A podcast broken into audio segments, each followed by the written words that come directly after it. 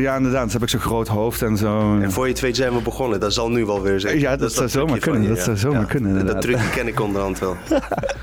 Nou, zullen we dat maar gewoon doen? Ja. Poppenkast nummer, eh, wat is het nou? Zes- 65, 75, 75, 76. Poppenkast nummer 76. Ja, laten En, we, eh, eh, ik had het al gezien met Dino Ja, van Dutch Matrix. Uiteraard. Laten we die eh, mics even ontgroenen. En gewoon eh, ongecensureerd, zonder glijmiddel en al eh, gewoon tegenaan gaan. Oeh, rauw, heel rauw.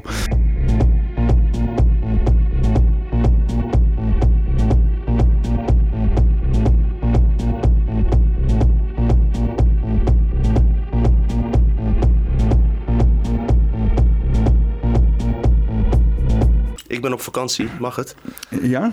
Ik eh, heb lekker vrij. En eh, wat Erstaan ook vorige keer zei, het is heerlijk als al- alles klaar staat. En eh, dat je zelf niks hoeft eh, voor te bereiden. Wat een ontspanning zeg. Wat hebben ze het makkelijk in de mainstream media, vraag ik me af. Hè? Ja, dat is zeg maar zo'n eh, zo'n rondje, ja, hoe, hoe noem je dat dan? Dus van die- zo'n PR-rondje toen. Dan doen bijvoorbeeld artiesten ook als er een nieuw film uitkomt. En dan gaan ze rond alle kanalen toch, zichzelf promoten en zo. Promotierondje of zo, switch. Dat kan dan, als we dat met podcasters onderling doen, zo'n promotie, promotierondje, dan is dat als een soort van vakantie. Ja, zeker. En je begint al heel snel. Dat is ook heel verstandig, heb ik gemerkt. Niet te veel lullen voordat eh, de gasten komen. Ik, hebben- Ik hoef niet te douchen van tevoren, dat hoeft me niet. Ik eh, doe dat, weet je waarom? Ook een beetje om die lading van het opbouwen. Want jij hoeft niet elke keer eh, die, alles op te Hmm. Ja, bouwen. ja. Bij mij is het toch uur werk. Snap Je moet de, stress van Ersan van je afdouchen. Ja, nou, dat gaat de laatste tijd supergoed. Eerste afleveringen was voor ons alles nieuw. We hebben ook hier geen opleiding in gehad en, en alles. En je wil zo goed mogelijk laten verlopen, weet je. Ja. En, en thuis wat er dan eh, gebeurt, elke keer eh, dat die kleine gaat janken... of er gebeuren allemaal dingen tussendoor... terwijl je of live moet gaan of we eindelijk wil gaan opnemen. En dan is het fijn als alles neergezet is. Gewoon lekker douchen, man. Even die energie eraf halen. Laatste minuut, gewoon ijskoud afdouchen. Dus soort, hoe heet die Wim Kok methode, maar dan wat te zachter. Wim, Wim Hof. Wim Hof. Wim Kok. Het is het kwartje van Hof, is dat? Ja. Oh ja, die hebben we ook nooit teruggekregen. hè? Nee. Ehm, maar eh, eh, ja, ik heb wel eens gehad dat ik hier net begin, of zo, of met livestreamen, dan kan je er ook niet tussenuit. En dan beginnen ze te boren in de flat ergens. Oh ja. Je- Je zegt wel eens van, oh, je zegt wel eens van, mooi flat. En dat is zeker ook met de uitzicht en zo, een flat life. Maar er zitten ook wel duidelijke nadelen aan hoor. Dan zie je iemand... Flat Life Matters. Ja, flat life, hashtag flat life matters. Maar eh, als hier ergens zeven, acht woningen naar links, zeven, acht woningen naar beneden, zeven, acht woningen naar rechts of diagonaal daartussen, iemand begint te boren, dan hoor ik dat hier alsof iemand naast me staat te boren gewoon. Ja, ja, ik kan me voorstellen, iedereen heeft eh, wel eens wat te doen hier. Ja. Eh, Als je zoveel Ja. woningen hebt. Ja, elke dag gebeurt hier wel wat, ja. Ja, dus eh, ze smeren mensen ook allerlei dingen aan die ze op afbetaling kunnen doen. Dus ze bestellen ook dingen die ze niet nodig hebben. Ja, dat leidt ons meteen in een beetje waar we het over gaan hebben waarschijnlijk. Hè? Over. Over spullen gesproken en afleiding. Ik heb mooie, mooie dingen voor jou meegekregen. Hè. Het is allemaal weer eh zondige en zo. En lage frequentie en materiaal. Maar dat is allemaal geen probleem. Want we zijn met z'n allen heel hoog in onze frequentie. Nee, is goed, is netjes. Is niet iedereen. Ja, ik wil eens beginnen met eh, de ingeving die ik heb gehad. Ik heb een, een soort van ingeving gehad. En ik wil dat heel graag met jou delen. Want eh, dit is natuurlijk helemaal jouw pakje aan volgens mij. En, eh, en ik heb dit net ook met Tom gedeeld, dus een kijker van mijn podcast. Die gozer die is na een of andere vrijmetselarij openbaring nu volledig shamaan geworden. Ik weet niet precies wat er is gebeurd, maar het klinkt allemaal abstract. Misschien is de lijn daartussen veel dunner dan je denkt. Ja, ja. ja ik, ik zit dus al heel lang na te denken over het multidimensionale. Ik heb hem ook voor jou liggen. Ik heb hem twee keer, twee keer uitgetekend. Eh even kijken. Eh, ik laat hem heel even zien aan, aan, de, aan, aan de kijker. Nou, ik denk, wat, wat is dit voor een madman scribble? Het idee is dat je dus inderdaad eh, verschillende lagen hebt. De, de tien dimensies en de elfde dimensie, die dus inderdaad de beweging is. Net zoals vier beweging van ruimte is en dat ontstaat tijd. Is dan zeg maar tien de totale alle, alle dimensies en de elfde die beweegt dan terug naar de eerste. Eh, Het klinkt dan heel abstract, maar dat is de flow die je ziet. Dus je gaat door alle lagen heen en dan gaat het weer terug bovenaan je pijnappelklieren en het eindigt met dus inderdaad het, het al heel universum. Je hebt hier even die symboliek. Singularity, het puntje.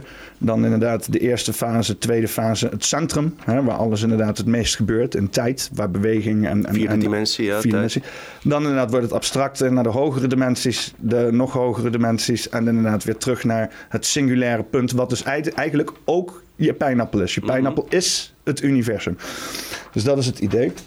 Ik wil hem mezelf heel even doorlopen met jou. Uh. Hey, uh, zo en zo respect dat jij gewoon al die moeite... dat laat ook echt zien dat je deze onderwerpen serieus neemt. Dat je het gewoon ook uittekent. Dus respect ook naar jou. Dat je ja, maar dit is, want ik doe, doe wel eens vaker en zo. En dit was echt in één keer zo'n ingeving. Want ik zit de hele tijd filmpjes te kijken over de... Over de ik ben de afgelopen drie dagen een beetje... Um, op een soort van. Ik ben niet eens mijn huis uit geweest. Fucking warm buiten. Iedereen loopt op het strand en zo'n bikini of weet ik veel boerenprotesten doen. Maar ik zit echt drie, drie, vier dagen gewoon op binnen. En ik allemaal filmpjes te kijken over esoterische shit en zo. En ik weet niet wat ik, wat ik Maar in één keer klapte dit eruit. drie verschillende dingen gingen over elkaar heen. Vanuit dus het multidimensionale, maar ook. Ehm, het esoterische en, en, en ook die, die chakra's. En, het, ja. en bewaar die dingen goed en gooi ze niet weg. Ik gooide vroeger zoveel dingen weg. Ja, ik gooi niks weg. ga je nog een boek laten schrijven, je weet het nooit. Ja. Nou ja, misschien, ik, ik ga denk ik geen boek schrijven, maar misschien, misschien is het iets, want jij, hebt nu, jij bent nu aan je tweede boek, toch? Ja, hebben we nog over. Vertel jou vooral. Uh... Gaan, gaan het is voor in je derde boek dit. Oké, kijk met me mee. Hè? uh, eerste dimensie is dus inderdaad de uh, pineal gland. De, hoe heet dat ding ook? Ik heb het jou in het Nederlands opgeschreven. Pijnappelklier. Ja. Dus is eendimensionaal ook. Bijnappel één, één ding, hè? centraal. Uh, heel ontvankelijk. Het is een singleheid, singularity. Daar ontstaat je bewustzijn in de pijnappel één dimensie. Verder niks. Dan kom je in je, de tweede laag, de breindimensie. Er zijn ook twee dimensies: linkerbrein, rechterbrein. De dualiteit, uh, de afweging, weet je wel, dat is het brein. De twee dimensies. Nou, die breindimensie, die uh, uh, observeert zeg maar de derde dimensie. De derde dimensie is dus de werelddimensie. Daar zitten we in. Daar hebben we onze fysieke ervaringen. Dan kunnen we mee in het universum kijken en zo. Alles wat we kunnen aanraken, soort van. Observeerders. Nou, ja, inderdaad. En dan inderdaad ook die drie dimensies in beweging omhoog en zo. Uh, dan heb je dus de vierde dimensie. Uh, dat is dus de voorgaande dimensies in beweging. Mhm. Tijd. Hè, want als alles stil zou staan, de zon en de aarde en zo, dan is er ook geen tijd. Dan komt de zon niet op, dan gebeurt er niks. Dus de beweging is tijd, dat is de vierde dimensie. Nou, die zit gevouwd in de vijfde dimensie, de energetische dimensie. Uh, daar heb je dus inderdaad die energieën tot stand komen. Dus de brug tussen dat fysische en het metafysische. En dan heb je de zesde dimensies. Daar komen dus inderdaad die energie dimensie tot karakter. dus dan heb je de, de hoge, lage en medium frequenties waar je in kan voelen, waar je emoties in kan ontstaan. En dan vervolgens kom je in de tiende dimensie, dat is het God, het hele al, het geheel. Dan ben je er, zeg maar. Dan is de energieflow tot einde. En die beweegt dan in de, de elfde dimensie terug naar je pineal gland. Want dat is ook weer de singularity, dat is het einde. Mhm. En zo kan je dus gaan manifesteren. Dus vanuit de eerste dimensie, uh, je komt, er komt iets binnen waar je iets mee doet. Hè? Een bepaalde emotie, een bepaalde ingeving, iets dergelijks. Nou, dan ga je op je breindimensie ga je dat dus uitdenken, een gedachte. Hè, iets waar je denkt van, hmm, hmm, dat is interessant. Dan ga je dus in de derde dimensie ga je het manifesteren. Schrijf het op, spreek het uit, schilder het. Doe, doe het in ieder geval uit je, uit je hoofd. Dan kom je in de vierde dimensie. Laat het staan. Geef het tijd. Als je iets gemaakt hebt, laat het de tijd doorgaan. Doordat misschien andere mensen het kunnen oppakken. Dat het universum lekker kan insoken in het universum. Vijfde dimensie. Voel het. Datgene wat je hebt opgeschreven, datgene wat je per dag. Voel het alvast. Hoe het gaat voelen in de toekomst. Dat je al denkt van, oh, zo voelt het als ik dat ga bereiken. Zo wil ik dat het voelt. Mhm. Ehm, dan inderdaad, in de zesde dimensie hoop je dus zo'n hoog mogelijke frequentie te pakken. Dat ligt dus totaal aan de staat van jouw zijn af. En hoe hoger de dimensie, hoe sneller het cirkeltje rond, hoe makkelijker je flow is, hoe goed de flow staat. Open chakra's, die hele bende. Als je lage dimensie hebt, gesloten chakra's, lage flow, dan duurt het allemaal lang, is het allemaal moeizaam. Ehm, maar als je dus inderdaad die cirkel vicieus maakt omhoog, dan kan je dus inderdaad zorgen dat je in steeds hogere dimensies komt als je deze cirkel voltooit. En kan je op een gegeven moment makkelijker beginnen met manifesteren. Maar dit werkt dus ook negatief. Hè? Je kan dus ook hier iets kuts in doen. Mm. Kut, dat de kutding in je brein komt. Dan op een gegeven moment manifesteer je iets kuts in de wereld, zoals een kut tweet of zo. En dan op een gegeven moment staat dat daar, dat gaat in de tijd, dat krijgt op een gegeven moment kracht. In de vijfde dimensie voel je dat ook. Je wordt bijvoorbeeld angstig of je gaat twijfelen aan dingen die in de toekomst gebeuren. Op een gegeven moment kom je dus in een lagere frequentie uit. Uh, manifesteer je inderdaad datgene waar je angstig voor bent. En dan dan, weet je wel, kom je in de ellende terecht.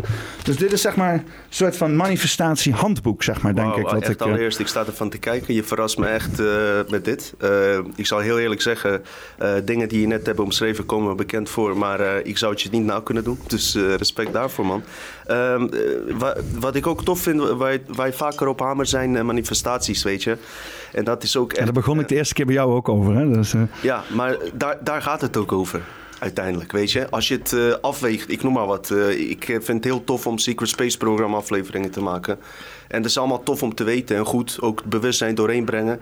Maar als je het, eh, waarvoor wij gekomen zijn, dan is dit ding waar jij nu over praat, wat mij betreft, veel belangrijker dan eigenlijk zoveel complotten die wij zelf ook hebben behandeld. Dus eh, ehm, ik kan je op mijn manier eh, even vragen. Heb jij, eh, werk jij volgens deze statistiek als je zelf iets wil manifesteren? Nou, ja, niet super bewust zoals ik het nu heb opgeschreven. Nu ik het echt heb opgeschreven, dat is dus inderdaad Ja. dan mijn manifestatie.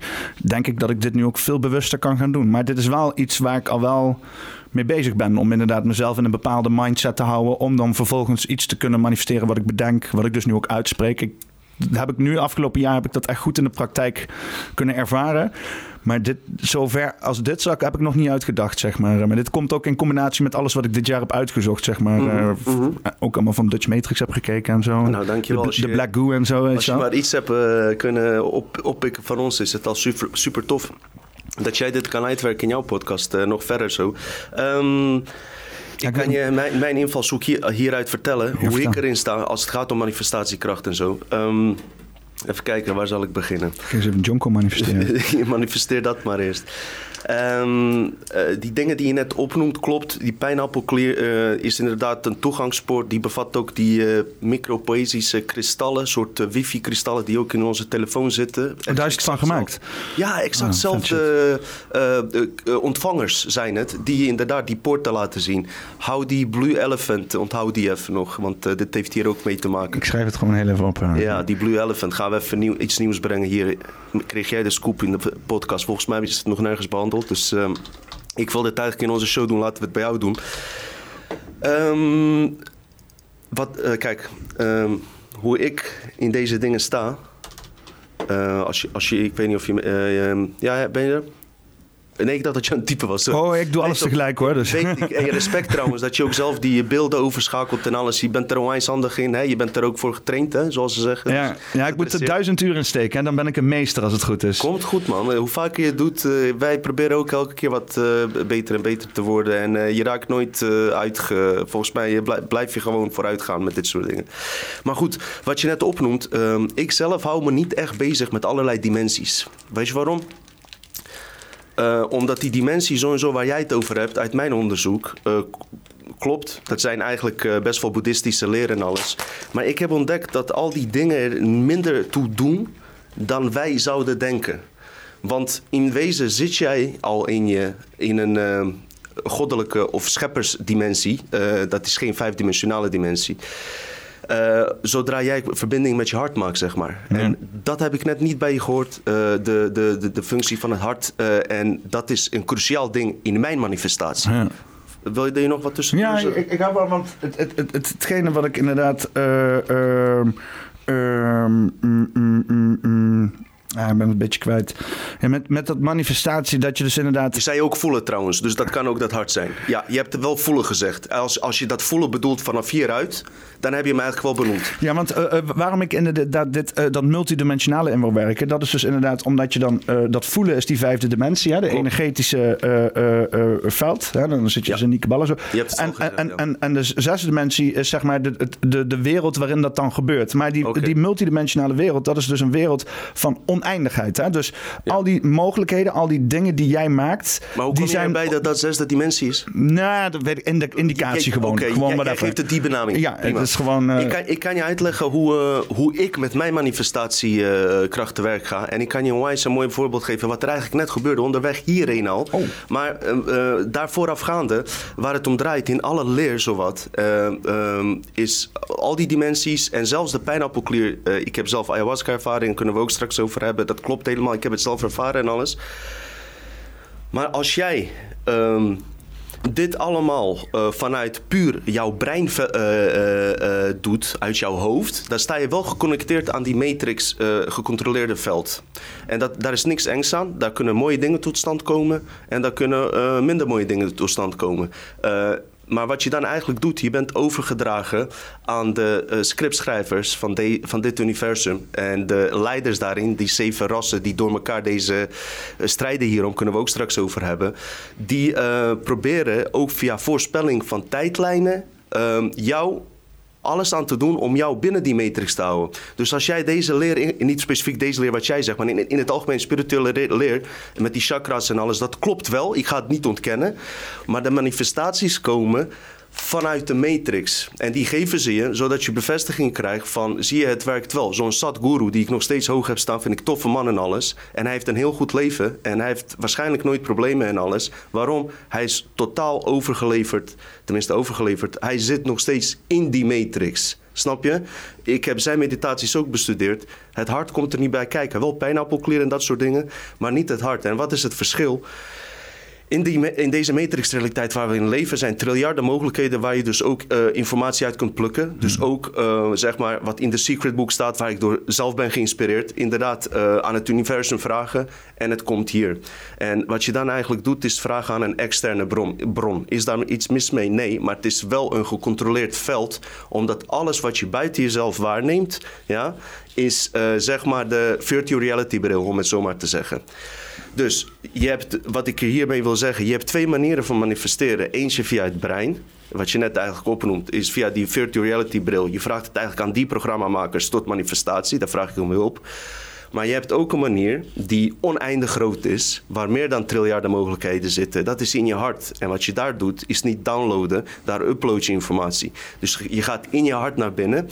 Je hart is het enige orgaan, en dat is ook wetenschappelijk bewezen, kunnen we ook straks over hebben, die verbonden is aan een andere dimensie, die buiten de tijd en ruimte omwerkt. Dus wat je dan doet in dit geval, is die, al die dimensies maken in dit geval niet uit. Je maakt verbinding met je hart. En daar ben je met die scheppende dimensie. Hoe die ook heet, zesde of vijfentachtigste, maakt verder niet uit. Dat is je oorspronkelijke dimensie. Dat is nog het enige wat van ons over is. En daar geef je een instructie. Ehm, wat je vervolgens dan doet, zeg maar, ehm, is die informatie, want het hart pompt dat bloed. Daar zitten binaire codes in wat jij, van wat jij hebt gevraagd. En die codes pompt het hart via het bloed naar je brein hmm. en je manifesteert het hier. Dus het is niet alleen um, hart, het is ook brein. Het is de, uh, de, balans tussen hart en brein die het hem doet. Ja, want wil ik want je kan het ook vanuit allebei doen natuurlijk, toch? Ja, alleen de, het hart is sowieso een leidinggevende uh, vorm, bron geweest die de instructies geeft. Want die heeft een veel ingewikkelder brein en breincellen en noem maar op dan het hoofdbrein zelf. Uh, de machten doen er alles aan om je uit, uh, uit je hoofd te laten denken. En wij moeten daar steeds meer naar terug naar hoe we oorspronkelijk waren. Dat alles, uh, dat, dat, de informatie zeg maar uh, vanaf binnenin jouzelf wordt geüpload. In plaats van dat je het extern vraagt. Dat is heel belangrijk als we uit deze matrix willen komen. En ik kan je een voorbeeld vertellen hoe ik net een manifestatie heb uh, bijvoorbeeld tot stand heb gebracht. hoe, hoe, het, hoe het bij mij ging. Ik ben rete nieuwsgierig. Ik ook. Wat het nou, wat was het nou ook alweer? nee. Uh, wat er gebeurde is het volgende. Ik moet even een verhaal daarvoor vertellen. Uh, ik zei net al, met podcasten, zelfs nu bij jou, omdat ik hierheen ging. Mensen kunnen zeggen van uh, je bent paranoia of wat dan ook. Elke keer als ik met deze shit bezig ben, vreemde dingen. Gisteravond, fucking rare zwarte helikopter vliegt boven mijn huis. Blijft daar ook precies fucking boven mijn huis. En mensen kunnen zeggen van ja, je, je bent paranoia of wat dan ook. Maar het is wel uh, interessant. En ik observeer het zonder angst of wat dan ook, weet je. Het kan ook toeval zijn, zeg ik niet.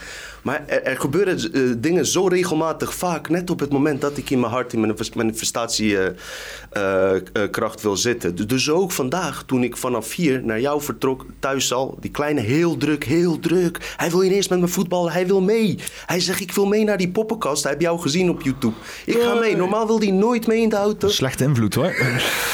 Nee, ik ga ook mee. Ik ga... Dus Niet zeg, blauwe kinderen. Ik zeg tegen mijn vrouwtje, schat, kan je hem alsjeblieft even naar buiten even laten, weet je, weet je, laten luchten. Want ik probeer ook hier een beetje met relaxed energie te komen. En ik was de hele dag onwijs relaxed. En ik zie al, ik word afgeleid, snap je? Hup, terug naar jezelf keren. Maar eh, het schijnt zo te zijn. eh, ik woon in de Randstad, Leiden, zoals je weet. Leiden-dorp daarnaast eigenlijk.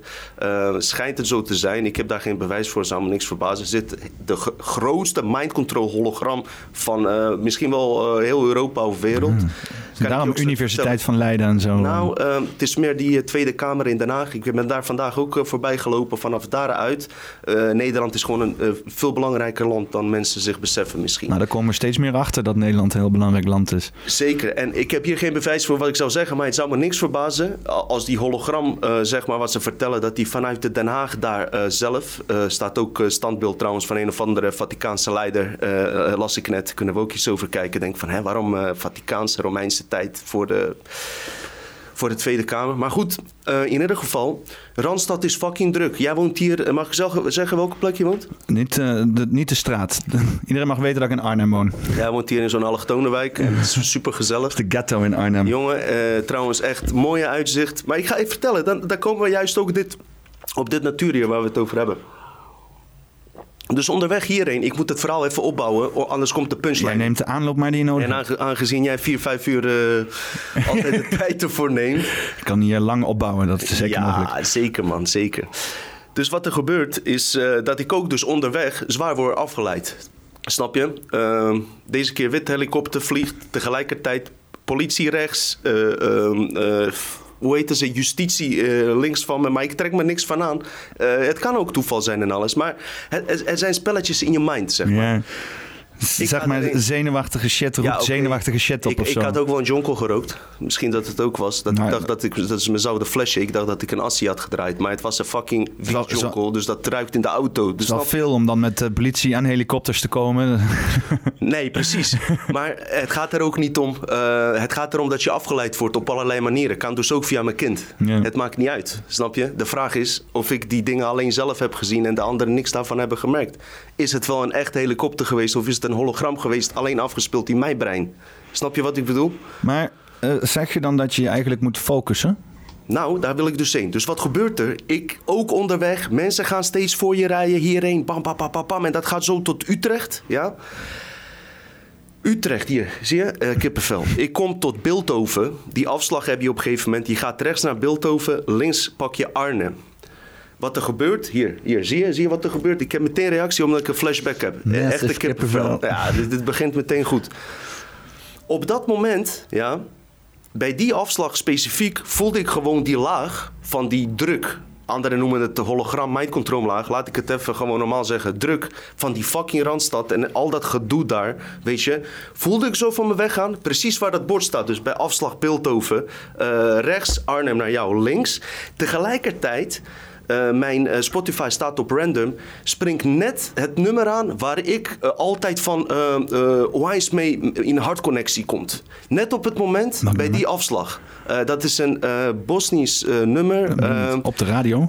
nee, nee, nee, nee. Oh, op Spotify. op Spotify, maar ja. die is wel Eurovisie Songfestival heeft hij zich afgespeeld. Leila, Leila heet, die, heet dat nummer. Hm. Goed. Uh, onwijs spiritueel nummer. Want je hoort daar Shamaanse muziek. En dan hoor je Bosnische zanger doorheen. Maar met een hele mooie stem. Onwijs goed afgestemd. Goed, dat nummer draait. Tegelijkertijd, bij dat afslag. En ineens, bam, steeds meer groen. Hè? En dan, dan kom ik terug naar jou. Nou, toen dat nummer ging draaien, eh, kreeg ik zondanige verbinding met mijn hart. Ik werd zo emotioneel dat zelfs eh, tranen in mijn ogen kreeg ik. Dus van een soort van power, geluk. Ja. En nu komt de punchline. Op dat moment, met die verbinding in je hart, staat je hartconnectie zo hard aan. Dan moet je je herinneren je mani- manifestatie te plegen. Ja. Of als je met shit zit die constant door je heen loopt, waar je last van hebt, gewoon op dat moment eh, je bewustzijn door die trilling, door dat veld heen laten draaien. Op dat moment sta je aan. En dat heb ik dus net ook gedaan. Voor bepaalde dingen in mijn privéleven die ik niet wil delen. Eh, boeit ook verder niet. Wat ik eh, met manifestatie bezig ben met mijn eigen gezin. Waar ik steeds ook wat nu meer aandacht... Ja, kom straks wel. Waar ik ook wat meer aandacht op moet geven, weet je. Ook die manifestaties als gezin, gezamenlijk, weet je. Dat mijn vriendin en ik en die kleine ook een beetje dezelfde ehm, power in kunnen zetten. Maar net heb ik dat dus ingezet op het moment dat ik emotioneel raakte. Ik raakte verbonden met mijn hart. Bam. Weet je, dat je gewoon eh, mensen, Nederlandse mensen hebben met André Hazes als ze een nummer horen. Doe dan je fucking manifestatie. Als je begint te janken, zo, dat, dat, dat je zo erin zit, weet je wel. Dan moet je manifesteren. Dat wil ik even meegeven. Ja, want ik, ik herken dat wel. Ik heb ook eh, momenten waarop ik dan... ik, ik heb het bijvoorbeeld van de week gehad, maar ik had het de laatste tijd steeds vaker. En ik, ik had het altijd, zeg maar. Dan heb ik inderdaad of mooie muziek inderdaad, of iets wat me activeert, waar ik emotioneel van word. En dan zit ik vaak ook al met een idee in mijn hoofd. En eh, tegenwoordig, als ik dan met zo'n idee heb, die ga ik dan helemaal uit, uit werken. Ik ga er helemaal, dus wat ik ook zei, dat voelen, weet je wel. Hoe, hoe, zal het voelen als ik dat heb bereikt wat ik zou willen bereiken? Als ik dat, dat punt heb bereikt? Als ik, dat geen, eh, eh, als ik daar kom waar ik heen wil, zeg maar. Hoe voelt dat dan? Dat probeer ik nu constant te doen. Eh, dat doe ik nu al een jaar. Ook al met die podcast en zo. Hè? Dus dat ik, eh, hoe zou het voelen om, eh, om duizend abonnees te hebben? En ik heb het toen ook uitgesproken. Ik zei, ik wil graag duizend abonnees voor mij. Dat was in april. Mhm. Maar ja, als jij voor mij zegt, zeg je natuurlijk ook voor mij. Oh ja. En eh, eh, prompt twee dagen later was die, eh, eh, die The Voice of Holland schandaal. En toen besloot ik te livestreamen. Volgende dag, bab, duizend livestreamers erbij. Wow.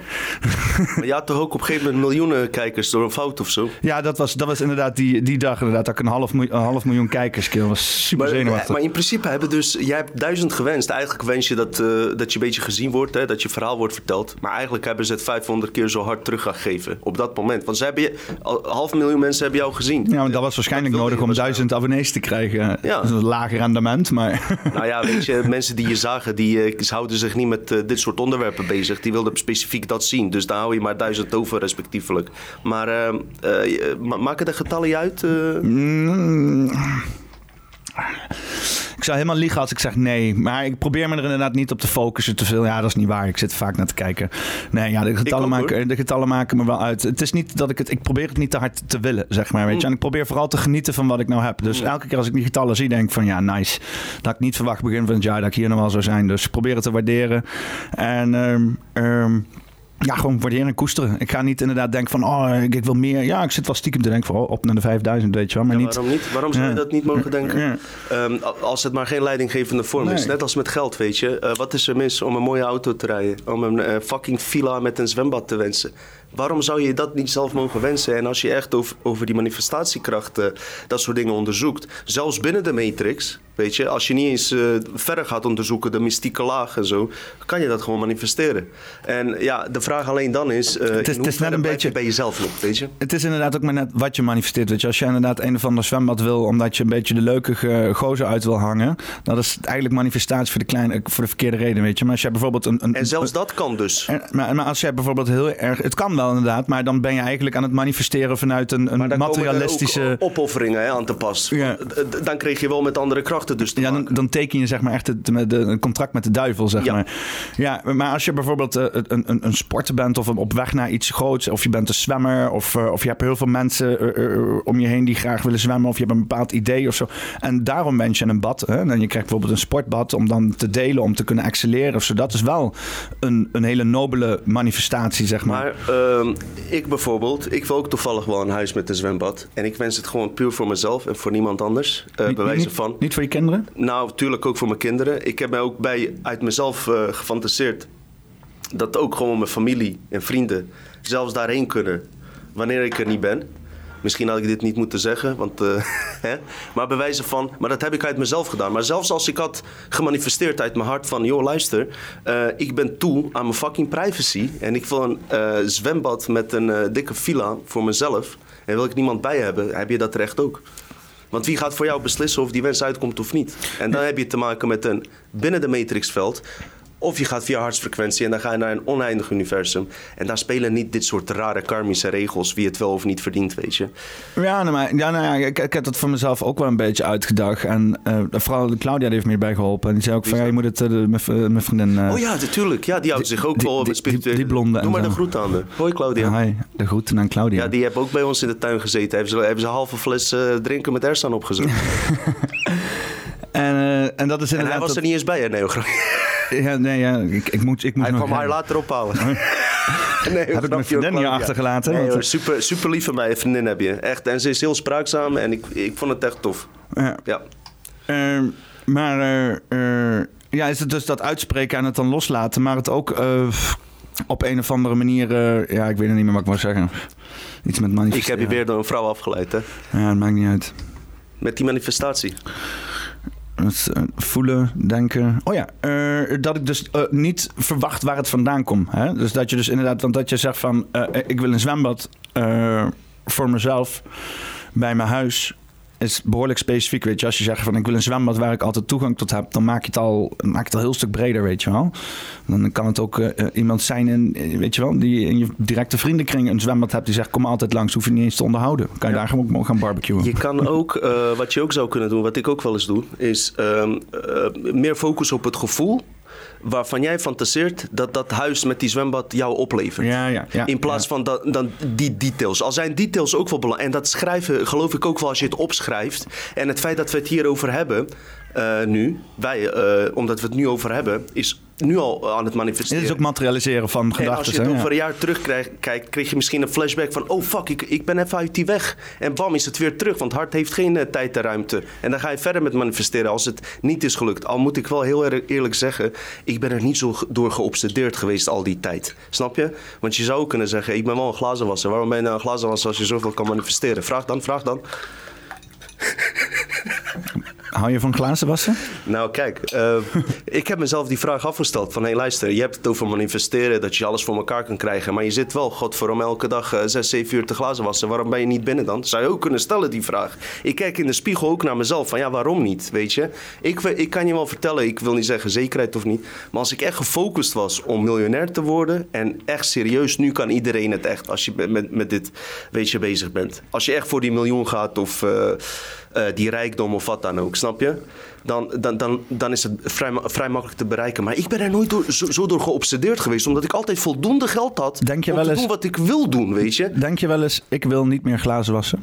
Ja, nou, Nou, nu. Ja, nou Dat kijk, en wat je dus dan manifesteert, want eh, het universum kent niet, niet, wij hebben niet bedacht, is ik Klopt. we, eh, wil eh, glazen wassen. Klopt. En niet, ik wil niet glazen wassen, ik wil niet meer glazen wassen, ik wil meer glazen wassen, zeg je dan. Dus negatieve manifestatie moet je proberen te ontwijken. En altijd kijken naar het positieve. Dus, en het makkelijkste is, is niet dingen niet te willen, maar dingen juist wel te willen. Hè? Dus als jij je focust op de dingen die je wel wil, dan worden de dingen die je niet wil op een gegeven moment vanzelf een keer minder. Ja. Dus vooral in dat focussen. Ja, wat wil je? Ik wil meer podcasten bijvoorbeeld, weet je wel, of Eh, whatever. eh, Ik wil meer eh, gasten, Je of- onderbewuste, die kent geen filter van wel of niet. Dus hetgene wat jij opnoemt, slaat het op. Ja. En wij werken helaas heel veel vanuit onze onderbewustzijn. Daar, daar komt die mind control ook uit natuurlijk. En nee, dat klopt helemaal wat je zegt. Maar ik, ik leef niet zo van, ik wil niet glazen wassen. Ik twijfel nog zelfs, want mijn inspiraties komen tijdens mijn werk. Ja, oké, je houdt er nog een beetje aan vast, zeg maar. Wa- want je bent gewoon fysiek bezig. Ehm, ik kom dan in wijken waar, ik, eh, eh, waar af en toe ook wel een beetje natuur is. Wat wij dan natuur eh, noemen in de Randstad. Dat ik even door een boompje heen moet of zo. Ik vind dat geweldig. Even tussendoor pissen, daar zit niemand bij. Nee, geen helikopters, nee. Heerlijk. En eh, eh, juist tijdens die momenten bouw ik onwijs goede inspiratie op. Tegelijkertijd denk ik bij mezelf, luister, eh, ook met die podcast die we aan het doen zijn. eh, ik, ben, ehm, ik heb het echt fucking druk. Ik ben nog nooit zo productief in mijn leven geweest eh, als afgelopen jaar, weet je. Dus je hebt met, met, met je werk heb je projecten lopen en zorgen dat alles goed gaat. Ehm, eh, vertaling van de hack van de Matrix komt. Moet je ook zorgen dat je de juiste vertaler hebt. Welke talen? De Matrix hack in het Engels komt die. Niet eens in het Bosnisch. Eh, heb ik ook zelfs mogelijkheid voor gehad. Eh, Er was een eh, seminar een jaar geleden voor alle Bosniërs die een boek hebben geschreven wereldwijd. Kwamen bij elkaar, was ik voor uitgenodigd. En puur door tijdsgebrek en eh, doordat ik dus moet glazen wassen, heb ik daar geen tijd voor gehad. En eh, hoe heet het, eh, ben ik dat ook soort van misgelopen. Er kwamen alle Bos, eh, ja, Bosniërs, want het was in Sarajevo, dus specifiek Bosniërs, niet Joegoslaven, Bosniërs. Wereldwijd die boeken hebben geschreven, konden daarheen en dan konden ze wat over dat boek vertellen. En meteen in connectie komen met vertalers, zodat er zelfs in de fucking schappen komt te staan. Want je moet niet vergeten, in Kroatië staat gewoon David Icke in de schappen. Hè. Dolores Cannon, dat soort boeken staan gewoon in de bibliotheek. Ja. Dus daar is het wel wat toegankelijker. Maar Kroatië is ook wat spiritueler volgens mij, wat meer... Nou, niet lang meer hoor. Ze zitten bij de Europese Unie. Dan moet je echt eh, bij, de, bij die badplaatjes zijn waar ze nog steeds scheid aan alles hebben. Maar eh, even terug naar het verhaal. vertaling, Matrix. Dus ik heb heel veel uh, hoor je me voorgenomen. Dus uh, wat houdt het in? Je moet de juiste vertaler hebben die ook achter dat boek. Ik zeg niet dat die hoeft te staan, maar die hem voelt. En gelukkig had ik die meteen gevonden. De juiste karakter, hoe die hem gaat vertalen, dat ligt aan hem. Ik heb het niet in de hand, hè? Ja. Want die energie die ik erin heb zitten, die zit er niet in bij de vertaling. Dus dat, dat, dat, moest ook even aangestuurd worden. Distributielijn. Hoe ga je het versturen en alles. Ik heb dat gemerkt met Duits naar Nederlands. Nederlands naar Duits vertalen werkt voor geen meter, jongen. 11.000, uh, ja, 10.000 euro heb ik betaald voor de vertaling, man. Jesus fucking Christ. Ja, man.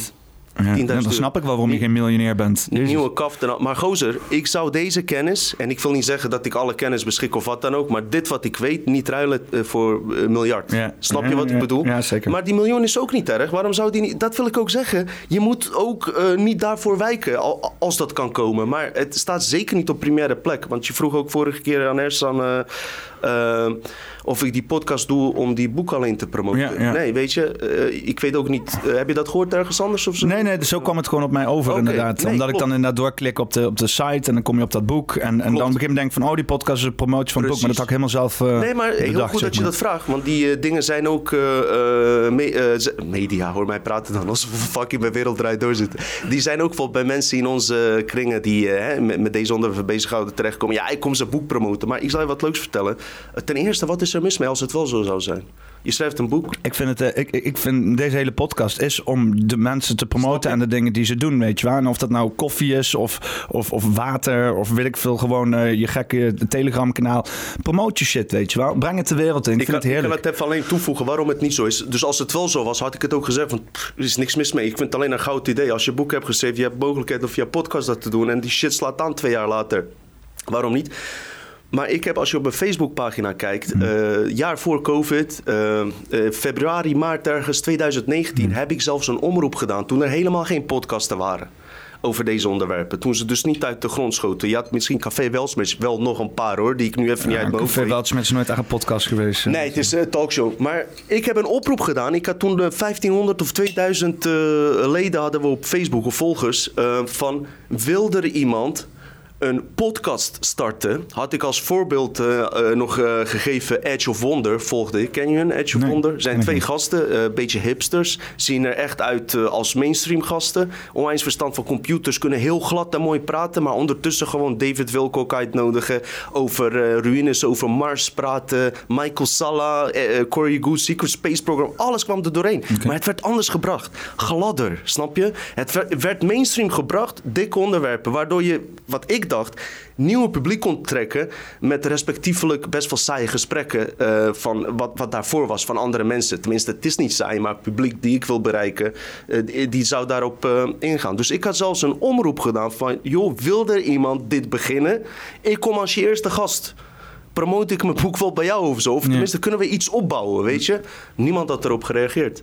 Nou goed, eh, later met Patrick Kikker besloot ik het zelf te gaan doen.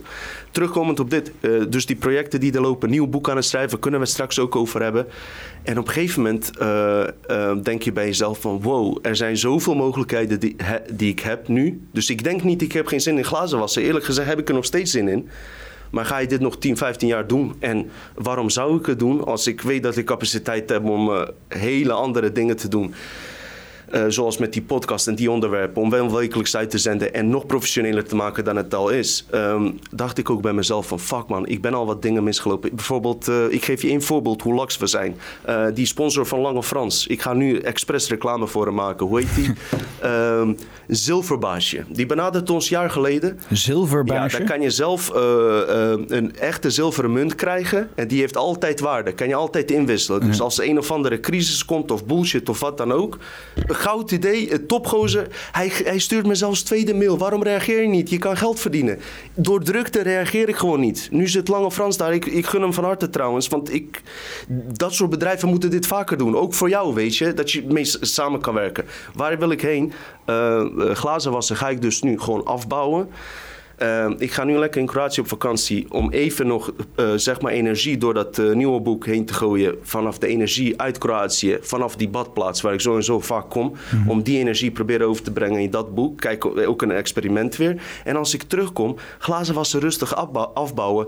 En inderdaad wel kijken wat de mogelijkheden zijn. Ander voorbeeld, drie maanden lang. Ik hoef maar twee stappen te ondernemen zodat mensen een hartje op YouTube kunnen drukken. Want heel veel mensen willen doneren. Ze weten niet eens waar, waar het kan. We nemen het ook niet aan, al die tijd niet. Maar ik vind doneren gewoon een kutwoord. Mensen willen iets geven, dan kunnen ze via dat hartje dat doen. Wou, al dat soort dingen. Ik wou het laten doen en toen uh, liep ik vast op de bet betaalmethode. Ik, Nee, omdat ik die stappen niet heb. Bedoel je bij mij? Ja, ja want ik, ik zat bij die chat en ik denk, ja, ik wou even donatie doen, lachen toch? Nee, maar dat komt Alleen, alleen ik- ik, ik nee, liep klopt. vast en toen moest je betaalmethode toevoegen. Dus link creditcard of PayPal, weet je wel. Of volgens mij nog niet eens PayPal. Nee, Google heb- Pay was het. Ik heb die, Google Pay. Ik heb die stappen niet eens ondernomen. Ik heb er geen eens tijd voor. En ik heb het ook niet eens echt nog nodig. Maar ik zeg alleen, eh, op het moment dat ik dat afbouw, kan ik professionele dingen, laat ik ze even eh, commercieel noemen. Misschien is het fout woord. Maar ook die mogelijkheden die er zijn om het te compenseren, zodat ik meer tijd kan knallen. In die podcast dat het nog kwalitatiever wordt. Maar kan ik verzekeren dat het kwalitatiever wordt? Nee. Want voor hetzelfde geld als ik stop met glazen wassen, gaat die inspiratie weg. Wordt het kutter. Dat, die kans heb je ook. Klein verhaaltje tussendoor. Ik heb een donatiepagina. Eh, en eh, Ewout die had een keer 25 euro erop gedoneerd, een keer 10 euro. Iemand eh, die heeft eens een keer een, abonnementje afgenomen van 6 euro. Heb ik hem leuk opgedeeld in drie abonnementen die je cool. kan afnemen. Weet je wel, 3 euro koop je voor mij een assie per maand. Nee, een halve liter bierie. Voor 6 euro koop je een, een klontje assie, zachte polm. En voor 9 euro koop je een grammetje Silverage. Dat is de, de abonnementen. maar nu heeft er dus een of andere gozer heeft er gewoon 200 euro ge- ge- gedoneerd. Nou, respect voor Fucking die... gruwelijk. Ja, Dus eh, voor iedereen, eh, weet je. Ook die maar- mensen die niks doneren, ook respect. Als ze jouw dingen delen, die, moet je, die mensen moet je ook respecteren. Maar, maar wacht even, hè. Nu, nu daar is dus via Patch Af moet je een Molly-account hebben. Een Molly-account kan je alleen hebben met een zakelijke rekening. En ik heb een, een persoonlijke rekening. Maar ik, alles stond goed. Hij zei van, je kan eh, Toen heb ik dus eh, drie donaties gekregen. Staat het geld er dus nu op, op, die, op dat account. Maar nu heeft hij mijn rekening afgekeurd, daarna. dus nu heb ik zeg maar op mijn Molly-account heb ik donaties staan. Maar ik kan het, ik kan het niet... eh, Misschien moet je gewoon vragen of ze het cash bij je komen brengen, man. Dat is veel handiger, man. Iedereen dat digitaal en gestuurd. Eh, nogmaals, eh, weet je, zo'n Mickey van Leeuwen bijvoorbeeld. Die jongen die zijn hele fucking tijd erin stopt. En, en om- shows te maken van vier uur. visuele handicap en alles. Weet je, zo'n gast gun je het ook van harte. Het is niet zo dat hij even, even een huis van een miljoen op de bank heeft en eh, nog loopt te slijmen. Zulke mensen, weet je. Top. En je hoort het hem ook nooit zeggen, hè. Dus eh, voor mensen die het niet weten, eh, bij Mickey kan je ook doneren. Als er iemand is, ik gun het iedereen trouwens hoor. Maar zo'n jongen, dat zijn mensen die al jaren in deze shit zitten, man. Die heb je nodig. Die hebben ervaring, snap je? Die kunnen praten over dingen. En die, die brengen ook dingen. Die doen er echt iets goeds mee. Dus ja. Jij ook trouwens hoor, daar niet van. Maar ja, weet je. Ehm joepie, joepie. eh, maar eh, Mickey, hij kan wel zien, hij kan goed zien, weet je. Doe maar Mickey van Leeuwen eerst. Hij komt er wel, hij komt er wel. Mickey van Leeuwen eerst wat? Eerst Mickey van Leeuwen doneren. Eerst- Daarna. Dutch Matrix en bij dan bij de podcast. Nee, absoluut. Nee, absoluut. ik gun jullie allemaal. Ik zeg alleen. Dan pas bij Blackbox. Eh, waar ging ik heen? Waar ging ik heen met het verhaal is dat ik ook dus nu op het punt sta tot die manifestatiekracht. Snap je? Hoe ga ik dat nu voor elkaar krijgen? Dus je hebt een gezin, hypotheek heb ik ook gewoon lopen, waar vaste lasten op zitten en heel veel verantwoordelijkheid op mij. En mijn vrouwtje doet ook supergoed werk, die werkt ook gewoon en alles, maakt verder niet uit. Hoe ga je dat doen? Die switch maken. Nou, daar is echt die manifestatiekracht bij nodig. Dus ik ga het nu weer ervaren. Ik zit er middenin nu. Ja. En ik ga dat nu proberen ook door te denken op vakantie. Het is nu lekker weer. Ik zit fucking goed in mijn vel. Eh zo en zo, zomers altijd en alles. En dan moet je het ook gaan doen, snap je? Wanneer ga je op vakantie? Eh, jammer genoeg, net op die dag dat jij die camping organiseert. Oh, jammer man. Kan je voor de kijkers alsjeblieft die foto laten zien? Ik ben verliefd op, die op dat, dat huis geworden, jongen. Kan je me nog één keer laten zien? Dat Die foto huis? straks. Die Stef had geregeld waar jullie met elkaar gaan zitten. Ja, ja. Een pyjamafeest gaan houden. En wie weet wat nog meer. Ik, ik, kan de foto's zo snel even niet. Ja. Nou ja, eh, zoals want alles is helemaal volgeboekt. Dus eh, Altijd. nou ja, als ze dan een volgende editie doen, dan moet je dan maar langskomen. Ik zat te denken, de volgende editie, als het allemaal kan, maar ik weet niet eens, want voor hetzelfde is dat hele huis helemaal niet beschikbaar dan. Mhm. Ehm, eh, Halloween, weet je wel? Hm, Halloween in het bos. Ja, maar wat, wat wil je doen dan? Wil je dat Nou, van, bo- boze geesten wegjagen en shit. serieus? Met Halloween? Als dat hoor je te doen op Halloween, toch? Dat is boze Ja. Ehm, wat je eigenlijk doet, gozer, zeg ik je heel eerlijk. Je gaat eigenlijk nog een stap. Jij, jij maakt nu een stap die ik niet heb gemaakt daarmee. eh, wat meer effect gaat hebben. eh mits je met de juiste mensen een beetje bent. Voor de e- energielevel, ben ik van mening. Dan eh, misschien al onze podcasten. Ja, er, is Probleem- toch, er is toch iets met fysiek samenkomen, denk ik. eh. Het blijft, het blijft via die eh, computer. En eh, de krachten waar ik over spreek, het is via hun veld, weet je. En zij kunnen daar altijd in sturen. Eh, we hebben een aflevering met Mickey van Leeuwen opgenomen, nog, nog voor COVID. We gingen net over ayahuasca en alles, waren gezellig en alles. Ineens een piep door die heel fucking aflevering heen. Die kon ik niet uitzenden. Dat is een van de eerste afleveringen geweest bijvoorbeeld. Of andere tegenwerkingen. Ehm, eh, Ik had het ook een keer gehad dat ik niet had opgenomen. Hij heeft vier uur lopen lullen met een gozer over kindermisbruik en satanische rituelen. En eh, toen had ik niet op de opnameknop gedrukt. Dat bedoel ik, ja. Dat soort dingen. ja. En, eh, Ik heb hem daarna nog een keer opgenomen. We hebben nog een keer drie uur gedaan. We hebben gewoon zeven uur lang zitten nou, podcasten. wie, wie was dat? Dat was Wa- Wouter, dat zie je ook wel. Wouter die zit daar te mompelen en zo. ja, serieus. Maar we Dus hebben dat hem binnen een uur ook wel gekund.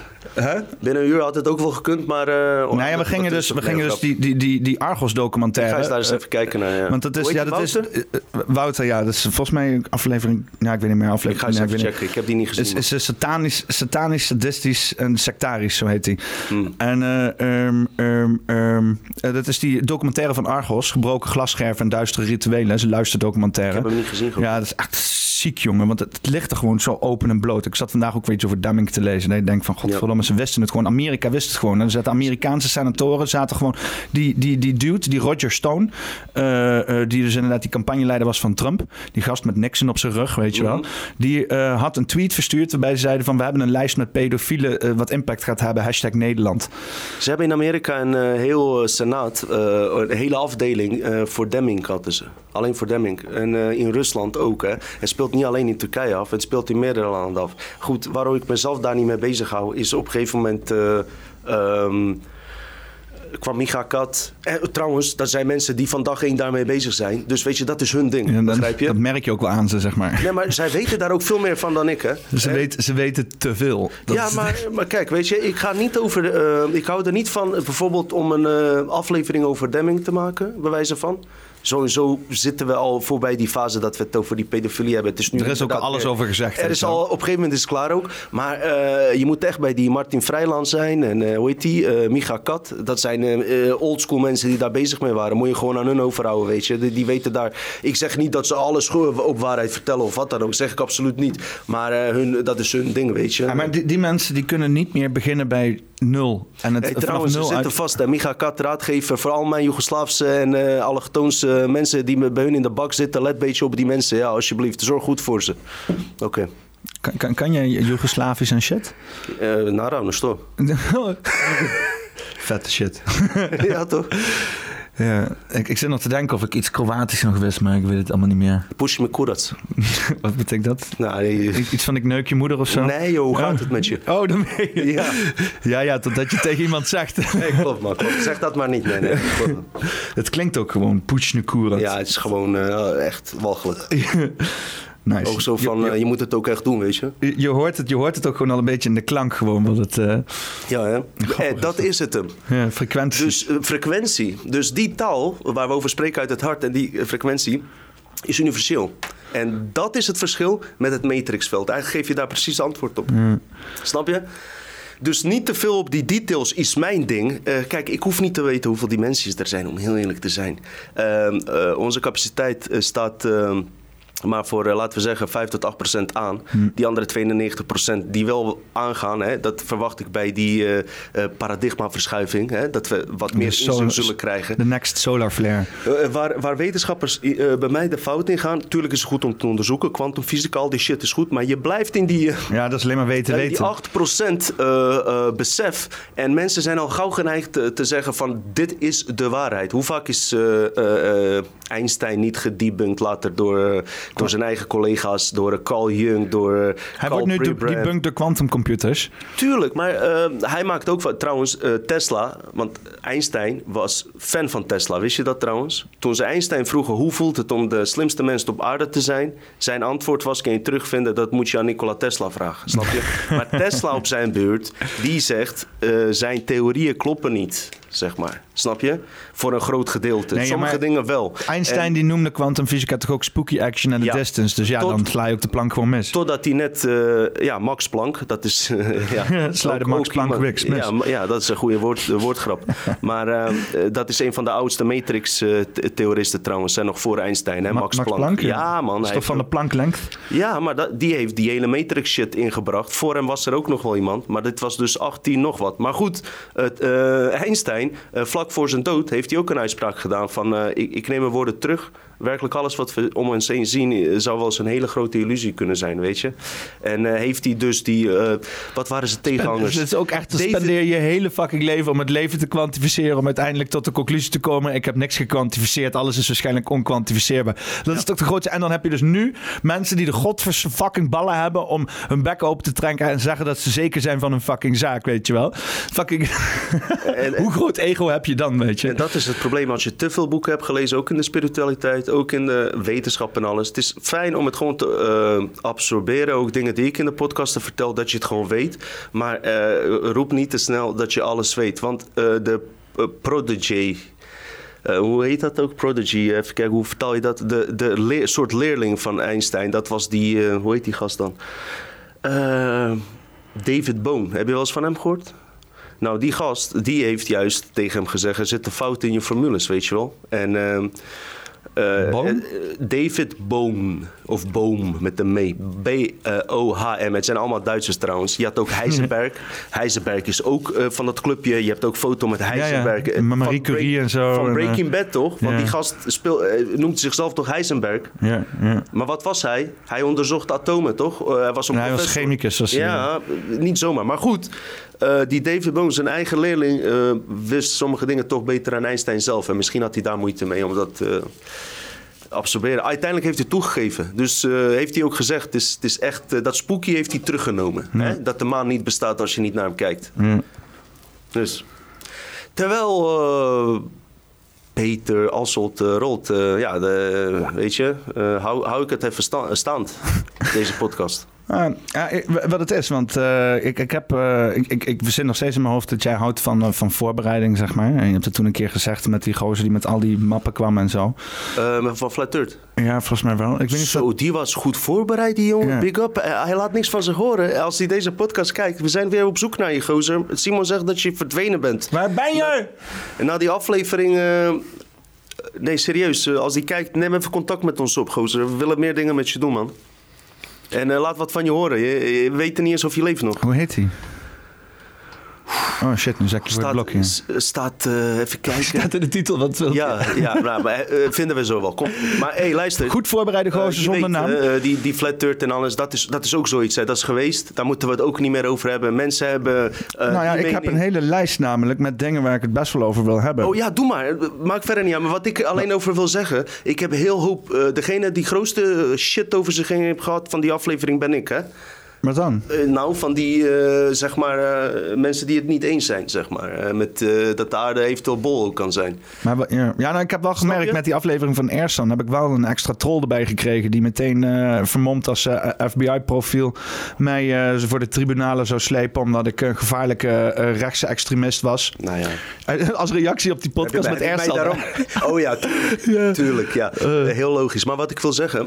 We hoeven niet met alles eens te zijn. Weet je waar het mij om draait? Die jongen was zo goed voorbereid. Dus ik ben in essentie niet eens met die flat earth. Maar het gaat erom, die jongen was echt onwijs goed voorbereid. En ik heb daar gewoon respect voor. Ik wil die shit ook aanhoren. En heel veel dingen die hij zegt ben ik ook wel mee eens, weet je. Ik, ik, ik ga niet alles afkraken. Ik vind die eh, Crater Earth wel interessant. Van die godvlamste.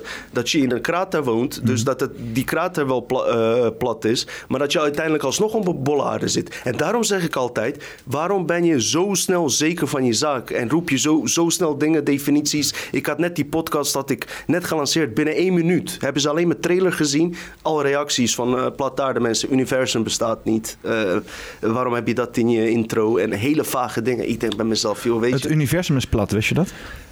Uh, misschien als je, als je bepaalde dingen uitzoekt, uh, uh, dat je dat zou kunnen bevestigen. want ik heb ook toevallig, misschien heb je dat zelfs gelezen in die hack van de media, maakt ook verder niet uit. Is, stel je voor dat deze wereld op een soort dvd-schijfje wordt afgespeeld. Ja. Snap je? Dat, dat, dat concept. reflectie, zeg maar. Dan zou het universum ook plat kunnen zijn. Ja. Maar weet je wat grappig is van alles, gozer?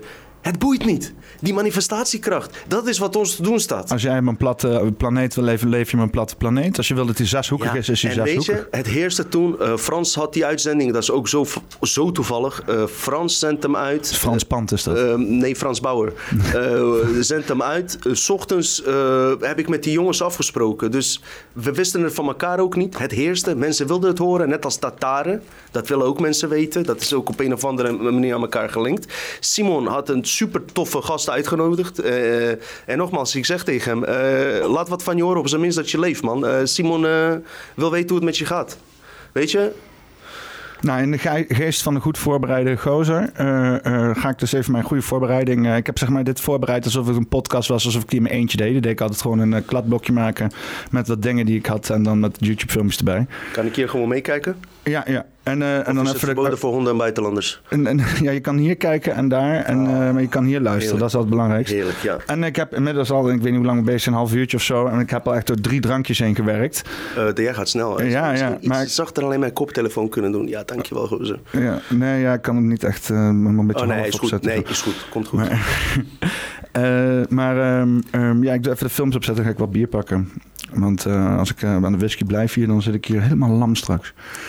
En dan zet scherp, ik, eh, scherp blijven. Nou ja, enigszins een beetje niet helemaal van zat hier. Nee, dus ik zet, ik zet dit even op en dan wil ik het er wel even over hebben. Want het is natuurlijk wel uh, leuk en ja. zo. Laat maar zien. Guidestones in Elbert County, the 19-foot structure mysteriously appeared in 1979, described with 10 guiding principles, leading to countless rumors and conspiracy theories about who built them and why.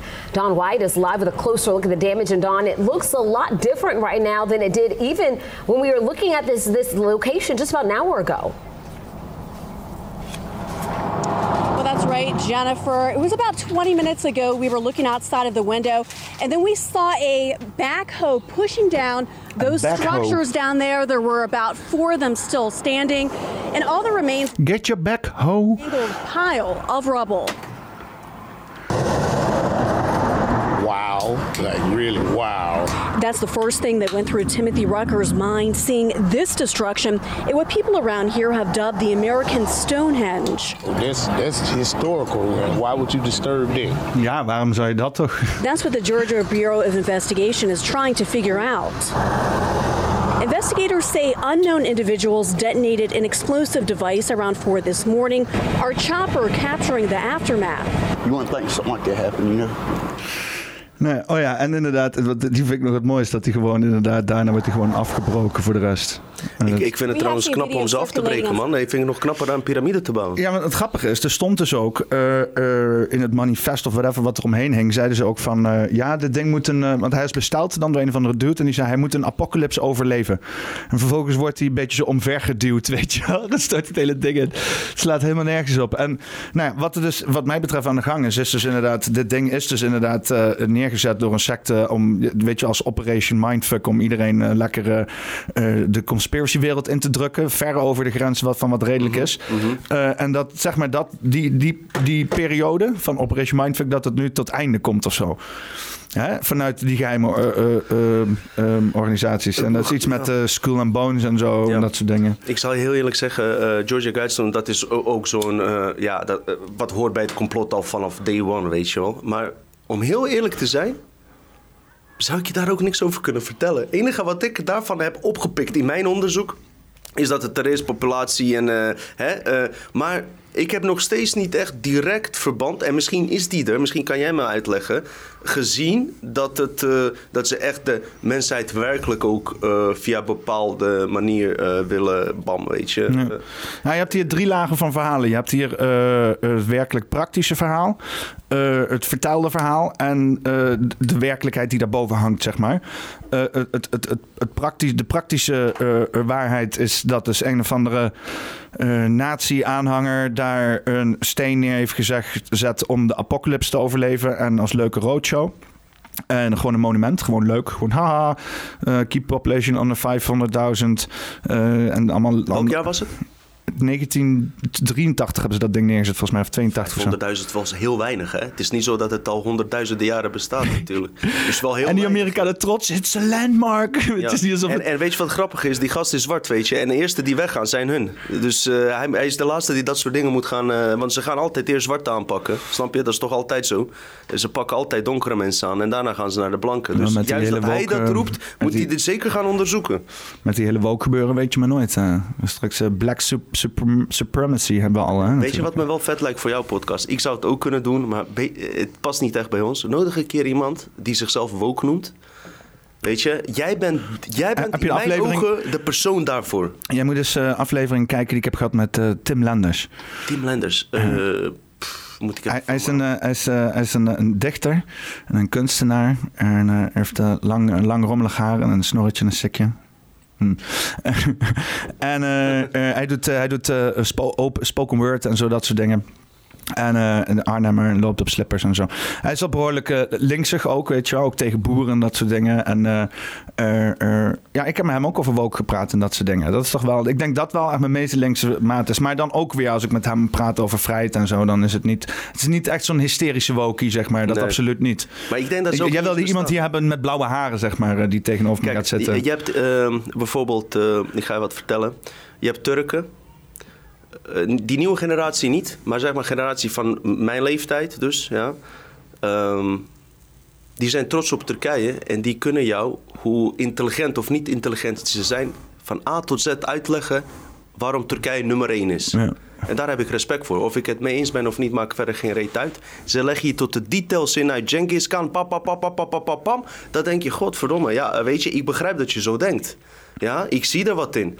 Je gaat met een fucking fascist praten, een echte fascist. En die vind je nog wel eens in Kroatië terug. Een echte Hitler, want je hebt Ustasja, weet je. Uh, ken je Ustasja of niet? Nee. Dat zijn de aanhangers van Hitler, zeg maar, geweest in de Tweede Wereldoorlog... die in Kroatië wonen, omdat oh. zij van oorsprong ook Ariërs zijn, zeg maar. En, uh, maar die motherfuckers waren nog harder dan Hitler zelf, oké? Maar als je aan hun, maar zijn fascisten. In principe. Uh, ja, ja. fascisten is. Want ik, ik had toevallig vandaag nog opgezocht. Dat komt dan uit het, uit het uh, Latijnse fascisti of zo. en het Romeinse, Romeinse Rijk had het ook. En dat is dan. Uh, weet je wel, er is één stokje, kan je iemand mee slaan, maar dat heeft niet heel veel effect. Twee stokjes kan je iemand mee slaan en dat doet misschien iets pijn, maar nog steeds niet heel veel effect. Maar als je vijf stokjes neemt en je bindt die samen, dan kan je flink wat kracht uitoefenen. En dat is dus een bundel met stokje, dat is een fascisti of zo. En daar komt dus uiteindelijk dat hele gare van deze samenleving is dat er mensen zijn die dat allemaal te graag willen om met die stokken geslagen te worden. En ja, als ze dat willen. Te worden ook gewoon. Ja, ja we eigenlijk leven we in een massale SM-samenleving. Ze houden Meestal fascisten die willen met een stok gaan slaan, toch? Die... Maar goed, wat ik wil vertellen. Uh, uh, dus die Turken uh, vertellen mij allemaal, ik heb veel Turkse vrienden, waarom ze trots zijn op Turkije. En heel goed onderbouwd. Eh, fascisten in Kroatië, die ik zelf ken, ja, zijn gewoon racisten. Eentje heeft een fucking hakenkruis op zijn rug. Die loopt gewoon over, over het strand in Kroatië. Snap je wat ik bedoel?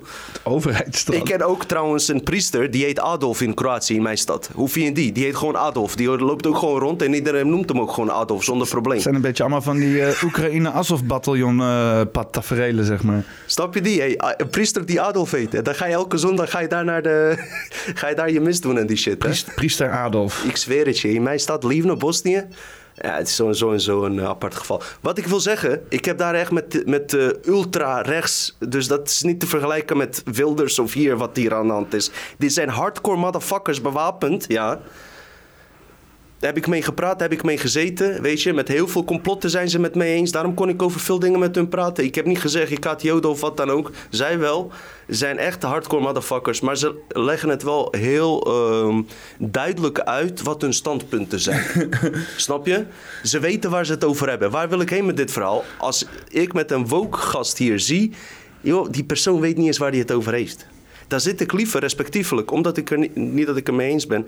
Dan heb ik liever een gesprek met een fucking extreem. eh, ja, niet dan, met een extreemrechts eh, eh, fascist. Die wel gewoon normaal zijn verhaal kan vertellen. Dan een wookgast die gewoon geïndoctrineerd is van hetgene wat hij hoort. En eigenlijk niet eens weet wat hij vertelt. Hij voelt niet wat hij vertelt. Snap je wat ik bedoel? Ja. En ik denk dat zo'n woke-figuur ook niet bestaat. Bestaat die wel? Nodig ik je graag uit bij eh, Poppenkast. Ja. Mag je komen? Heb jij blauwe haren? Twijfel jij over je gender? Zijn jouw relaties eh, genderloos en, eh, en problematisch? En het zou mooi zijn, nog voordat hij binnenkomt, dat hij eh, twee keer beroofd wordt door een paar buitenlanders hier. En dat hij dan zijn verhaal gaat vertellen. hun, hun, zij gaan een verhaal vertellen. Ja, ja, ja sorry. Oh, trouwens, ja, mensen weten van mij, ik maak taalfouten. Oh, ja, nee, ja, dat, dat, dat willen hun, die uh, woke mensen willen toch met allerlei andere, uh, die willen Oh, toch niet sorry, als, ja. uh, als, als, als hij of zij aangesproken worden, maar dan als, als hun bijvoorbeeld. Ja, of eh, hoe, hoe zeggen ze dat tegenwoordig? Eh, Non-binair. Dus je, ma- je, je mag hij of hem eh, over mij praten. Ik Ja. wil zo en zo aangesproken. Het is eh, in ieder geval heel triest Jongen, gedoe. ja, Weet luister, je, ik, als ik die ben sowieso niet van de grammatica, dus je moet het voor mij niet nog ingewikkelder maken. Wij ik hebben gewoon- bij die laatste aflevering... dan ga ik alleen gewoon nog maar geluiden tegen je maken. Hey, dat kan af en toe ook goed zijn, hè? Die emoties waar ik het net dus over had, hè? In dit geval was het een emotie van een, eh, eh, een eh, on- ontroering. Dat ik die manifestatiekracht deed. Maar het schijnt dus ook zo te zijn. Op het moment dat je fucking kwaad bent... Iemand heeft je helemaal paranoia gemaakt... Daar gaat ook je hartemotie aan. Dat komt uit je hart. Alleen die eh, reptiliaanse eh, Anunnaki-invloeden hebben ervoor gezorgd dat jij dat associeert met iets negatiefs. Ja? Maar zelfs op je kwaadste moment, ik kreeg weer fucking rillingen. Alleen eh, daar komen we niet op. Kan je manifestatie doen. Ja. Ook op die momenten. En dat is iets wat je nergens in de spirituele wereld hoort. Maar kan je dan positieve manifestaties Ja, doen? ja, ja, juist op dat moment. Dus dat je echt in die kwaadheid zit. En je bent met een project bezig. Je bent, eh, eh, weet ik veel, eh, met hetgene, eh, met een probleem bezig. Misschien met het probleem zelf wat dan heerst. Of zelfs manifestatie wat je wil manifesteren. Dus ook dus bij de negatieve mani- manifestaties. Wanneer je boos bent. Weet je waar dat vandaan komt? Mensen denken dat het is... rep- Nee, dat is niet Anunnaki. Dat komt uit jouw hart, die kwaadheid. Ja, ik- er zit ook kracht in het hart die niet altijd zo lief is... zoals de New Age je vertelt. Ik, ik had begin van een week eh, op een festival weer een, eh, een, eh, een, een, een woede meltdown. Ik heb dat zo één keer in het half jaar. En de laatste keer was Weltschmerz dan. En, en nu had ik weer... goeie, man. Ja, nu had ik weer zoiets. En was ik, Gelachen daar, man. ik was op een festival met vrienden van mijn vriendin. Hè, dus was lekker uit mijn comfortzone. En een beetje aan de zuip.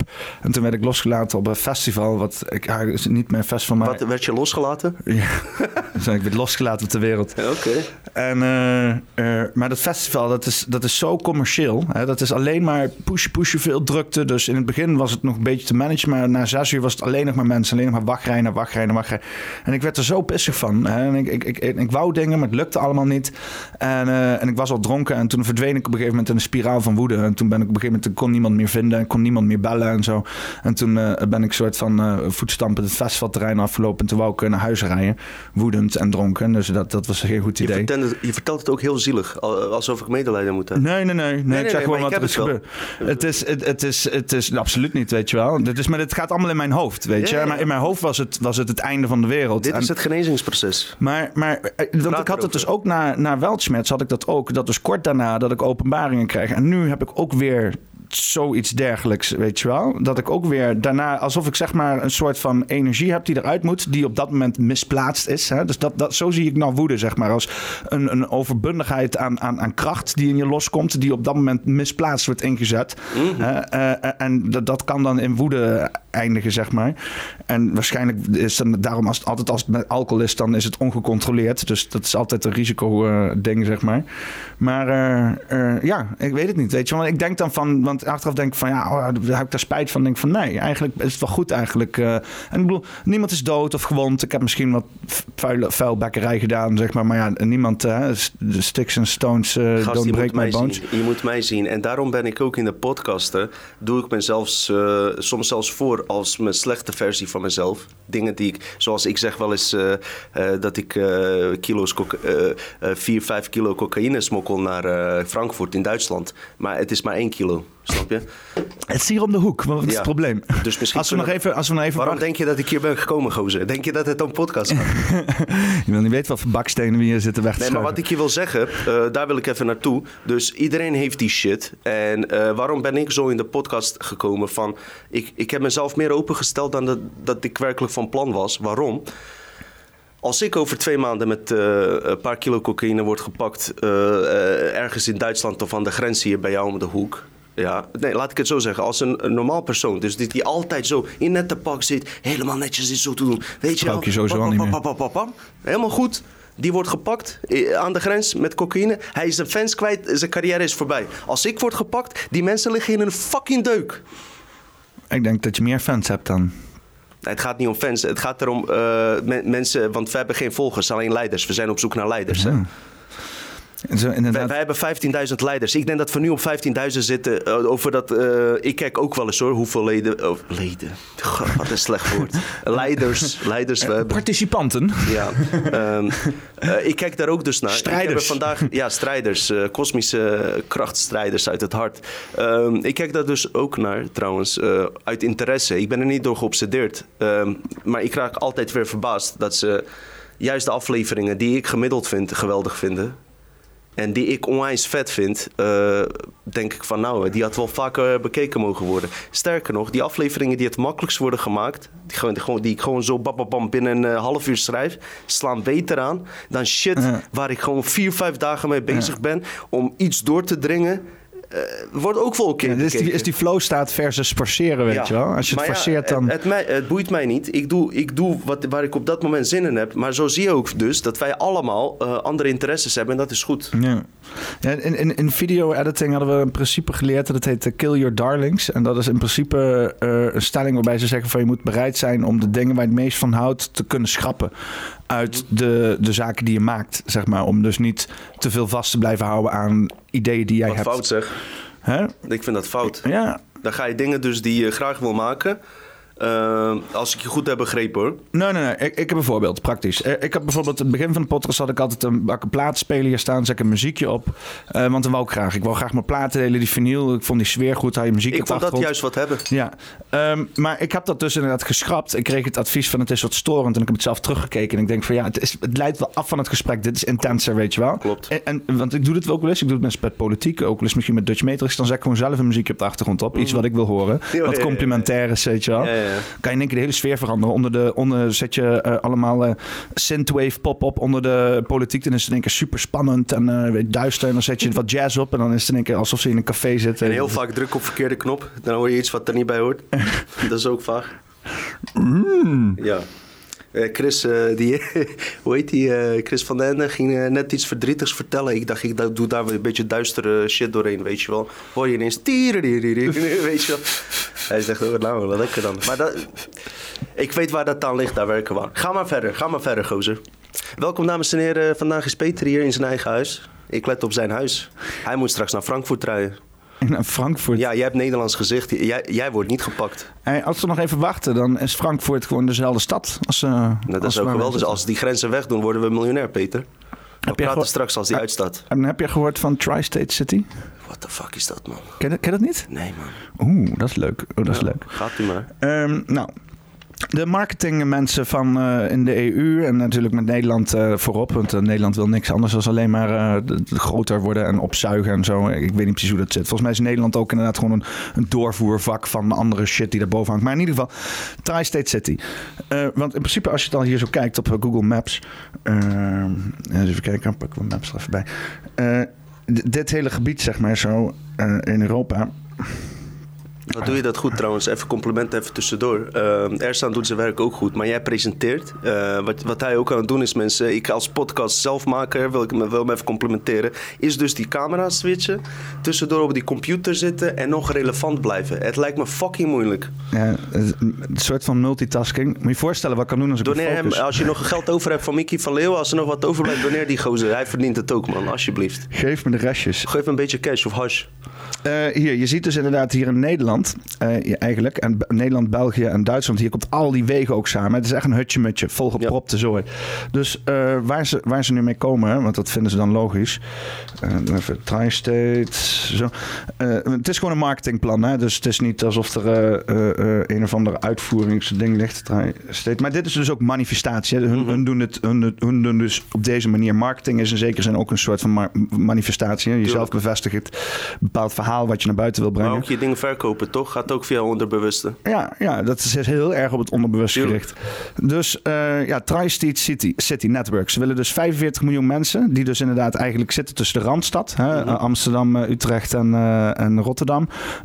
Antwerpen en Düsseldorf en Frankfurt. Hè, dat zit daar. dus die drie, dat is enorm veel. Enorm veel mensen. En dan willen ze dan hier dikke treinen en zo weer maken. En weet ik willen ze één grote stad van maken. Natuurlijk, Sustainable Development Goals worden er uitgerold. Nou, wat ik dus denk is dat dus die, al die natiestaten, die gaan dus allemaal inzakken. Hè? Dus je ziet nu al dat het allemaal gewoon in decline is. Al, die, al dat um, pop, of ja, populisme.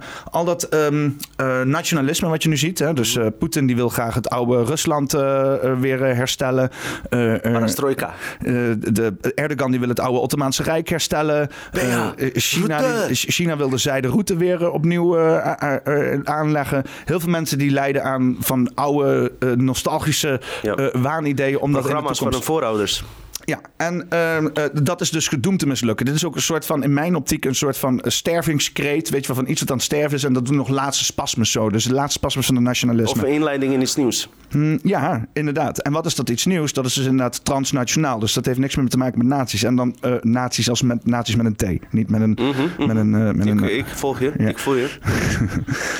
Tri-State, Tri-State City is dus daar een, een, een, idee van. Dus een groot stadsgebied. Yep. Wat dus gewoon soeverein is. Wat voor zichzelf bepaalt. Hè, en dan inderdaad dingen daarom misschien opslokt of niet. En dat is dus inderdaad transnationaal. Dat heeft niks meer te maken met landjes en vlaggetjes. Dat is gewoon een reeks aan mensen die doen een economisch verbond. En dat uh, fungeert dan... Europese Unie, maar op stad, uh, stadslevel. nou ja, ja, inderdaad. Je krijgt dus zeg maar een soort van supersteden en buitengebieden. Dat is een en beetje wat hebben we van de Europese Unie geleerd dan? Uh, nou ja, ik hoop dat de Europese Unie zo min mogelijk wegvalt. Ik hoop dus dat dus die steden straks zo machtig worden dat ze de Europese Unie gaan onderdrukken, zeg maar. Dus- Serieus? Dus, ja. dus jij zit hier wat in? Uh, nou ja, ik zie het als onvermijdelijk. Uh, uh, maar ik hoop wel dat iets de EU gaat aanpakken. Want dat hele EU-gebeuren, dat is één groot drama natuurlijk. Ik ken dit niet wat je laat zien. Ik uh, vertrouw het voor meter sowieso. Want mm. ze zijn al... je moet nooit vertrouwen. Maar... Zeven, acht jaar geleden hebben ze geprobeerd... Amsterdam heeft geprobeerd zich te koppelen aan Leiden, Utrecht, Rotterdam. Weet ja. je? Waarom doen ze dat? ik ga nu heel plat praten. En dit gaat, wordt heel fout wat ik zeg. Heerlijk.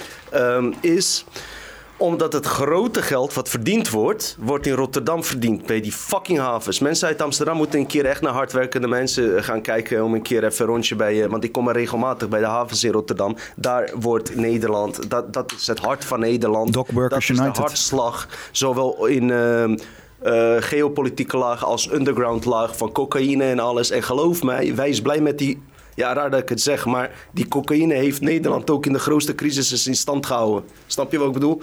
Uh, het is goed voor. Ja, ik keur het niet goed. Gebruik geen drugs en die shit. Maar ik zeg jou tegelijkertijd: het is nooit zwart-wit die handel die daar binnenkomt, uh, die mensen openen shisha-lounges, schieten elkaar handel. neer, worden weer nieuwe kogels gehaald, worden weer nieuwe, de ra ramen, uh, raamzetten kan nieuwe raam inplaatsen. Kijk hoeveel handel hier binnenkomt. Rotterdam. Wat ik alleen wil zeggen, ze probeerden al acht jaar geleden, ja, probeerden ze Amsterdam te koppelen aan steden die veel succesvoller op papier eigenlijk zijn dan Amsterdam zelf. Mm. Want het probleem is, waar iedereen mee zit, dat het geld in Rotterdam wordt verdiend door fucking harde werkers. Amsterdam kost alleen nog maar geld. Ja? Dan wordt het doorgestuurd naar een of andere kunstenaar die een fucking lelijk uh, kunstwerk van blik maakt. Serieus waar, ik maak het veel mooier voor 150.000 euro. en waar komt dat geld vandaan? Ja. Dus wat willen ze? Uh, voor Amsterdam is het handig, want zij worden de, de, de leiders daarin. En zij gaan over het financiële. En ik hou van Amsterdam. Trouwens, ik ben ook Ajax-fan. En Amsterdam is echt mijn stad. Serieus. nog steeds. Maar uh, ze hebben zich niet echt laten zien, weet je. Ik ze vind dat zich, Amsterdam uh, plat gegooid moet worden. Maar wacht even, ik praat niet over iedereen. Want ik ken heel veel onze complotonderzoekers. Vergeet Def P niet en mijn vriend DRT. Almere komt die allemaal uit Amsterdam komen ze. Beseffen zich dit wel goed. Def P is ook bij jou geweest. Shout-out naar dus als je gaat zeggen Amsterdam, beledig je ook veel mensen. Grote kans Def P op camping. eh, ja, precies. Komt hij ook? Waarschijnlijk wel. Wauw. Dan, dan moet hij echt even paar eh, die Anunnaki-nummers spitten daar. Echt jammer dat jij, dat je er net niet bent dan. Dat is echt Ja, maar kut. ik was zeker gegaan. Maar En misschien was het te ideaal geweest. maak misschien een paar foto's. Maak een paar zijn. foto's. Het is goed. Eh, ik hoop dat je. Jongen, we gaan nog wel even live chatten of zo. Doe je wel even... even, even, even- Ja, je kan me bellen. Ja. Je, je kan alles. Ik hoop voor jullie alleen niet dat er ook van die, van die figuren tussen zitten die irritant zijn. Die Ja, ja, tuurlijk, tuurlijk zitten er irritante figuren tussen. En anders vind ik je vanzelf wel irritant. Ja. Maar jullie moeten ook niet voor zorgen dat eh, die podcasters dan eh, zeg maar apart gaan. zeg ik- maar, ik- een soort VIP. En dat die anderen apart zitten. Jullie moeten wel bij elkaar zitten. Ja, hè? wat het idee is, is dat er een... eh, VIP shit, er is daar een hou ik kle- niet van. Er is een klein rijtje stoelen waar mensen dus inderdaad hardcore kunnen eh, toewijden aan de podcast. Maar voor de rest is het de bedoeling dat iedereen gewoon een beetje omheen loopt en zo. En dan moet je ook gewoon je bek dicht houden. Eh, maar ik raad ook iedereen aan. Wat mensen heel erg irritant vinden, is eh, om je spirituele verhalen aan te horen. Wat je allemaal hebt meegemaakt, alsjeblieft. Ik mag Mickey van Leeuwen en deze man en Def P als die komt. En hoe heet die? Stef, Watterdam, Stef. Laat ze een beetje met rust met je privéverhalen. Want het is irritant voor mensen om dat te horen. Nou, ik maak daar gewoon ruimte voor, want ik heb een open podium, ga ik daar inrichten. Dus Ja, dan kunnen nou, mensen gewoon hun verhaal doen. Ik ken mensen, daar word je zwaar vermoeid van. Maar ja, misschien is het die, groep, is die groep, daarom zeg ik, ik hoop dat jullie op elkaar afstemmen. Want het is ook iets anders. Bijeenkomsten waar ik kom, zitten vooral eh, best wel oude wijven, 55 plus. Oh, die komen ook wel. En komen eh, ook vind wat, ik ook eh, hartstikke gezellig. Ik komen wil ook hun ook niet, dus ik kreeg weer op mijn kom volgende keer. ja. Maar goed, eh, waar, waar waren we met het verhaal, gozer, eigenlijk? Rotterdam, Amsterdam. Dus ze wilden Ik weet allebei al- niet waar Jij ging ligt. over die Tri-City, wacht. Dus Amsterdam wilde zich al voegen, ja... om zo te profiteren van de inkomsten uit Leiden... uit- en vooral uit Rotterdam en al die shit... zodat zij het gaan beheren. Dikke lul. Dikke lul. En nu gaan ze het alleen nog groter aanpakken. Nog groter. Want dit was dus niet doorgegaan. Dit gaan ze gewoon groter aanpakken. Ja, maar Ook op stadslevel. Nee, ik vind dit niks. Sorry. Hoeveel, hoeveel lokale invloed hebben we nu echt met in de EU? Dit is toch waardeloos? Hè, wij zijn afhankelijk van een stelletje technocraten die Ja. we, waar we nauwelijks iets over horen, waar we nauwelijks iets op kunnen invloed op uitoefenen, waar onze gekozen eh, eh, eh, vertegenwoordigers gewoon die, die doen gewoon tegen een, ons het een zeggen en tegen hun het ander. Dus je hebt er helemaal geen invloed op. Dan is zo'n tri-state area is in ieder geval voor. Ik hoop dat ik er net buiten val. Ik hoef er ook niet te wonen, want het wordt helemaal sustain- sustainable development goal alles. Maar invloed op dat lokaal. Ja, ik weet ook niet wat ik aan het lullen ben. Ik weet wel. je, Ik weet wat je weet aan je, het weet je wat lullen het is? Kijk, Ja, ik ben. Nee, nee, weet, je wat het is? Ik ben, zoals heel veel mensen. Hè, ook nostalgisch naar een simpelere tijd. Ja? Dat ik ook denk van, ik wou dat het gewoon weer makkelijk was, lokaal en, en, en, en direct en, en, en, en, en, en eh, eh, eh, hoe noem je dat nou, betrokken, weet je, aan een directe spiraal. En dat, ik vind, ik heb het ook niet opgegeven, dat moet ook zeker kunnen. Maar dat moet wel ook in een wereld kunnen waarbij we steeds groter denken. Want dat is ook qua communicatie gewoon gaande, zeg maar. We zijn allemaal al, al sinds de jaren negentig globaal aan het connecten met elkaar. En dat doet iets met ons, weet je. En daar moeten we ook iets mee. En dat, dat doe je niet door met z'n allen in je eigen kleine vlakje te zitten en niet met elkaar te communiceren. Dus er moet een manier van communiceren gaan, Ja. gaande zijn. En eh, eh, alleen anders zoals het nu eh, gaat. Want nu wordt het de hele tijd in kanalen gedrukt waar te veel macht op uitgeoefend kan worden. En er komt allemaal bakken met geld en alles wordt corrupt. En dat schiet gewoon niet op. Dus, dus er moet een heel ander systeem voor zijn. Maar die Tri-State City, als je dat bijvoorbeeld op een manier runt waarbij het gewoon direct democratie is. En dat mensen bezig kunnen zijn met de lokale belangen. En dat als je al die mensen bl- blij zijn met hun sustainable fucking development goals. In ieder geval op een humane manier een digitale samenleving inrichten. Dus inderdaad met fucking persoonlijke privé omgeving en shit. Zonder dat je door zo'n beetje iedereen en alles kan gehackt worden. Ehm, en inderdaad ook zekerheid dat je er toegang tot hebt. En niet dat je de hele tijd op zenuw moet zijn dat de fucking samenleving uitvalt. En dat je nooit meer bij al je data komt. Want dat is ook nog steeds het geval. Dus we zijn nog lang niet klaar voor een digitale samenleving. Maar ik denk wel dat we daar ooit ga- gaan komen. Hè. Dan heeft mensen gewoon, hebben we thuis in ons eigen huis gewoon een kleine nucleaire reactor. En dan weten we gewoon, we hebben stroom. En dan kan de hele wereld kan uitvallen. Maar jouw nucleaire reactor geeft jouw huis stroom. Dus dan kan je in jouw huis altijd je digitale dingen doen. En zo. En, en communiceren met andere mensen over En de een wereld. eigen die- robosuk. Een Robosuk. robosuk? Ken je dat niet? Nee. Dan ben je echt niet van deze tijd. I- Is dat zoiets als Nou, een, was 20 jaar geleden al een hoor. Is dat niet hetzelfde als een eh, flashlight? Eh, dat weet ik weer niet. Ja, hier. Eh, zullen we dat straks opzoeken? het is volgens mij hetzelfde, alleen dan van andere generaties. ja, ja, Robosuk is... Ja, ja, laat maar. Weet je, mensen nee, leg het weten- uit. Ik wil het in detail horen. Ik zal eerlijk zeggen, ik weet het zelf ook niet. Leg het uit. Ik- Hoe voelt het om het te gebruiken? Nou, het, het voelt heerlijk. Je komt helemaal in je hartsbewustzijn. En op dat moment, als je komt, dan moet je die manifestaties verzinnen. Hé, hey, misschien bedenk ik nou wat Is dat- nieuws. is- is dat- op kan- het kan- moment dat je klaar elkaar komt, dan je manifestatie doen. Misschien sta je dan ook in verbinding. En dan moet je het ook eigenlijk-. Als je dat- Wauw, we komen hier tot ideeën. En als je dat met z'n tweeën doet, dan Ja. kan het nog sterker zijn. Jij dan. moet wel vrouw zijn, hè? ja, ja, ja, of je doet een orgie en dat doe je het met acht man. Eh, manifestatie des groter. Doe maar acht vrouw. Maar luister, ehm, eh, eh, gozer, waar wilde ik heen? Robo-suck. Ik denk zelf. Nee, nee, nee. nee. ik denk zelf. Jij zegt. eh, ja, ik heb daar geen invloed op zo. Ik ben ook niet tegen digitalisering. Laat ik het zo zeggen. We hebben het over wezens. eh, ook goedwillende wezens. Die hier ook met fucking technologie eh, kunnen verschijnen. Eh, het is ook technologie, hè? Zo'n UFO bouwen en al Is die dat shit. zo? Niet dan? Ja, het op- werkt wel op bewustzijn en zo. Maar het is wel op, op Maar technologie het- gebouwd. Die eh, in coherente staat is met jouw bewustzijn. En dat gebeurt bij ons niet. Maar goed, jij zegt je hebt geen invloed. Misschien heb jij meer invloed straks. eh, met de energie die jij opbouwt straks op die kamp, weet je? Ja, goed dat je dat doet, man. Ja, dat is fijner, hè? Ja, zeker. Ik kan, het, ik kan het pas doen. Dat is wel fijn dat we de podcast op... Ersan, jij doet veel, maar wat deze man eh, allemaal aan het doen is, eh, ik weet het niet hoor. Ja, het Als ik ooit ruzie het- met je kreeg, Ersan, Het ligt, het ligt, het ligt aan de achtergrond. Want eh, eh, kijk, de daglicht is de grootste killer hier. Eh, eh, toen ik op een gegeven moment zei... ik wil graag tegen het daglicht infilmen... tegen mijn videogroep... zeiden ze van, doe het niet.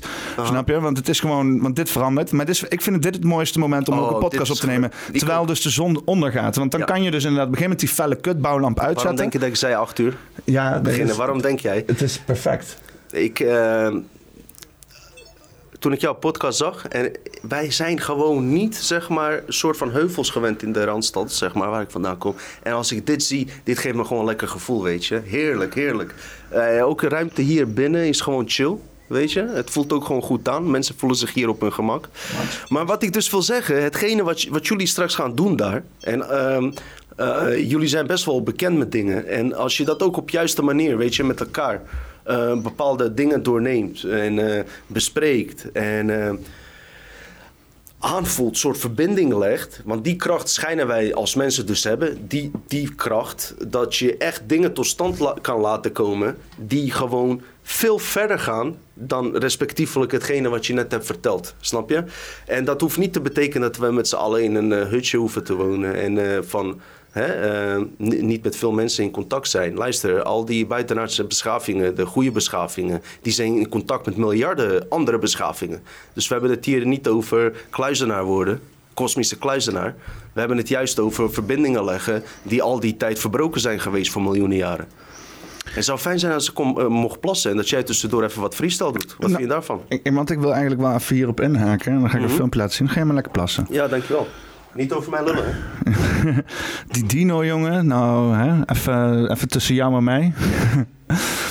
Eh, eens even kijken. Ja, ik heb inderdaad ik heb van alles verzameld. Hè, want we kunnen het hebben over, over Sri Lanka en Hunter Biden en CERN. En nou, manifestaties we het over gehad. Maar eh, ik wil toch wel heel even misschien geometrie en effect op energieën eh, erbij pakken. Want het was wel een interessante video.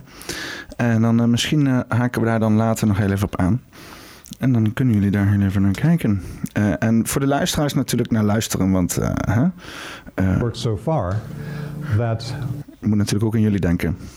by the early 1990s in Egypt, certain people in the Egyptian government knew about his work.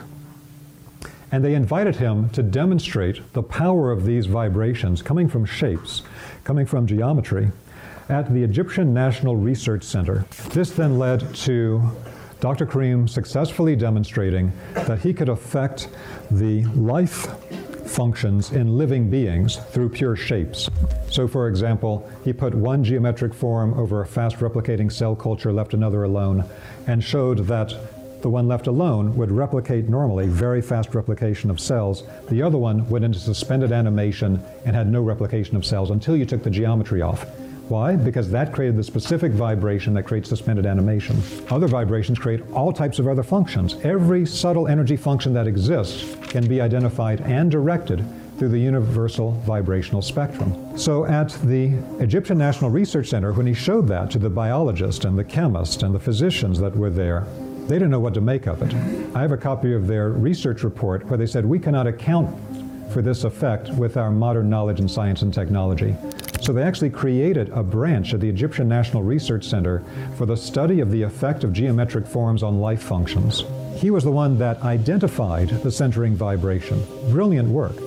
And all kinds of different ways that this can be used to design anything or be applied to the human energy field, or to balance the energy of land, or to transmute detrimental energy from all types of vibrational sources, earth energy lines, electromagnetic fields, all kinds of things, into something highly beneficial. But what he doesn't focus on, because he's focused completely on the centering vibration, is he doesn't teach much about or do much research with the 12 bands.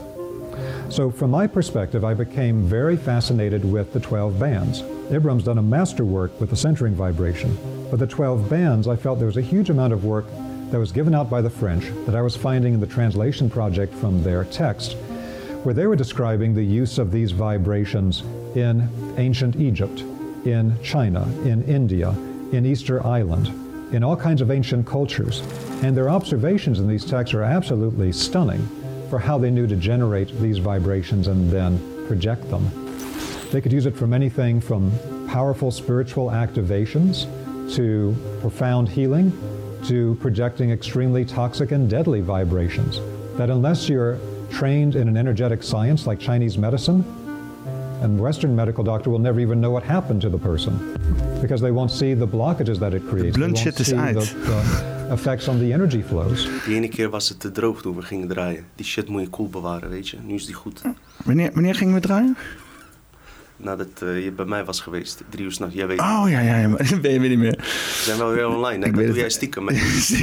Weet je wat jij elke keer ook doet, heb ik ook doorgehad. Wij zijn nu zeker hè, in beeld, hè? Ja, hè? Ja, we zijn er zitten. Ik weet jouw trucjes. Heel vaak zet jij zeg maar mensen, wanneer jij aan het praten bent, doe je stiekem die camera op die ander gericht. Die andere denkt dat die niet gefilmd wordt. Zie je hele rare trekjes. Maar met Ersa ging het wel goed. Ja, lu- luister, was goed, hè? Luistershots heette Wat vond je dat. van Ersa's interview trouwens? Eh, eh, ja, leuk. Geweldig, was goed gesprek. Hij is goed ontvangen, zag ik hè? eh, ja, hij, is, eh, hij gaat hard. 4 4000 of zo. Ja, toch?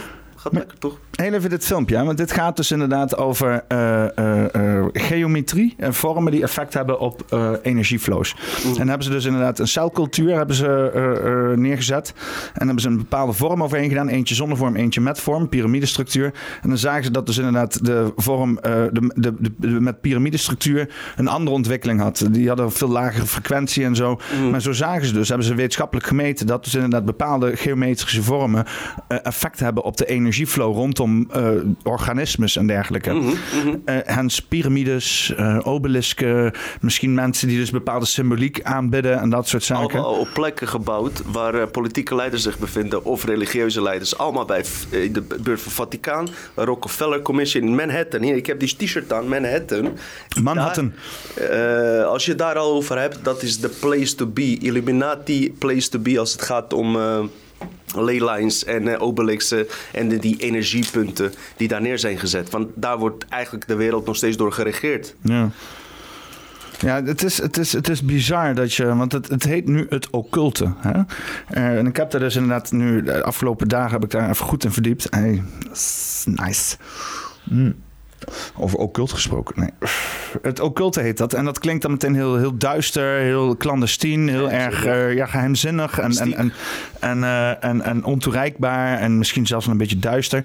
Maar ik zit me erin. Ik, ik zit, ja, inderdaad. Maar ik zit me daarin te verdiepen. Want ik ben dus, ik kom hier dus nu uit. Ik ben anderhalf jaar geleden zo rationeel als de pest. Hè, En ik ben ondertussen nu al. Wacht even, jij bent al tien jaar, als jij Zuidgeist hebt gezien, ga niet jezelf omlaag eh, praten, gozer. Je hebt tien jaar Nee. geleden Zuidgeist gezien, Ik- jij hebt shit gezien hiervoor. hè? Ik- is ik- niet dat je meteen wakker bent. Nee, nee, nee, maar ik, eh, ik, ik ben al een tijdje wakker, maar ik was niet verlicht. Hè, dus ik, ik was wakker, het gevoel dat er iets mis was. Eh, maar wat ik daarmee moest en hoe ik dat voor mezelf moest invullen... en wat de invloed eh, daar was voor mijn eigen leven... daar had ik nog niet ingevuld. Daar kom ik nu zeg maar op terug. Dat ik echt denk. Ook van, oké, leeftijd, hè? Want je gaat op die leeftijd, als je een beetje normaal leven wil, geldt voor mij ook, ga je toch niet op je 22e. Ja, nu wel. Ik zit- Het is een ander verhaal nu, hè? ik zit in mijn 33ste levensjaar. Hè, dus. Ja, 33, net als Jezus Christus. Ik hoop dat het met jou beter afloopt. Ja, 33 is in de vrijmetselarij ook het meeste getal. En dat is het. Dit is nu het 33ste levensjaar. En dan werk ik op tot mijn 33ste verjaardag. En daar moet ik dus zeg maar mijn ontwakening gaan eh, eh, Bij plaatsvinden. de piramide, 33 stappen toch? 33 graden bij vrijmetselarij. Ja, ik, ik maak er mijn hele eigen ritueel van. Ik doe ergens wietplanten zaaien. En dan ga ik daar inderdaad mooi 33 wietplanten ga ik zaaien. Dan ga ik een smokeritueel voor mezelf houden. En dan ben ik meester smoker voor altijd in mijn leven. Ja, zeker man. Planten verkrachten. Wat? Planten verkrachten. Ja, dat mag toch? Gewoon keihard jonkels roken gewoon. Dat je, ook als je geen zin hebt, dat je toch nog parijzen neemt. Niet dat ik dat doe hoor. Ik doe het heel teder. Maar ik dacht dat je seks wil hebben met planten. Nee, ik bedoel meer jonkels. Eh, wij zeggen wel eens eh eh, jonkel verkrachten als mensen zeg maar eh, meer blowen dan dat ze zin in hebben. Kijk, als ik een joint Hmm. opsteek, heb ik er echt zin in. Lekker Om er wat, eh, ja, weet ik, eh, om er eh, zeg maar wat mee te doen, hè? om me rust te geven. Maar je hebt ook mensen die roken er drie achter elkaar op, zijn knock-out en totaal niet dus relevant meer in dit leven. Ja, ik en dan er ben je vaak- ze aan het verkrachten en uiteindelijk blijkt dat die plant jou verkracht heeft. Ik, ik rook er vaak drie achter elkaar. En dan, Je rookt er aardig veel, maar ja, goed, je bent goed en, bij. En, dan, dan rook ik er nooit drie achter elkaar. Waar het mij om draait is hoe jij functioneert. Daar rook, rook je er tien. Maar als jij er Dat nu- heb ik ook. Kijk gewoon naar wat ik doe. Let niet op hoe ik het doe. Nee, nee, nee, je doet het goed, want dan zou, zou ik hier niet zitten. Maar stel je voor, jij... En niet tegen jou, hè. Vooral tegen de mensen die mij oordelen. Mensen Ik die mij oordelen. met jou, man. Oh ja, er zijn ook mensen die... Oh ja, de mensen die kijken. Ik was Fuck, bijna man. vergeten. Ja, maar dat is goed. Dat is Het goed. gaat erom dat je, je, je bent scherp daarbij aanwezig. En eh, kijk, zo'n Snoop Dogg rookt er ook 10, 20 per dag. En eh, eh, niet dat je dat moet doen, doe ik absoluut niet. Ik Nee, kan maar dat niet Snoop. Dogg is wel de reden waarom ik het doe.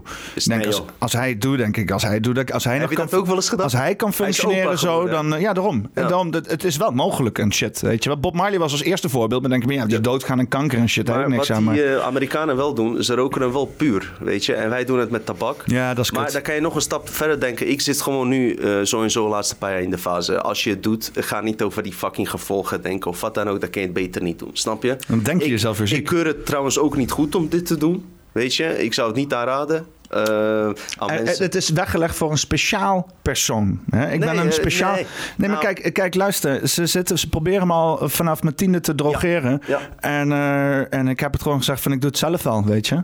Wat jij net vertelt, Simon kan dit bevestigen, hoor dit.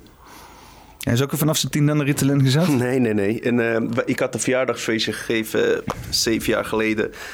Kon niet beter, was super lekker weer. Ik had alle oude vrienden uitgenodigd. We waren er heerlijk aan het chillen. Op een gegeven moment gingen we later gingen we stappen. Komen we een jongen tegen. Dit was vijf jaar geleden, hè, voor COVID shit en alles.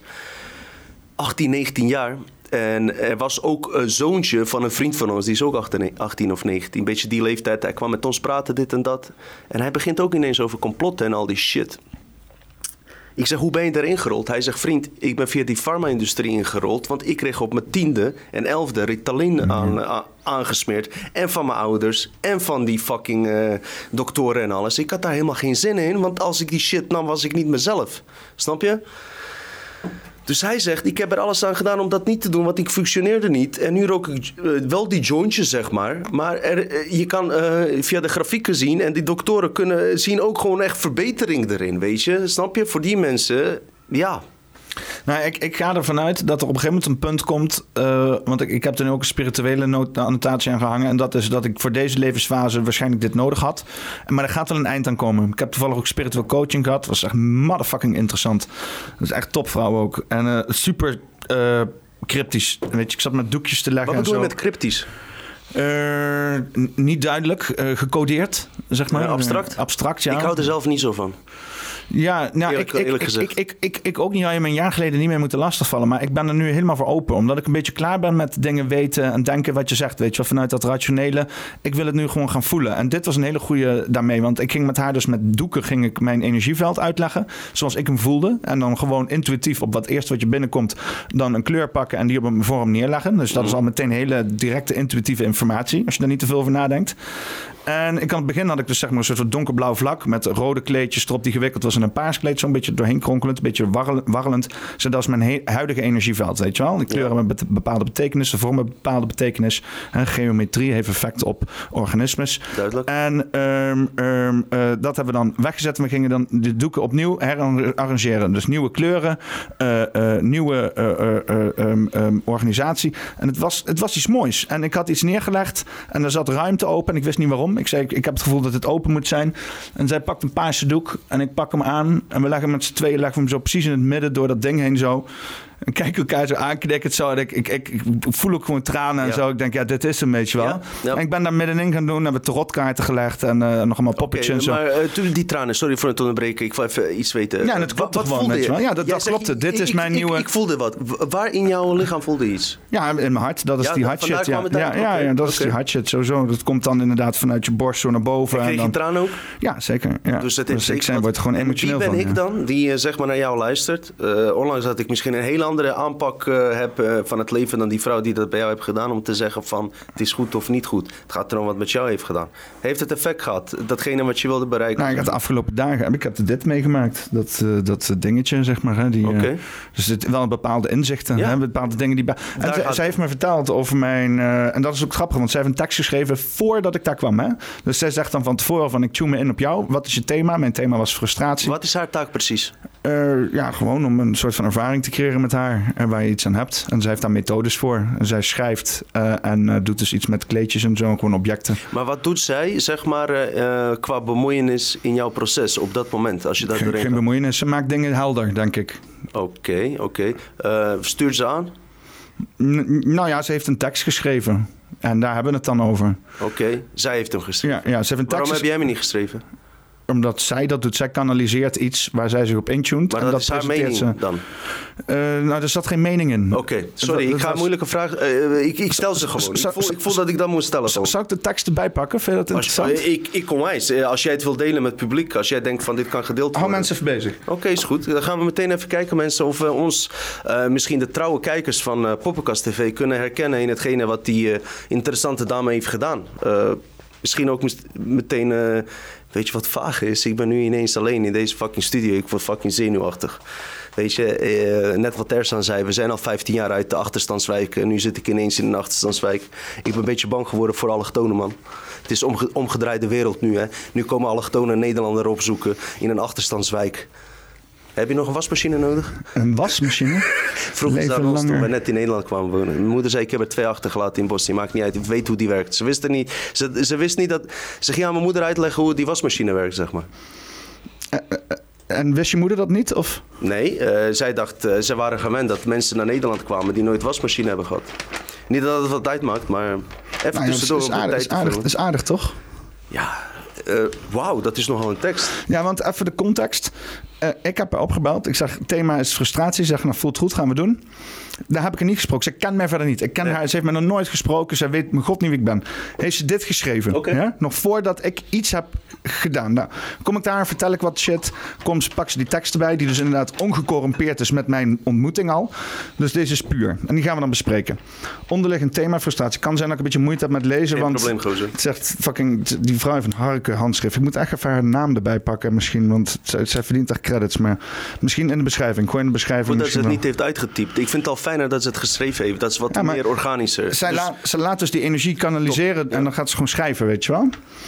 Ehm, het eh, lijkt dat eh, jij wij in een sessie onderzoek hebben gaan, eh, te gaan waar ligt de oorsprong van je frustratie en ervan uit kunnen gaan dat je frustratie een overtuiging aanname is die je in de mindset mind hebt opgeslagen en daaruit in je leven gedrag aan hebt gekoppeld. Dus dat was, zij las het altijd, dacht ik van ja man, want ik heb het idee van dat ik soms dingen op me neem die helemaal niet van mij zijn, weet je wel. En dan word ik daar boos over en zo, dat ik denk van waar, waar weet je wel. Ik wil dit niet denken. Waarom denk ik dit? Waarom handel ik zo? Ik heb hier helemaal geen zin in en toch gebeurt het. Ja, en ik heb daar dan al Heel bekend en, verhaal. en ik heb er al mindfulness voor gehad. En daar zeiden ze al van die gedachten. Ja, op school. Weet je, ik zat op school, zat ik tegen zoveel dingen aan te schoppen dat ze zeiden: we gaan naar de psycholoog. Toen zei ik tegen de psycholoog van ja, ik smoke mezelf rot. Zei ze, nou goed zo. Ga er ook maar eh, mindfulness bij doen. ja, want Een die, psycholoog die niet loog. nou ja, maar die frustraties waar ik tegenaan liep, liep zij als psycholoog ook in dat systeem tegenaan. Ik had Ik gewoon gelijk, weet je wel. die, Ja, ik heb Alleen- psychologen die eh, eigenlijk ook zelf best wel veel problemen hebben. En eh, af en toe denk ik, waarom noem je jezelf psycholoog? Als, want, ja, Ervaringsdeskundige. Ik kan niet verder uitdijen, want... ehm, Nee, maar ik, de meeste psychologen zijn knettergek. Maar daarom zijn ze ervaringsdeskundigen van het humane brein. Mensen die Precies. ook conflict hebben in hun eigen brein, die gaan dat onderzoeken. Dus je hebt Mhm. allemaal psychologen die allemaal knettergek zijn. ja, ik vind het heerlijk. Sigmund Freud was ook knettergek. Ik vind Carl Jung interessant, want die nam die schizofrene wel serieus. Die ging die echt goed onderzoeken. En erachter- is fucking interessant, Ja. ouwe. Dat wil ik nog wel een keer in de podcast Lees je hebben. brief, gozer. Ja, dus Dus, uh, even kijken. Of ben ik te dominant? Nee, wat jij wil. wil doe, maar lekker, doe maar lekker domineren. Want die Ersan ook, die wilde er Dutch Matrix van maken vorige keer. Ik dacht, hé, hey, rustig gozer. Ik ben bij iemand... Weet je, dat is die Turk, die uh, zeg maar, die Genghis Khan, uh, die DNA, die draagt hij in zich. Ik kom in Nederland veroveren. Maar het feit is wel, moeten we niet vergeten, haring met witte brood. Weet je waar die traditie vandaan komt? Rusland? Nee, vriend. in Leiden... Noorwegen? Nee, vriend. Oh. In Leiden heb je de Burgt. En uh, ja, dat is echt zo'n beetje zo'n Romeinsachtige kasteel, niet heel groot. Toen de Spanjaarden uh, Leiden hadden veroverd, hadden ze alles behalve die, die De Spanjaarden Leiden hadden veroverd? Ja, man. Ook... Ja, ja. Oké, okay, vet shit. Uh, wat er gebeurt. Uh, in die tijd was uh, water rondom die burcht. Dus alle Leidenaren die nog over waren, waren gevlucht naar de, de burcht. En ik ga nu Leidenaren die kijken gaan zeggen... Fuck, je vertelt het slecht. Wat ik ervan weet hè, als allochtoon zijnde met je hutspot. ze moeten blij zijn dat het überhaupt verteld wordt. Hutspot. We kunnen ook maar... niet over Leiden praten, weet je. Ja, maar in ieder geval, Leiden is trouwens een hele key city. Key? Ja, sleutelstad. Sleutelstad? Ja. Oh, ik kreeg nu kippenvel en nog steeds ben ik aan het ontrafelen in mijn onderzoek. Ik voel dat met Leiden en Sleutelstad iets is. En nu gaan zelfs rillingen door mijn hersenen en door mijn balhaar. Balhaar. Balhaar, kippenvel. Val van kabalhaar, ga je nu zien.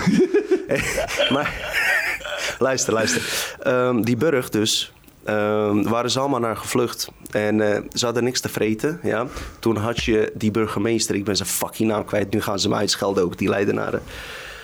Hoe heet die burgemeester? In oh, ieder geval, ik kom er straks De toenmalige burgemeester van Leiden. Ja, mijn, uh, hoe heet die fucker? Kut! Ik kan echt niet terug thuiskomen. Ook iets opzetten? Ga 3 oktober Leiden, ga snel. Ik kreeg echt gezeik anders daar. Er zijn echt gekke mensen, weet je. Die kijken ook naar Dutch Meters. Als ik dit niet weet, uh, is klaar burgemeester van Rij. Hoe heet die motherfucker? Uh, even kijken. Goeswijn Klaaszoon. Nee, nee, nee. nee. Dirk luister. Oh, oh, dit is uh, iets te ver 3 terug. 3 oktober. Maar even maar iets verder. motherfucker? 1999 ook. Nee, nee, nee. Doe 3 oktober. Henry Land Nee, bevrijding. Doe, doe Walter. Nee, uh, Jan, Google. Kees. Google Adriaan Jan. Er zijn er miljoenen. Uh, Google Leidsonzet. Ja, maar ik, ik heb hier een lijst met burgemeesters. Nee, nee, gozer. Jij werkt via uh, AI-systeem. Ga maar via het hart. Wat? Google. Google? ja, drie, Leidsonzet. Type Leidsonzet. Leids... Hoe kan ik die fucking naam vergeten? Ons... Verschrikkelijk. Oké, okay, 3 oktober. Okay. Feest. Wikipedia. Wikipedia. Herdacht beleg van Leiden. Als de dag van omzet plaats Pieterskerk. Maar even, even zoeken. Burgemeester. Nee, geen burgemeester. Burger, burgers? Nee. Hmm. Hmm. Uh, Piet, Pieterskerk, wittebrood, haring. Oh, wittebrood, haring komt hier terug, wat je zei. Oké, okay, Pieter, Pieter Adriaans? Nee. Burgemeester Pieter Adriaans van de Werf. Van der Werf, ja! Godver, eindelijk. Oké, we gaan verder. Dus wat gebeurt er? Alle Leidenaren waren gevlucht naar de burcht. Um, van der Werf was, burgemeester. Maar kijk, dat is de tijd wanneer uh, een leider echt een fucking leider was. Dus om je volk te beschermen. Net als fucking uh, kapitein van een zinkend schip. Kapitein gaat last. Denk maar niet dat de generatie die nu opgevoed wordt als laatste gaat. En ratten verlaten het, het zijn schip. fucking mietjes. Ja? Ik zou het ook niet doen, maar ik ben ook geen kapitein. Snap je wat ik bedoel? Goed, uh, goed naar dat verhaal terug te komen. Als je kapitein zou geweest zijn... Dan zou ik het wel doen. Ja, tuurlijk ja. man. Ik, ik, Tot de laatste, laatste ziel de boot heeft afspraak. laten? Afspraak is afspraak. Klaar. Daarom zeg ik, ik zou geen kapitein worden. Met de instelling die ik nu heb. Ik weet zeker dat ik Titanic zou overleven, maar niet als laatste. Ik zou het op andere manier doen. Goed, maakt niet uit. Spanjaarden veroveren Nederland, Leiden. Zij vluchten allemaal naar de Burg. Dat is een oud gebouw. Ken je misschien even uh, de Burg Leiden. Kan je nu gewoon in Google intypen. Kunnen mensen zien wat het is. In die tijd was, het, was er water rondom. Weet je, daaromheen. Dus Spanjaarden hadden alles. Behalve de, uh, de burcht. Ja? Kijk, nu ziet het er zo uit. Um, Burgt en Leiden. Uh, maar je wil de oude burg? Oh, hier ja, is deze ja, zo. Je had hem net. Je had hem hier. hier, hier dit is de moderne. Hier, laat maar zien. Beetje, be, beetje Romeinsachtig, toch? Ziet het eruit. Oké. Okay. Dus wat gebeurt er? Die Spanjaarden denken, ze kunnen er niet uit. Oké. Okay. Ze staan omsingeld. Maar Spanjaarden kunnen er ook niet in, want alles was dicht en er was water daarvoor. En ze hadden wel enigszins afweer geschud. Ja? Uh, dus Spanjaarden denken, weet je wat wij doen? Wij wachten gewoon, want ze hebben niet genoeg eten in die kleine burcht. Ze zijn straks helemaal uitgehongerd. Ja. Oké, er blijft één varken over uiteindelijk. En die Spanjaarden bleven en bleven wachten. Paella eten expres voor die leider naar kijk maken. ah, ah, ah. Chorizo en zo. Ja. Uh, spaghetti. Oh nee, dat is Italiaans. Nou. Wat gebeurt er? Ze hebben die laatste varken. Iedereen wil die varken op, dat varken opeten, zeg maar. Het is echt gebeurd verhaal, weet je. Uh, het is geen uh, mythe of zo. Er staat, staan standbeelden van die burgemeester en zo. Ook dat van varken? nee, nee, nee. Ja, dat zou wel mooi zijn. Ze wil die varken opeten. Hij zegt, nee, dat kan je niet doen. Want ik heb een plan. Wij gaan die varken elke dag uh, slaan, zodat die Spanjaarden de hele tijd gaan denken dat wij genoeg te eten hebben. Want meestal voordat je een varken slacht, gaat hij schreeuwen. Dus, hoe weet je dat? Oh ja, jij hebt varkensvlees natuurlijk. Ik, niet. ik ben haram. Nee, nee, nee. Nee, ik heb zelf geen varkensvlees. Uh, ook nooit seks mee gehad of zo. Jij wel? Ja, nee, ik heb er alleen seks mee gehad. Oh, nou ja, als je maar niet eet, man. Het eten is, uh, als je, dan is het het in jouw lichaam. Tenzij je geneukt bent, een vark. Maar goed. Mooi ijs. Daar, daar, gingen we bijna. Oké. Okay. Uh, wat gebeurt er? Ze bleven op die dingen gaan slaan, weet je. Mensen hebben toch honger. Mensen hebben toch honger. Bij die burgemeester aandringen. Nee, we moeten hem nu opeten. En toen zei die burgemeester... Bam, eet mijn arm maar op. Oh, weet je? In plaats van die varken. Cannibalisme. Ik wil twee punten hier wijs maken. Eén punt is dat de leiders van toen de leiders waren die echt van binnenuit hun eigen fucking leven opofferden uh, voor, nee, is goed, kom, uh, doe maar uit. Voor gezamenlijk uh, belang of wat dan ook, wat je nu totaal niet terug kan vinden, weet je. Maakt niet uit of we het hebben over Turkse Rijk, Romeinse Rijk, Griekse Rijk, Perzische Rijk of wat dan ook. Mensen die aan de linie stonden, deden hun ding. Ik ben tegen die gevechten en zo, dat is fucking draconisch wat ze hebben gedaan. Ik zit me wel eens over na te denken, jongen. Die hand-to-hand combat shit, melee meuk uit de middeleeuwen en 18... Wat fuck is dat voor rare shit, jongen? Die mensen zaten pas in een flow staat. Dat moest wel. Dat moest wel. Zelfs wij zijn fucking mietjes. Als wij nu in die tijd terug zouden komen komen, zouden we in ons fucking broek... Ik me voorstellen dat er honderd man met zwaarden op je afkomen rennen en paarden en ik shit. Ik zou in mijn fucking broek af... Echt, ik zou in mijn broek schijten. Sta je er met een jonko. Je bent niet, je, je bent niet zo opgevoed. Kijk hoe die nieuwe woke-kinderen worden opgevoed. Kijk, ik, op zich vind ik niet erg als mijn zoontje af en toe een paar uh, vechtpartijtjes ziet. Nou, als die er wat van leert. Ik zou er wat aan denken. Ook al kreeg hij een paar hoeken een keer. Vroeger moesten we dus zo zijn. Maar ik heb dus, uh, dat is ook grappig, stond ook in die brief, dat dus uh, een soort van in vorige levens... Oh, we waren met die brieflezen. Nou, komt... We hebben drie regels. nou, maar het einde van de show hebben we hem af. In, in, een vorig leven zou ik dus misschien wel een soort van bruut moeten zijn kunnen geweest. Waar die energie, die woede zeg maar een soort van nut had. En dat ik vertel dus zo nu... over die haring hoor trouwens. En, en dat dat gewoon heel erg mis, ook meer misplaatst is, weet je wel. Dat dat dus, dat kan ook gewoon uh, als, je, als je zeg maar vorige levens incalculeert, als je daar iets mee hebt, mm -hmm. dan zou je daar ook op een of andere manier vorm aan kunnen geven. Aan, in ieder geval, ik, ik kan er van mezelf ook vorm geven aan die agressie. Dat ik denk van, ja, die energie, vroeger zou ik je mee duizend soldaten mee slaan, maar nu kan ik alleen maar heel even tegen een kartonnen doos aan trappen of zo, weet ik veel. Die herinneringen komen ergens vandaan, zijn het vorige levens, vorige realiteiten, kan gekke, ik nooit voor iemand zeggen. maar hoofd, waar komt die haring vandaan, was de vraag. Hè? Heb ik de wel mooi onthouden. Ik heb drie glaasjes whisky op, jij maar één bier. Ja, ja, twee bier. En ik weet wel dat we het over haring hadden. En de kijkers ook, die denken, vertel over die haring. Ja, witte dus wat gebeurde er toen? Ze waren bijna uitgehongerd, die Hollanders. Ja. De Uberrash jouw familieleden. Niet dat dat wat uitmaakt. Uberrash ten opzichte van de, van de Spanjaarden dan? Nee, dat maakt verder niet uit. Fuck de Spanjaarden. Ik hou van Nederland, man. Mensen weten dat. Maar puta madre, Spanje. Ja, puta madre. Uh, Spanjaarden hebben jullie zwaar geflasht. Um, ze waren bijna uitgehongerd. Turken komen, bevrijden de zooi. Dat waren de watergeuzen. Die marine oh, watergeuzen. Ah, die ken ik wel. Die kwamen met boot aan. Hier, weer kippenvel voor Turkije. Nummer 1. ja? Turkije. Watergeuzen komen, vangen ondertussen haring, bevrijden Hollanders en geven hun te vreten. Hoe romantisch is dit verhaal? Maar had hij toen al zijn arm, arm afgehakt of niet? Nee, heeft hij niet gedaan. Heeft hij net op tijd. Dus wat wil ik hiermee uh, zeggen? Dus, dus hij heeft zeg maar het voordeel van het verhaal dat hij de nobelheid heeft gehad om zijn arm eraf te hakken, maar het was net niet... Het, was niet gedaan. Maar hij wist gewoon dat ze kwamen. Ik weet het gewoon zeker. Misschien was dat ook weer een complot. hij, hij, wist zo van, hij wist van een ooghoekje van, Hey. oh, er komen de watergeus aan. Hey, zal ik anders nu mijn arm eraf ja, hakken? ja, dat is een hele scherpe. Ik geef je meteen een pro. Hoe Geschiedenis wordt geschreven, hè? Ja. Hey, dat is een fucking scherpe wat je nu zegt. Zou zomaar kunnen. Dat ze onderling allemaal afspraken hebben van wie er zal regeren. Bam, bam, bam, bam. Maar dat je 150 leidenaren zo snel geen flesje, geloof ik niet. Nou ja, wa- wat ik, ik, heb, ik zie heel snel, als er gewoon iemand verheerlijk wordt, dan heb ik al zoiets van, ja, ja, ja, het is goed, eh, het is goed met jou. Nou, ze hebben standbeelden en zo. Mensen hebben altijd van die archetypes nodig. Weet je, heeft die Carl Jung ook over geschreven. Daar ga Ja, ik meer over heel over vaak is dat door andere mensen. Andere mensen wijzen dan iemand anders aan om een voetstuk te heffen. Om zodat zij die mensen eromheen hun doelen kunnen bereiken. Weet je wel? Dat zie je met ook een Trump en een Poetin en een Xi Jinping. Daar zit een hele laag van mensen mee. Die willen hem naar voren schuiven. En het land duidelijk maken dat hun heilig zijn. Net zoals bij Mark Rutte. Ja. Die hele VVD Nou. D66-kartel. Die willen dat Mark Rutte, die gladde gozer is die overal tussen door eh, eh, eh, glipt. en ondertussen maar- wordt hij zwaar gecomprimenteerd door de CIA volgens mij. En ze proberen dat allemaal werkbaar te maken. En hij is slechts gewoon een manifestatie van alles wat er omheen zit, weet je wel.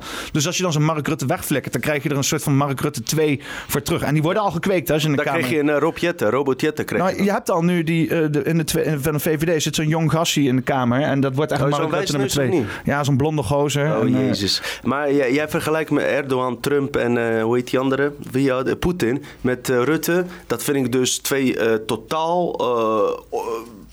Oh, ja, eh, niet, niet te vergelijken. Kijk, Rutte, Balkende, met alle respect, hè, ik hou van Nederland, weten mensen. Maar Nederlandse premiers hebben totaal geen karakter. Ze hebben geen eh, libido, ze zijn gecastreerd vaak.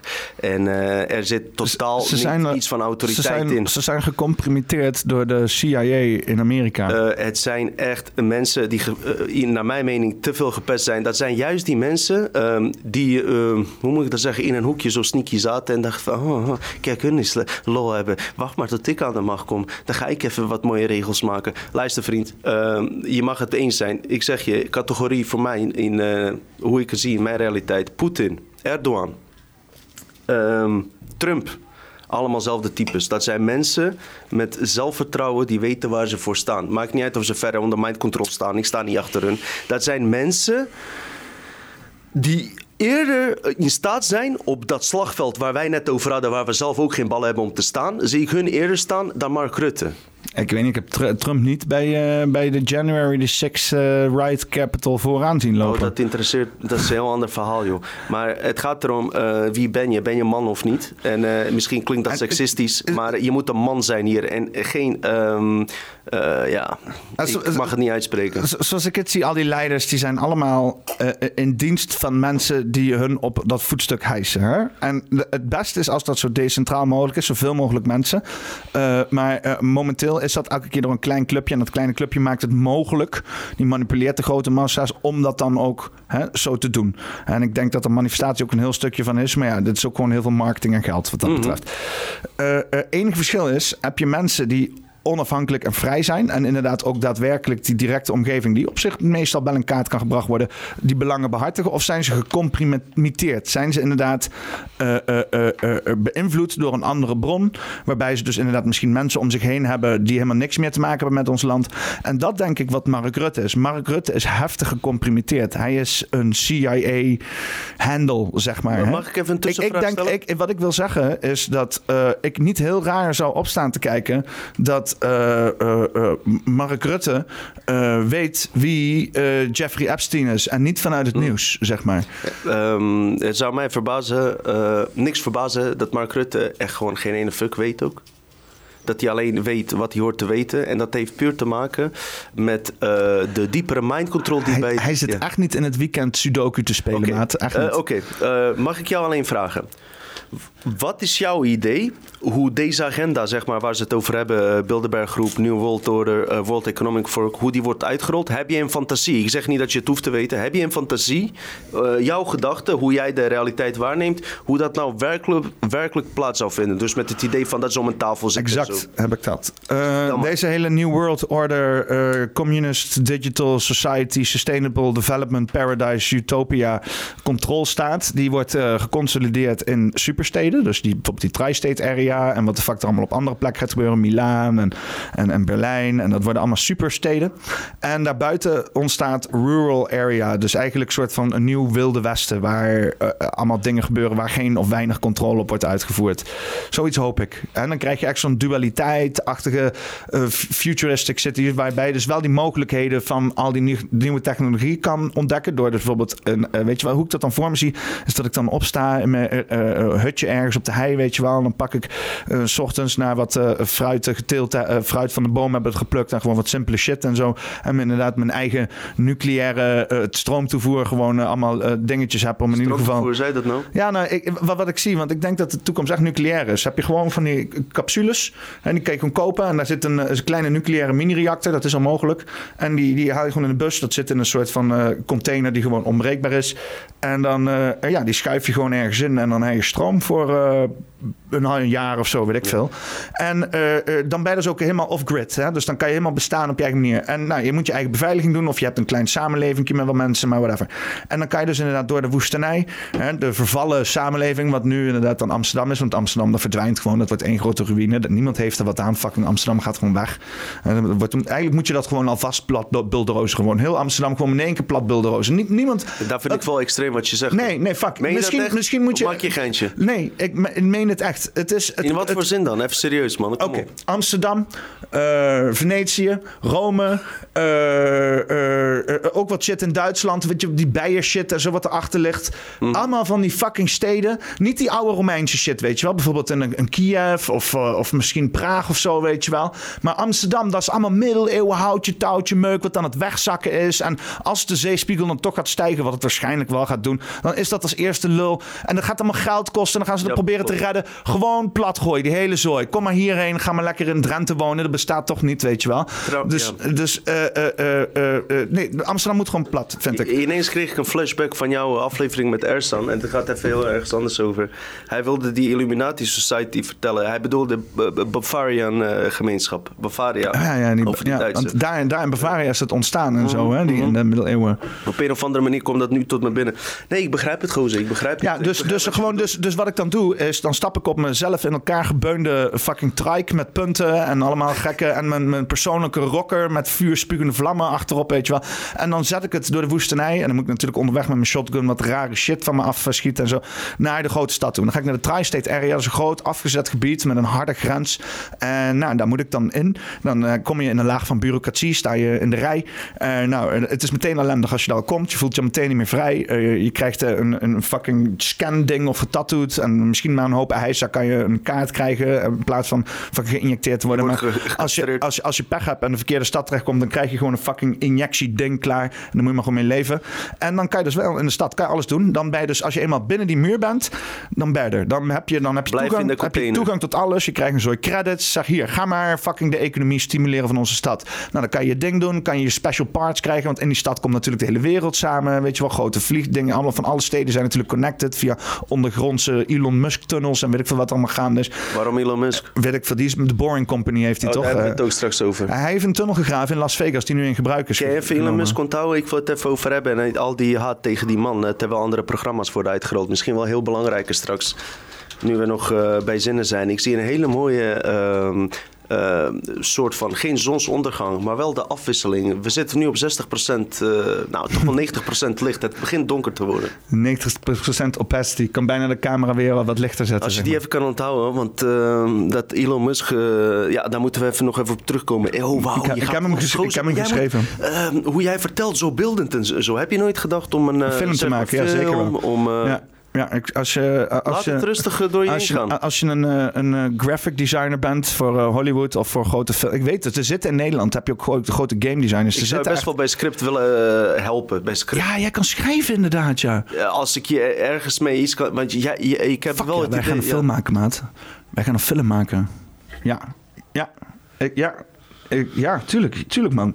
Ja man, ik, tuurlijk, man, ik weet ook, ik, ik, kan, ik kan gewoon filmscript schrijven. Ik heb ge, geleerd voor die shit. Dus alleen, ik, ik ben niet van het schrijven, Nee, zeg maar maar. je vertelt het op een manier of strip of film of iets... Uh, dat je toch je eigen capaciteiten waar je voor opgeleid bent... Uh, ineens kan toepassen, weet je? Dat je iets... Dan breng je iets nieuws wat er nog niet ja, is. maar, hier. wat de essentie is, ik wil dus vertellen Of een dat... Dus, zeg maar, Sorry, ik- een documentaire. Nu iedereen die kijkt... eh, wil ik even attenderen. Wat Nederland nu mist is een dikke documentaire. Dikke.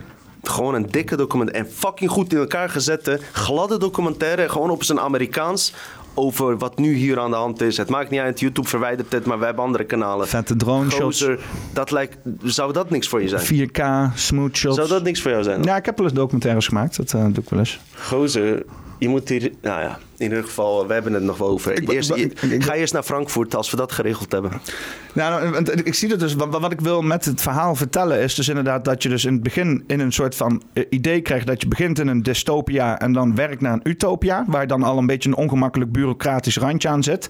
En dat je dus vervolgt in het verhaal dat het ontvouwt, dat je dus steeds meer bedenkt dat die eh, zogenaamd gepresenteerde utopia een dystopia is.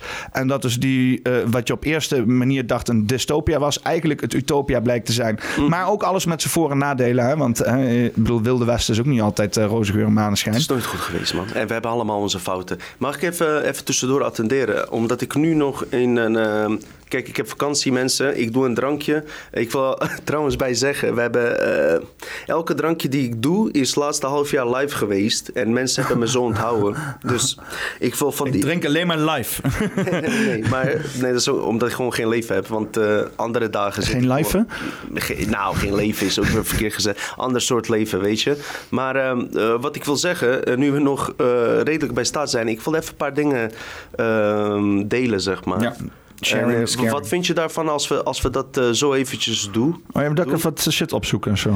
Nou, het gaat hier over één ding. Eh, waar zullen we beginnen? Even denken. Bam. Ik heb één interview van Marcel Messing en Martijn van Staveren van zeven jaar geleden. Dat lijkt me heel vet, omdat eh Jorn Luca en met, met dinges, hoe heet die? Marcel Messing super interessante shit heeft gemaakt. En eh, ik ben met Martijn van Staveren zijn shit bezig. Maar die mensen hebben ook dus met elkaar een interview gehouden. En het lijkt me vet om dat zo te delen. Laten we dat da- eh, later doen. Eh, laat ik even hiermee beginnen. Retificatie. Laatste aflevering van ons Hollywood ontma- ontmaskerd Demolition Man. Waar je inderdaad die wereld wat jij, die jij net schetste. Want zo kom ik er ook op. die eerst onwijs tof lijkt. Maar als je er twee, drie uur in zit, zie je een paar dingen die niet kloppen. Na een paar dagen denk je, wat een kut zo is het hier. Ondanks alle eh, moderne stoffen als het ware. In die aflevering heb ik dus een stukje van, eh, wilde ik laten zien, van Mike Tyson. Toen die tijdens een DMT-trip eh, bepaalde dingen meemaakte. Maar wat er gebeurde, eh, is dat Ersa na twee minuten die video heeft uitgezet. Terwijl die video vijf minuten duurde. Dus ik zou het echt tof vinden als ik dat opnieuw kan laten zien. Waarom?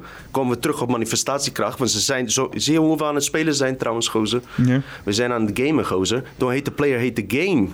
Eh, eh, eh, Zo soort- zeggen ze dat in de hip-hopwereld. Maar ik, ik, ik vind het wel een beetje link. Want deze video is dus inderdaad eh, geband op, eh, op, eh, op de Ja. socials. eh. Hey, ik heb hem op mijn shit gedraaid. Ehm, als je een man bent uit hart, draai hem gewoon. Als je een voor man eigen bent. risico. Nou ja, Dit is meteen een test of je een snitch bent of niet. Nou, ja, we- weet je wat het is? Kijk, ik, ik krijg misschien dan op eh, eh, YouTube eh, een verzoek om hem te verwijderen. Ja. En eh, dan, eh, dan knip ik het er gewoon tussenuit en dan laat ik de Ah, rest, eh, eh, eh, weet je, dat kan je dan doen op Ja, YouTube. wat je maar dan ik, ga kan het, doen- ik ga het wel proberen. Ik ga het gewoon hier Eh, rechts onderin. in Zullen we zo meest- dan afspreken? Mocht hij hem verwijderen, bij mij heeft hij het niet gedaan. Eh, mocht hij hem verwijderen, want die originele heeft hij al verwijderd. Dus als ik dit niet had, hadden we hem niet eens gehad meer. Mocht hij hem verwijderen, doe even een. ehm, wat kunnen we doen? Eigenlijk niks. Er is geen link naar. Ja, maar je moet geen oplossing bedenken voor een probleem dat nog Oké, niet bestaat. wat ik er even eh, bij wil zeggen. voorafgaand aan dit verhaal, komen we terug op manifestatiekracht, mijn broeder. is het volgende. Ik zei net, manifestatiekracht, wanneer moet je hem inzetten? Als deze aanstaat. Dus het kan emotioneel, eh, positief of negatief zijn. Wat hier gebeurt, is het volgende. Ehm, we hadden het net over beslissingen voor in de toekomst. Ik zat al in mijn hoofd. Hè, ehm, waar wil ik heen met de toekomst? Dat glazen wassen is ook goed en alles. Maar die podcast kan ik professioneler aanpakken. Meer tijd nemen om dingen goed aan te pakken. Weet je, ook met die vertaling van... Hele eh, privé bullshit nog erachterna waar ik het niet over wil hebben. En toen kwam dit. Mike Tyson eh, vertelt op zijn manier. Want blijkbaar is mijn lichaam zodanig opgebouwd door mijn ervaring, mijn DNA... dat ik, in, hoe grappig Mike Tyson dit ook vertelt... dat er iets bij mij aanging. Maar wanneer ging dat aan, wat ik in de vorige aflevering wou zeggen? Niet in die twee eerste twee minuten. Pas later, aan het eind, als er een um, filmpje doorheen komt met allemaal ayahuasca-afbeeldingen. Dus die editor heeft daar ook aan meegeholpen. Dus waar het om gaat, is um, die kracht oproepen. Wanneer, toen ik dit, deze video had gezien, um, kreeg ik een flashback van mijn eigen ayahuasca-ervaring. Mm. Snap je? Hij vertelde het zodanig. Hij nam dan DMT uh, shot zo. Ik heb het op een uh, uh, rituele wijze genomen. Op een hele andere manier. Op een spirituele reis. Maar in ieder geval, ook door die beelden die doorheen werden geplakt, kreeg ik een flashback. En ik zat er even in. Voor misschien 3%, 4, 5%. Maar ik wil er nog iets aan toevoegen wat ik niet in die aflevering heb gezegd. Is het volgende. bij mijn tweede ayahuasca-trip uh, was ik echt ook weer in op een diep level beland. En dat kreeg, ik kreeg een heel overzicht te zien. Eigenlijk waar we in zitten. Iets meer buiten de matrix bekeken. En op dat moment gaat er dus meer capaciteit aan in je hersenen. Hè? Uh, kunnen we meteen die blad terugnemen die jij net hebt gemaakt. Die pijnappelklier gaat dus open door die DMT. Dat gaat één met jouw ding. Uh, die sensoren, die gaan niet nieuwe dingen openen. Die gaan deuren... Uh, openmaken die ooit uh, gesloten zijn. Ja. Dus eigenlijk wat je doet is iets meer terug naar je oorspronkelijkheid gaan. Dat is wat er eigenlijk gebeurt. Dus uh, wat er toen gebeurde, to, uh, toen hij dat zei, kwam ik op het moment dat ik op die plek kwam bij mijn tweede ayahuasca-ervaring. En wat er toen gebeurde, ik vroeg ook aan die. Bij de eerste twee heb ik een soort ervaring, heb ik een soort gids gehad die me rondleidde. Bij de derde was ik de schepper zelf. Hmm. Er was geen gids, niks. Maar toen ging ik via hartfrequentie erin. Een soort van lucide DMT-trip. Ja. En weet je wat het verschil is? Bij de eerste twee was ik niet op de hoogte van uh, hartsbewustzijn. En bij de derde wel. Ja. En bij de derde ging ik bij mijn hartsbewustzijn. Daar kunnen we straks ook op ingaan. Dus wat gebeurt er bij die tweede? Kreeg ik al een heel mooi overzicht. Dus ik communiceer. Ik zeg niet zo met praten, ook niet telepathisch. Ik zeg van, wauw, deze kennis die ik nu binnen heb gekregen. En het is zo duidelijk. En ik wist vanaf de eerste trip dat je al 95% vergeet meteen na 5 minuten. Dus ik communiceer naar die entiteit of wat het ook is van alsjeblieft, laat me deze shit niet vergeten. Ik wil deze kennis overdragen als ik wakker ben in deze wereld. Ik wil het zo overdragen hoe ik nu denk. Op een of andere manier bleek dat niet mogelijk te zijn, maar toen hebben ze, uh, uh, liet ik, uh, kreeg ik een beeld te zien, een soort van um, een bruggetje, soort van hek, soort van code. Als ik die beeld voor me neem, dat ik weer terug in dat moment kan komen. Hmm. Dat is dus vier jaar niet gebeurd tot deze fucking... Een soort van trigger, zeg maar. Uh... Een soort van trigger. Ja. Het werd ook gecommuniceerd, het zal gebeuren. Het is al vier jaar geleden. En bam! Op een gegeven moment, als je die video laat zien, twee, drie minuten hebben we dus Matrix laten zien. Op een gegeven moment komen er ook andere uh, uh, bewerkingen, shoots, ayahuasca shoots er doorheen.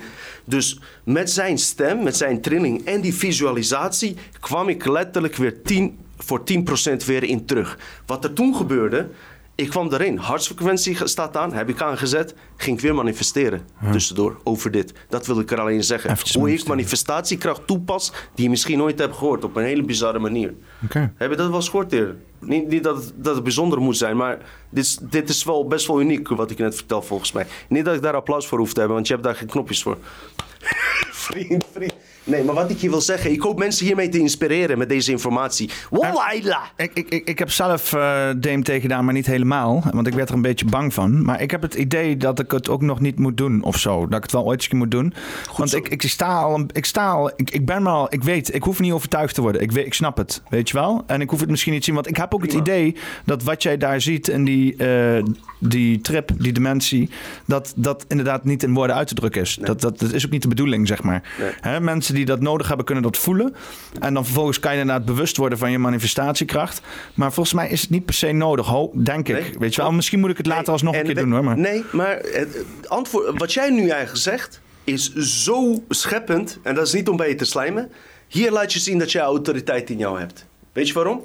Jij voelt zelf na, ondanks dat ik dit zo mooi klaar heb gemaakt, om bijna voor jou te laten denken van fuck, hij vertelt dit zo mooi, ik wil dit ook meemaken. Jij luistert naar binnen, ik voel dit niet. Want weet je waarom? Het heeft mij drie jaar gekost om het te doen, hè. Ik kreeg een roeping al direct. Bij de eerste documentaire die ik zag daarover, was met Joe Rogan trouwens. Ja. Was al uh, 7, 8 jaar geleden. En het heeft nog drie jaar geduurd voordat ik het werkelijk nam. En ik had die roep, roeping. 5% van mensen op de wereld hebben die roeping. Betekent dat dat je bijzonder bent? Nee, want andere mensen doen het via andere we- wegen.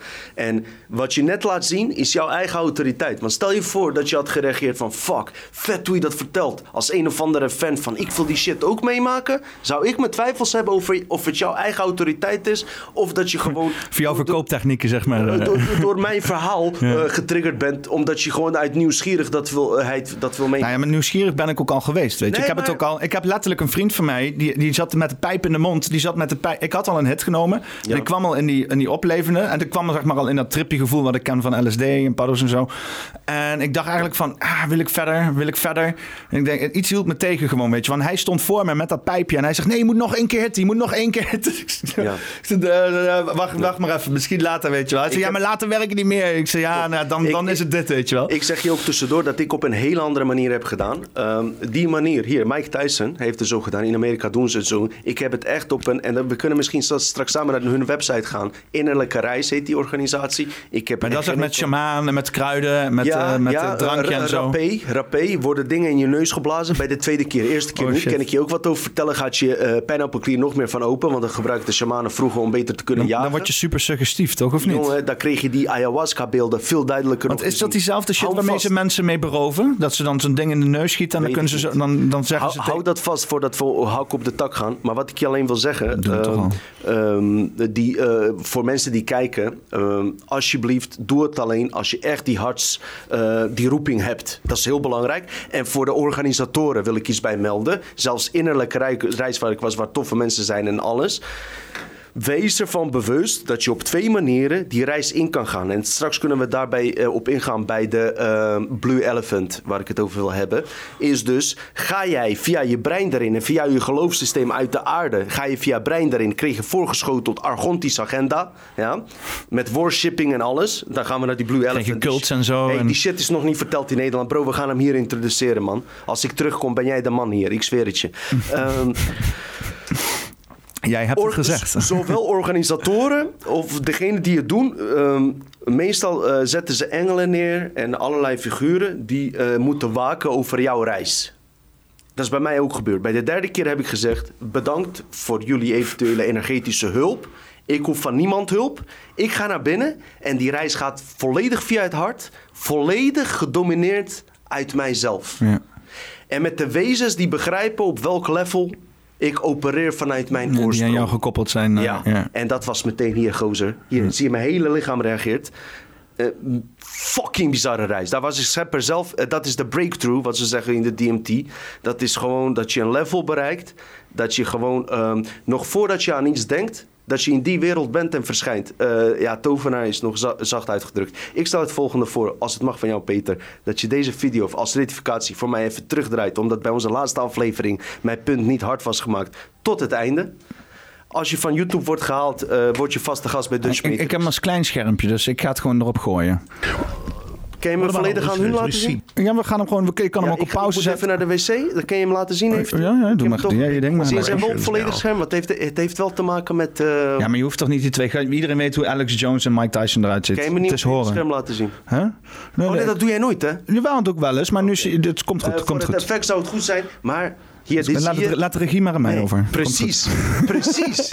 En daar gaat het om. Wat, wat er net gebeurde, ik probeer in jouw fucking realiteit in te breken. Net. En jij blijft in jouw eigen regie. Mag Was wel een trouwens beetje, geen hoor. test. Was eh, trouwens geen test. Goed dat je dat doet. Yes, ik heb sowieso 10 plus Dutch Matrix punten te pakken. Hoe zit het met jouw Dutch Matrix punten? Ik, ik, ik kan nu niet schakelen naar een... Nu zie je een leeg scherm hier. Dat is, voor de mensen die luisteren, dit maakt verder niet uit voor jullie. and studies admitting Sowieso, ik heb hem ook al gekeken, maar het is moeilijk, want sowieso Alex Jones al lastig te verstaan met zijn schrale stem. Maar Mike Tyson, dat is echt dat Alex Jones daar een fatsoenlijk gesprek mee kan voeren. Waarschijnlijk die gasten die praten geen woorden. Dat is gewoon, dit is inderdaad dat grunt en mumpelen naar elkaar. Is mooi man. mushrooms and other things are actually helping people way better than synthetic drugs.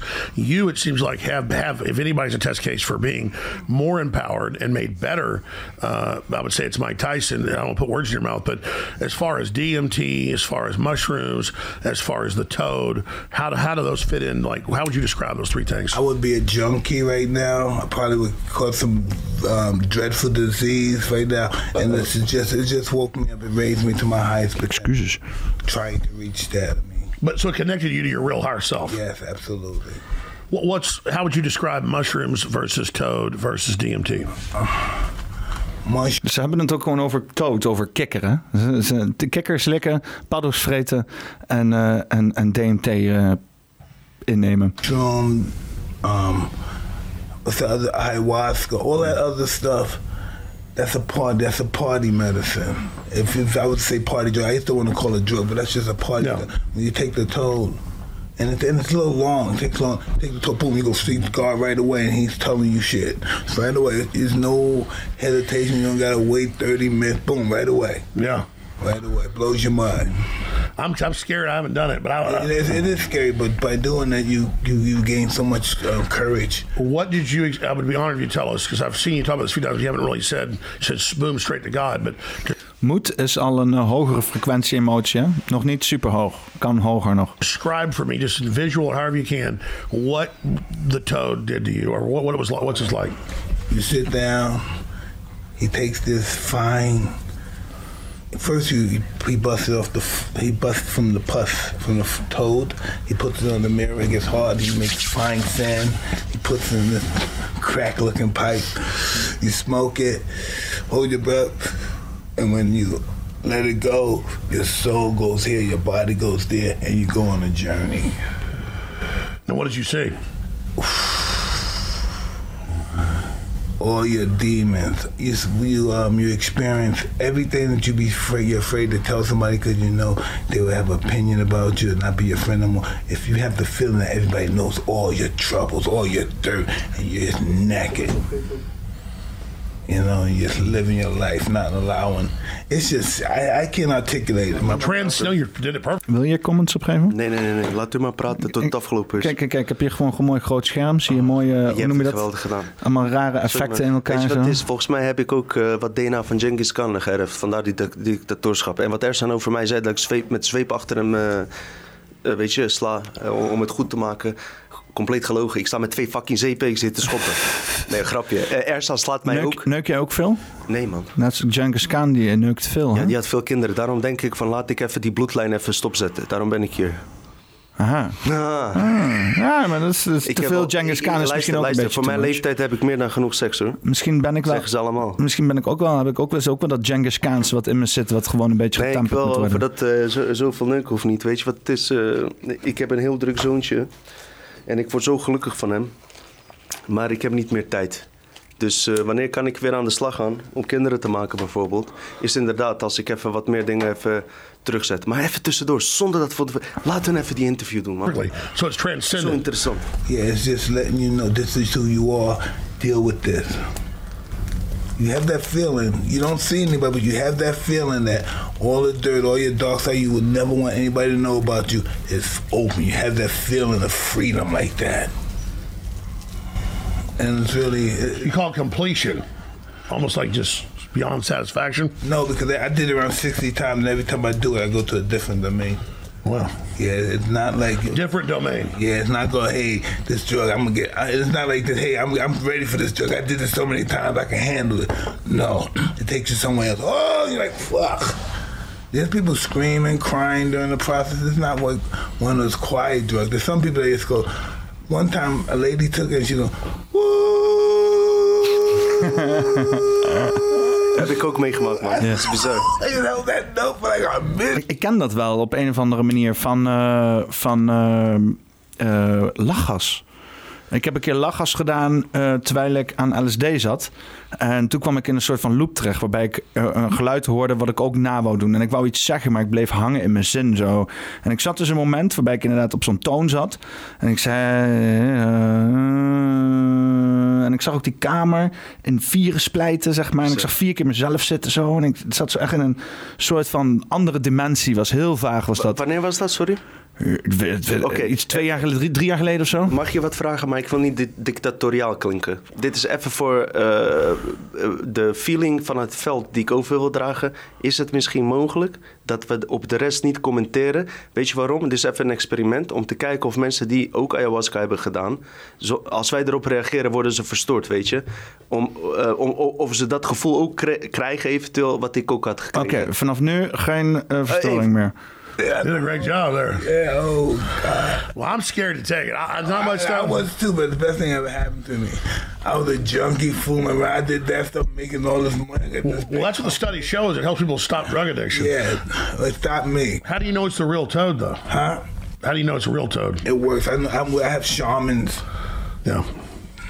Because obviously we're talking about, so everybody's going to watch this. Let me explain. The shaman is um, he's pretty much like the um, the guru, the teacher of the toads and the message, what the toad is from, and the whole history of the toad. That's amazing. Well, who knows?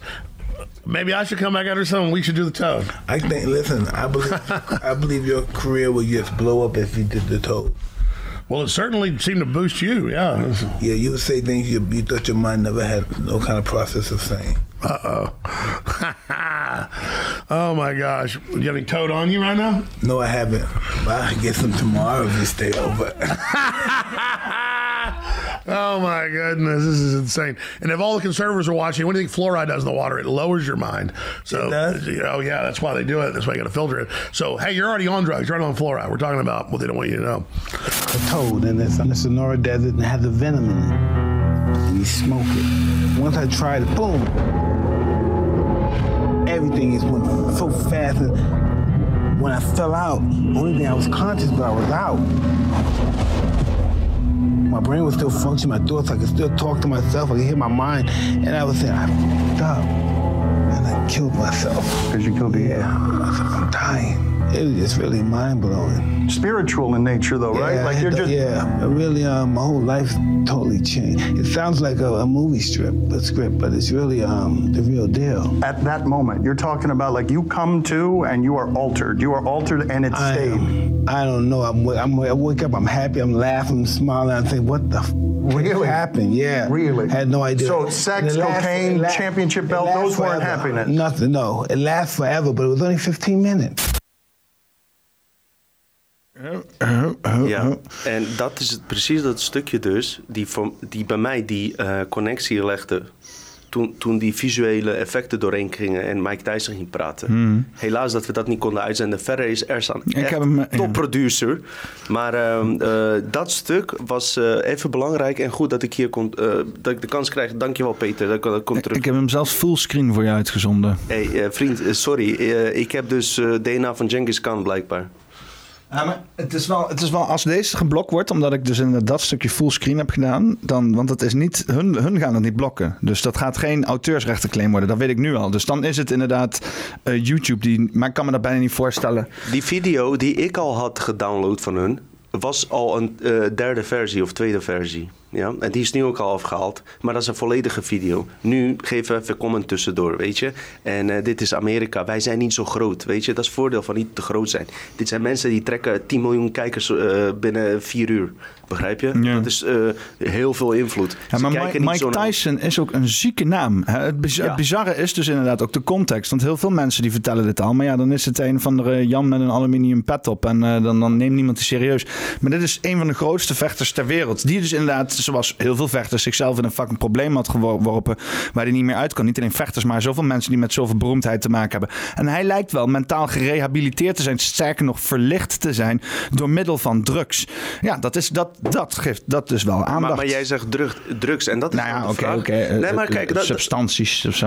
Eh, maakt verder niet uit hoe je het noemt. Maar ehm, dat is ook nog iets. eh, eh, eh, net als bij een complotdenker, dat die naam bij, eh, door CIA was bedacht door eh moord op Kennedy, hè, waar, waar, waar iedereen over hoort. Maar dit is ook het categoriseren naar drugs.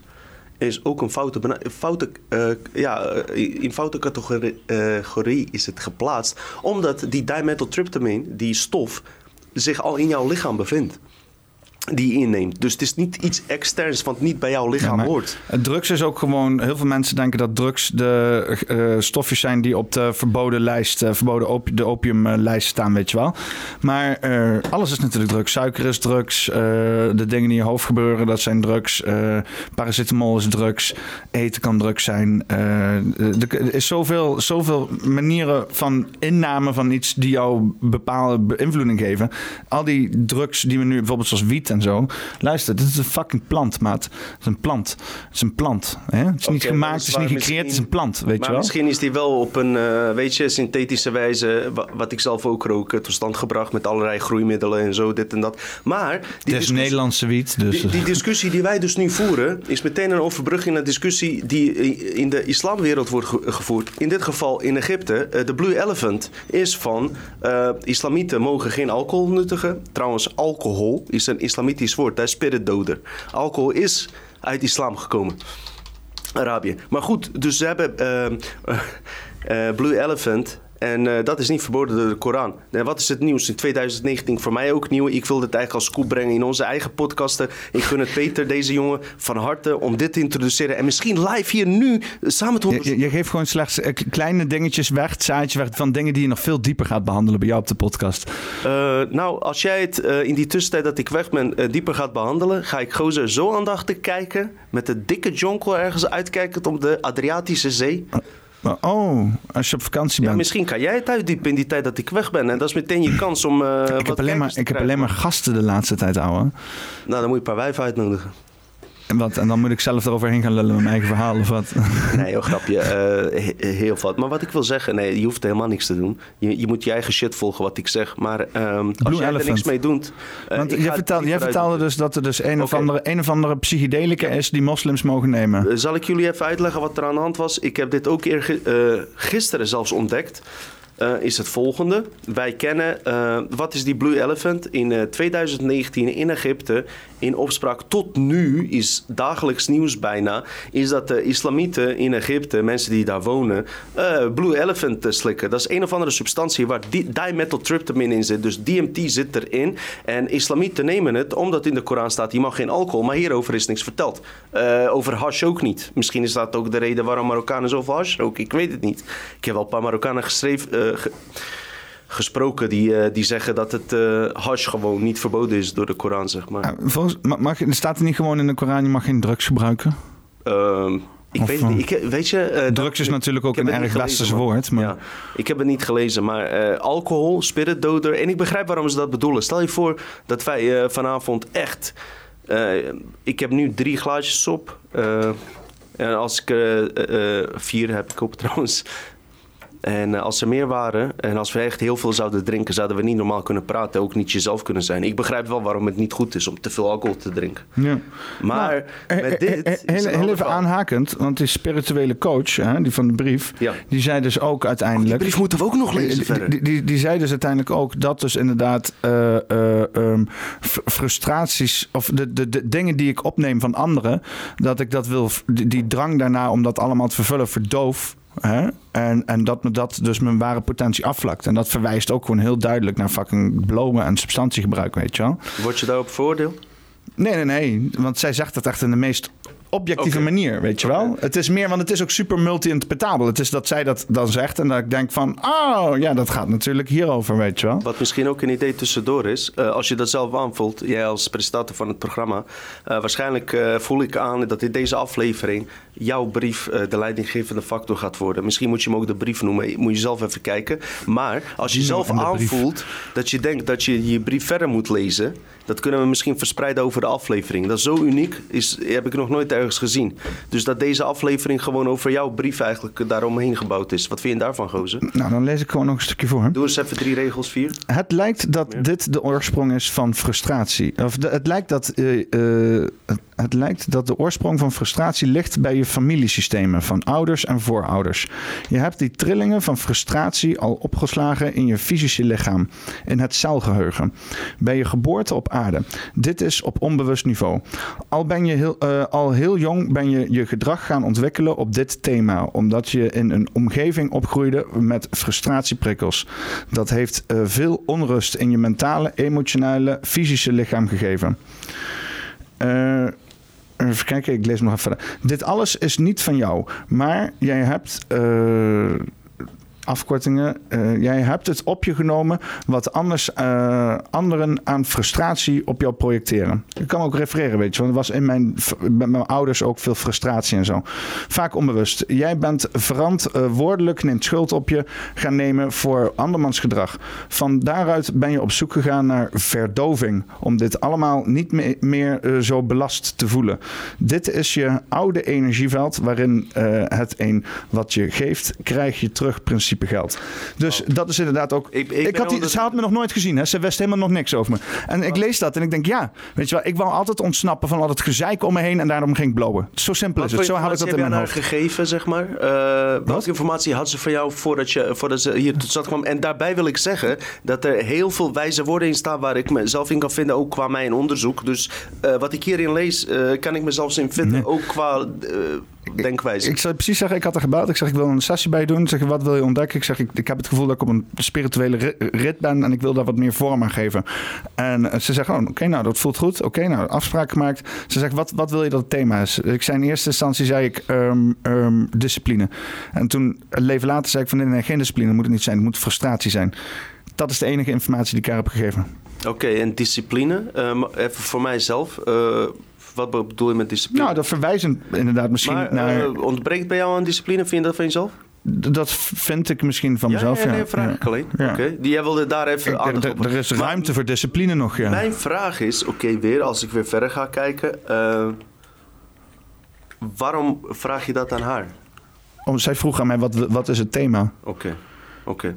Ja, het e, enige wat ik kan zeggen, die brief, uh, uh, hoe ze het vertaalde, ik kan me wel in vinden in, eh, in mijn opvattingen. Ik kan er me wel in vinden hoe ze dat, ook dat, eh, dat opslaan in je fysieke lichaam van frustraties, dat het bij jezelf niet hoort en alles, is eigenlijk in de wijze hoe ik ook een beetje deze wereld zie, dat, dat we zeg maar eh, in ons lichaam, het is eigenlijk een biologisch, hoe we hem hier ervaren in deze wereld, is een fractaal van ons originele lichaam, is wel een soort van... Ehm, uh, ja, de DNA-databank van onze voorouders. Dus je wordt geboren en je kreeg al met de programmeringen te maken. Wat, dit is gewoon wetenschappelijk aangetoond. Dus als jouw opa of oma uh, bepaalde uh, prikkels last hadden of bepaalde neigingen, die erf jij ook, waar je niks aan kan doen. Je wordt ermee geboren. Dat is zo oneerlijk aan deze wereld. Dus de vraag van vrije wil kan ook weer in werking worden gesteld. Van in hoeverre heb je vrij wil. Omdat je al gemanipuleerd wordt voordat je geboren wordt. Daar heb ik het nog niet over als je naar school gaat. Uh, dat je anders bent. Hè? Je vertelde al net, uh, ze noemen je ADHD omdat jij anders doet. Snap je? Proberen ze in alle shit te helpen. En de volgende vraag die je dan kan stellen is: degene die dat proberen, doen ze dat bewust omdat het kwaaddoener zijn? Of omdat ze zelf ook onder invloed staan van dezelfde besmetting? Black achtige shit. Of, uh, de Saturnus-energie is dat? Ja, of uh, ja, mensen noemen het op verschillende manieren. Ik denk dat het een... Uh, Lage is, dimensie is dat. Weet je wat de ironisch is? La, lage frequentie emoties zijn dat. Het is eigenlijk een virus. En weet je waarom ik dat woord kan uitspreken? Ik heb voor die virus al, en niet alleen ik, mensen wisten al wisten al, uh, waren al bezig met de theorie en het idee dat de aarde ooit gehackt is door een virus, maar dan miljoenen jaren geleden, die ons gedrag heeft aangepast. En dat we nu in een tijd leven waar eh, COVID-19 is en alles. Want ik schakel nu even terug voor mensen die niks weten van deep level onderwerpen. Dat ze toch een correlatie kunnen trekken met dingen die nu aan de hand zijn, weet je. Dat virus, parasietgedachte, wat zich in je nestelt, weet je dat hoort dus blijkbaar niet bij jou. En dat, ik, zie dat soort dingen wel terug in die brief. Dus uh, ik ben er positief over. Ja, ik vind het wel leuk. Want ik, ik zit al. Ik, dit is ook dat plaatje wat ik heb geïncorporeerd in dat gekke tabelletje wat ik heb gemaakt. En dat zijn die lage frequentie emoties ten opzichte van hoge frequentie emoties. Dus dan heb je ze mooi. Lage frequentie emoties begint dus bij schaamte, uh, schuld, lusteloosheid, ontevredenheid, angst. Hè? Dan krijg je een beetje die wat hogere uh, emoties. Verlangen, boos, trots, dapperheid. Nou, dan krijg je er al wat, wat, wat, wat meer passief passievere, maar wel meer mogelijkheden, eh, emoties. Neutraal, bereidheid, acceptabel, beweegreden. Daar kan je al mee gaan manifesteren. Je ziet ook dat die koon steeds breder wordt en je mogelijkheden worden letterlijk groter. En dan heb je dus liefde, plezier, vrede, verlicht. Dus de hoogste frequentie emoties. En eh, eh, wat ik dacht van, oké, als je dus constant, of naar constant hoeft niet, je zit altijd in een fucking dip naar boven en naar beneden. Maar als je dus een beetje, een beetje in ieder geval kan navigeren in wat je denkt van, oké, ik zit nu hoog in mijn, in mijn frequentie. Nu ga ik inderdaad proberen te manifesteren. En ik ik zit inderdaad nu laag in mijn frequenties en dan probeer je inderdaad niet Ook te veel. Ook manifesteren. Ja, jij zegt ook Dat is manifesteren, hè? Dat is de truc. En dat is het verschil tussen mijn denkwijze, tenminste niet mijn denk, ik heb het niet bedacht. Ik, weet je, mensen weten door wie ik geïnspireerd ben. Ehm, dat is eh, de hack ook. Dus ook in die lage frequentie, wanneer je emotioneel zo kwaad bent dat iemand iets flikt, of dat je je zo kut voelt. Ehm, lage frequentie is slecht woord. Emotioneel. Heb je wel eens gehad dat je echt emotioneel bent, dat je dit zit te schreeuwen en tussendoor jezelf observeert met, met wat ben ik nou eigenlijk aan het doen? Ja, ja. Heb ja. je wel eens gehad? Ja. Dat, dat gevoel. Dat je je afscheidt van je gedrag. En als je dan kan manifesteren. ja, maar ik denk dat ik dat altijd al doe. Want inderdaad, denk het elke, ook, elke fase in mijn leven. te horen elke, elke fase in mijn leven die eindigt met inderdaad een of andere uitbarsting en climax. Waarbij dus daarna op een gegeven moment hetgene komt waar ik altijd al Heb je last van schuldgevoel? Nee. Oké, nou, nou, ik heb daar dus dan wel last van. Ik heb zelf de problemen als jij, alleen dan in mindere mate. Want dat, wat jij hebt Ik- is ik echt had- ik had- fucking ik- ik- extreem. ik had zou echt naar psychiater gaan. Nee, joh, grapje. Nee, ik had, ik had vroeger last van schuldgevoel, inderdaad. Ja, ik- en ik en, van. tegenwoordig heb ik... eh, ik heb dat ook wel echt van me afgeworpen. Dat ik Goed dacht, want sterker nog, ik dacht ook echt zo van... al die shit waar ik, waar ik voor aan het strijden was vroeger... omdat ik dacht dat dat oprecht was... is nu, want we leven ook best wel in een leuke tijd... Hè, zijn allemaal dingen... Bijvoorbeeld, bijvoorbeeld, dat bijvoorbeeld ik, nu krijg ik te horen dat mensen met dyslexie...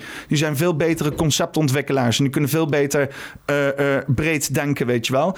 Eh, ja, dat is logisch, want fucking voor grammatica en shit... dan moet je fucking wie- punctueel wie, zijn Wie en heeft zo. dat woord dyslexie weer bedacht? Ja, maar dat, is dus, dat zoiets. zijn allemaal van die wetenschappers en van die mierenneuken, van die naties die allemaal exacte shit moeten denken. Denken, weten, weten, ADD en op die bullshit. Ja, dus ik vecht daar mijn hele leven al tegen. En nu merk je dus dat mensen, er zijn mensen nodig die dus inderdaad breed en open kunnen denken, weet je. Want dan Ja. denk ik, ha, weer bevestiging voor wat ik vroeger dacht dat het gewoon puur was. En, en misschien veel meer on point dan wat me vervolgens allemaal is aangeleerd. De, al deze zogenoemde leraren die je in je leven krijgt. Ik heb geen reden om bij je te slijmen of wat dan ook. En ik zie nu echt een mooie donkernacht voor 95% op de achtergrond. Ik voel me bijna op vakantie. Ik rij altijd hierheen als ik op vakantie ga naar Bosnienrijk door Arnhem.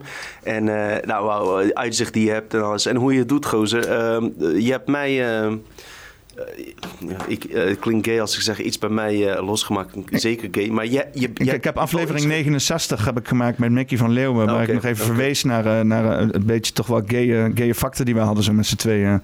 Maar, een hey, beetje- oh ja, een beetje een- goed dat je dat zegt. Nee, pff, mensen weten van mij. dit- Promo, Vrou- promo, jongen. vrou- vrouwen die het niet geloven, die... nee, grapje. Maar ehm, luister. Ehm, ik denk dus niet... eh, er zijn twee velden weer, heb ik het over. Je hebt een eh, frequentieveld, wat je hier voelt en daaruit opereert. Je hebt een denkveld, ja. Vooral in deze podcastwereld, ik heb het zelf meegemaakt... Ehm, zijn mensen meer geneigd om naar het denkveld te gaan en in oorzaak en gevolg te denken. Ook eh, om mij bijvoorbeeld uit te nodigen in andere podcasts. Aan het begin. Nu is het niet meer zo, dat is over. Maar aan het begin waar, was mijn shit zo extreem dat mensen voor, er wel iets bij voelden. Maar toch bang waren om mij uit te nodigen voor gevolgen die ze uit hun brein dachten. Ja. Snap je? Angst. Nou, eh, ik, ik heb zoveel dingen om. Hou op met angstig te zijn. Ja, ja, maar wacht even. Dat is allemaal goed gekomen. Eh, daar wil ik ook niet meer over praten. Eh, dat is allemaal goed. We, we hebben connecties opgebouwd. Is goed allemaal. Maar bij jou bijvoorbeeld... had ik meteen van... hé, hey, deze gast pakt het op aparte manier aan. Ook net het gesprek die we net hebben gevoerd, weet je wel. Je gaat op bepaalde dingen in. Eh, je laat je niet onbewust door mij leiden... hoe jij je show in elkaar gaat zetten. En dan heb je je eigen autoriteit. Daar heb ik respect voor. En dat heb ik teruggezien in andere dingen. Eh, je praat heel veel ook doorheen. Eh, misschien soms iets meer. Heb ik ook last van. Maakt verder niet uit. Maar je hebt je eigen shit erin. Dat hoort bij een podcast. En dat is de reden waarom ik dus ook hier ben. Eh, andere mensen zouden denken, ja, maar eh, je moet juist uitbreiden. Je moet juist connecties leggen. Die heb ik ook met mensen die nog veel groter dan eh, wij zijn, zeg maar.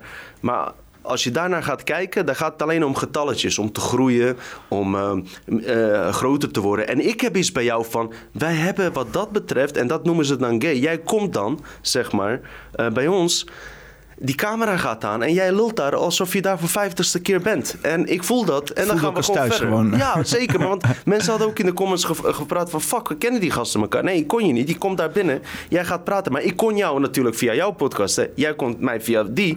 Dus op e- enigszins level wist je wat je kon verwachten.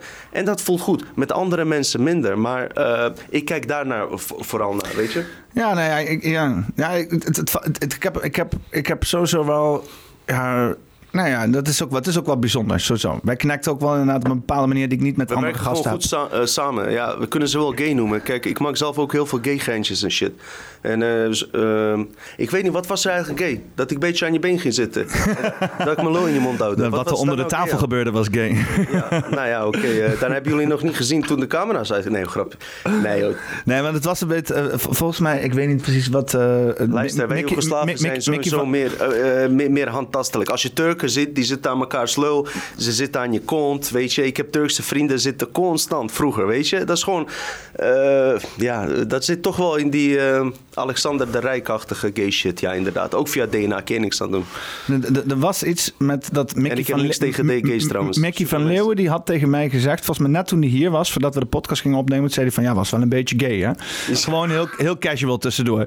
En, eh, en dat heb ik aan het eind van de podcast heb ik dat hem opgepakt. En, Oh, ja. En natuurlijk waren we ook op 69. Ja, er was iets mee. Ik weet niet, maar ik heb een hele mail daarvan geschreven. Hij dacht Kijk, van, het feit is dat jullie die eh, aflevering 69 hebben gedaan. ja, Dus ja, wat seksuele energie was dat waar we op Maar gingen. Mickey en ik, ik haal hem op met mijn scooter.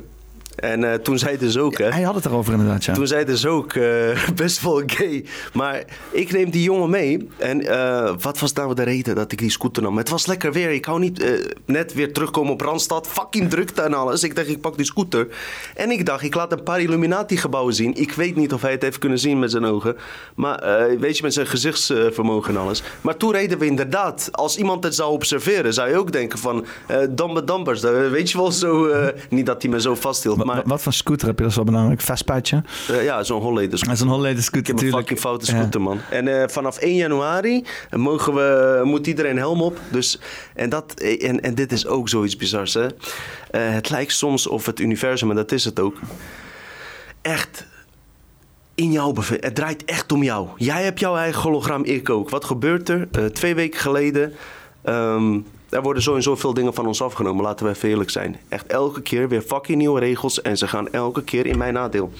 En, ehm, In, jou, in jouw nadeel. in mijn fucking nadeel. Het lijkt wel of ze het op mij gemunt hebben. Dus wat gebeurt er? Ik heb die eh, eh, scooter. Ik, enige wat ik heb, we hebben een beetje poldergebied. Voor jou stelt dat niks voor. Misschien 10 minuten rijden heb je gewoon zo'n eh, wat meertjes en eh, bosgebied en alles. Ik neem mijn zoontje mee. We gaan op de scooter. En ik heb echt zo'n gevoel van heerlijk. Ik heb op zijn minst dit nog. Tien dagen geleden was dat. Dat ik gewoon op mijn scooter kan rondrijden en al die shit kan zien.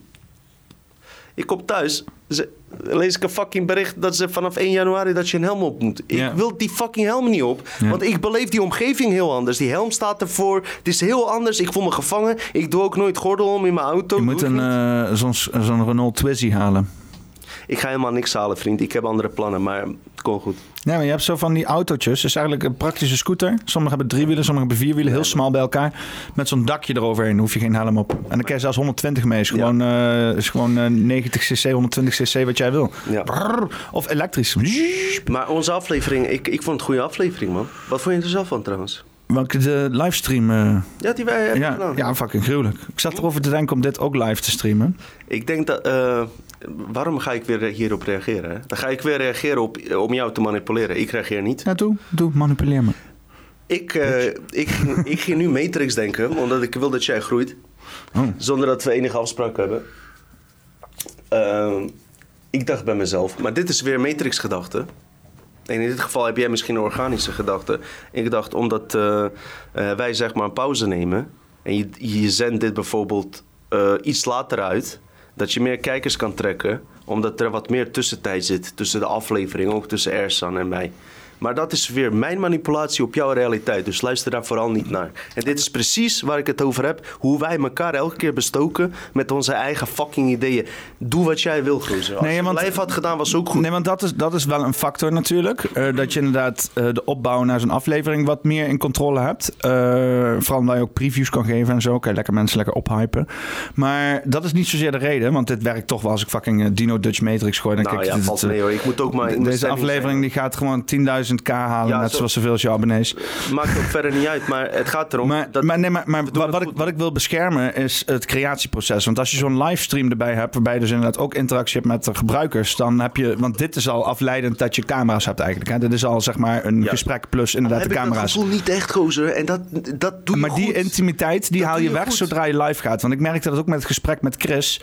En daarom wil ik Chris eigenlijk ook nog een keer niet live spreken. Is dat het echt ons moment maakt. Want anders Oh ja. is, maakt het eh, ons moment en de hele wereld zijn moment, weet je wel. Wat ook vet is, dat heeft zijn eigen charmes. Maar ik dacht van, dit is in- intiemer, weet je wel. Ja, ehm, ik heb allerlei ideeën en ik blijf erbij zeggen, ga je vooral niet eh, besmetten met mijn ideeën, want dat, dat komt uit mijn gedachten. gaan Maar fucking eigenwijs houden. ja, maar ik heb ook gemerkt, die, precies, die eigen wijsheid, dat is jouw godskracht, dat is je scheppende kracht. En als je door fucking iemand eh, eh, tips leest of wat, mij werd ook verteld, het concept was toen die pop, eh, podcasten net eh, eh, beginnen op te komen. Weet je hoe ze het deden?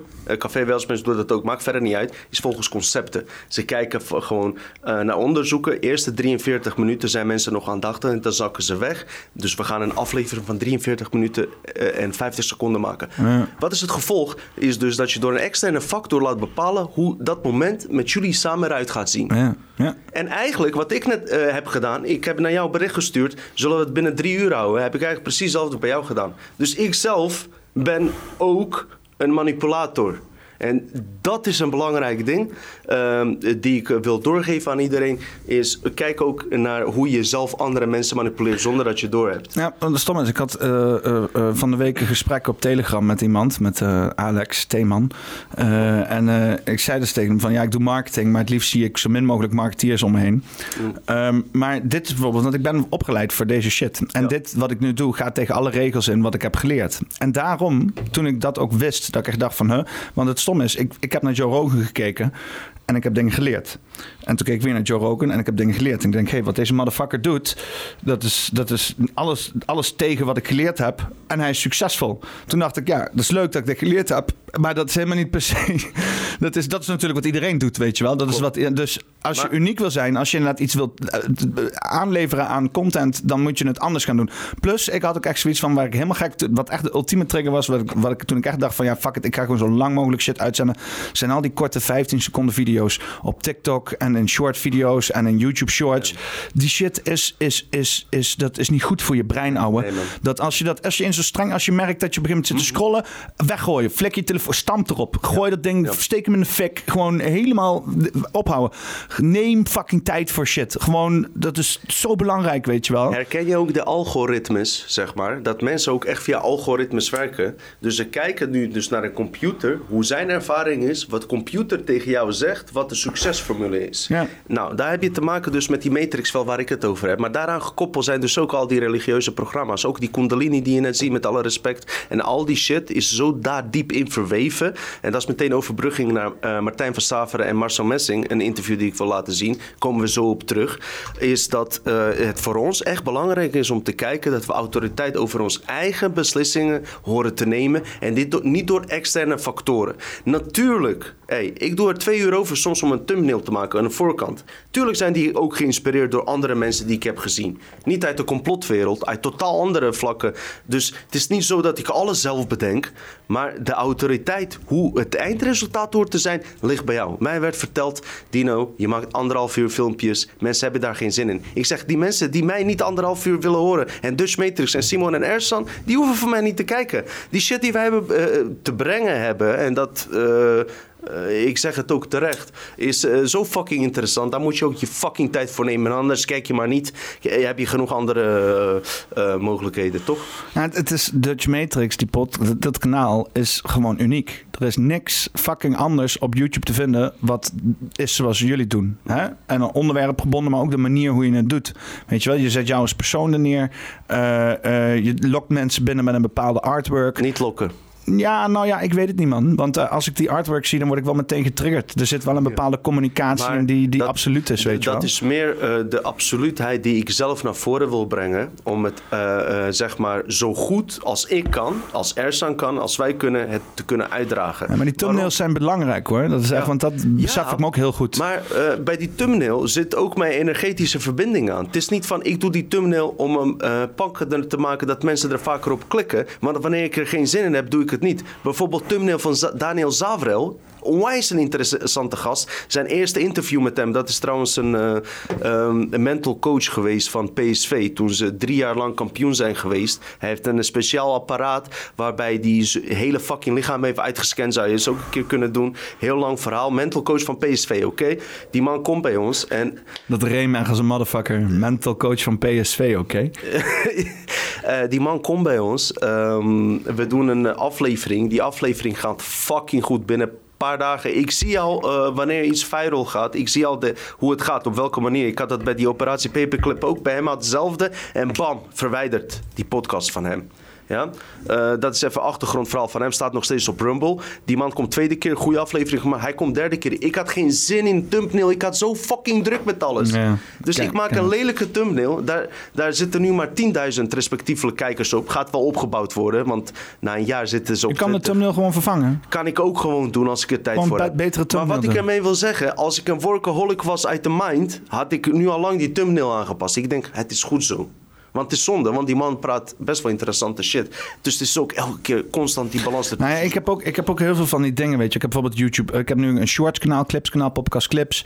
Eh, ik heb natuurlijk nog een Rumble en een eh, Odyssey waar ik ook al die video's mee uploaden. En het is in principe gewoon video's uploaden. Maar dan moet je inderdaad die, die instelling doen. Die, die, je alle gegevens uit de YouTube kanaal kopiëren.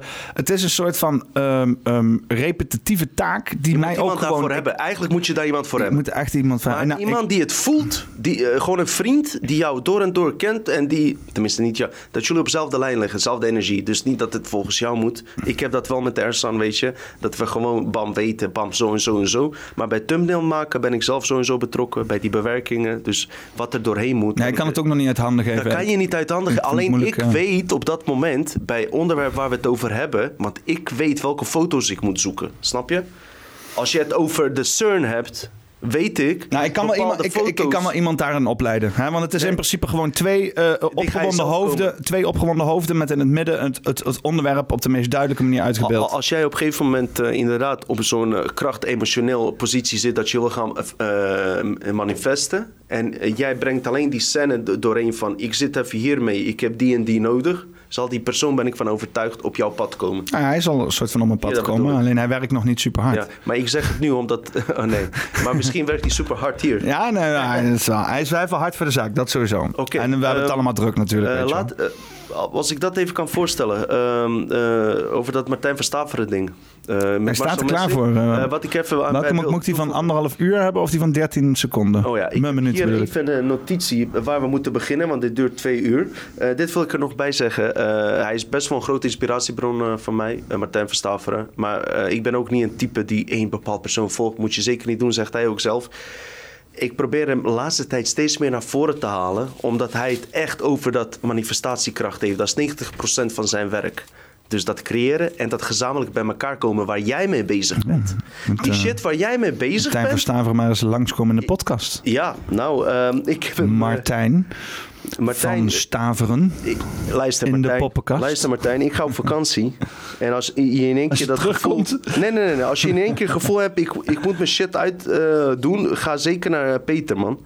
Hij zou ook bij mij komen, maar eh, dat is een lang verhaal met hem. Hij, moet het, hij werkt op gevoel, Ja. weet je. Hij, ik was bij een lezing van, hij zegt, Dino, we moeten samenwerken. Ik zeg, oké, eh, is goed man, komt wel. Hij zegt, nee, nee, nu. Ik zeg, ja, nu, je moet fucking lezing geven. Bij wijze van, zo zat in de energie. Niet dat ik dat heb gezegd. Hij is gewoon van, nu voel ik het, nu moet het gebeuren. Hij werkt eh, totaal onlogisch, deze man. Ja. Maar daar gaat het even niet om. Ehm, ik zou het sowieso tof vinden dat hij eh, binnenkort ook weer gaat spreken. Gaat hij ook doen. Duurt fucking lang met hem. Dat is het enige eh, minpunt wat ik bij hem heb. Daar ben ik niet aan het oordelen. Lang van stof. Ja, nee, maar ik, ik kan toch niet iedereen alleen maar pluspunten geven. Ik heb deze man echt. Nee, maar een ik heb deze man. in de schoenen staan natuurlijk. Oké, even aan mensen uitleggen. Martijn Verstaver, ik ben erdoor geïnspireerd voor jou kijkers die mij eh, niet kennen. Eh, punt waar Dutch Matrix staat eh, vanaf mijn gedeelte is een super belangrijk ding geweest. Is dat ik 500 uur werk, wat niet op internet staat, van hem heb bestudeerd. Oh, jezus. Als ik die shit niet had gedaan, dus ook die Black Goo en heel veel shit. Als ik hem niet had gekend, weet ik niet of eh Dutch Matrix zelfs dat was geweest. Ik, ik kan je sterker vertellen, zeker niet. Oké. Tegelijkertijd, ik kan dit zeggen omdat mensen ook van mij weten dat ik nog honderd andere. Ze hebben onze podcasten gezien, ze hebben mijn boek gelezen. Ik refereer naar zoveel andere mensen. Alleen deze man is uniek en deze man woont gewoon in Nederland. Die is geboycott, zwaar geboycott. Toen de tijd nog niet. Hier is die met Marcel Messing, nu niet meer. Dat is een uh, heel verhaal. Maar wat ik je alleen wil zeggen, uh, wat je straks gaat zien. We hebben het vaak over argonten, toch? Dat zijn die programma's waar wij het net over hadden, die door ons meespelen. Hè? En hoe dat precies in elkaar een beetje zit. Je zit hier een video, die is al zeven jaar oud. Die stond eerst volgens mij op Marcel Messings kanaal of op Samenspraak kanaal. Ineens is die daar weg. Ik weet niet door welke reden, durf ik ook niet te zeggen. Iemand anders heeft hem een jaar geleden geüpload. Dus de video die je ziet, is volgens mij minstens zeven jaar oud, zes, zeven jaar oud. Bij hoeveel moet ik beginnen? Uh, je kan beginnen, zie je gozer, um, uh, goede voorbereiding, ongeveer bij 14.17. En op een gegeven moment als Martijn uitgesproken is en Marcel Messing gaat praten, ja, begin je weer bij 25 minuten. Ja?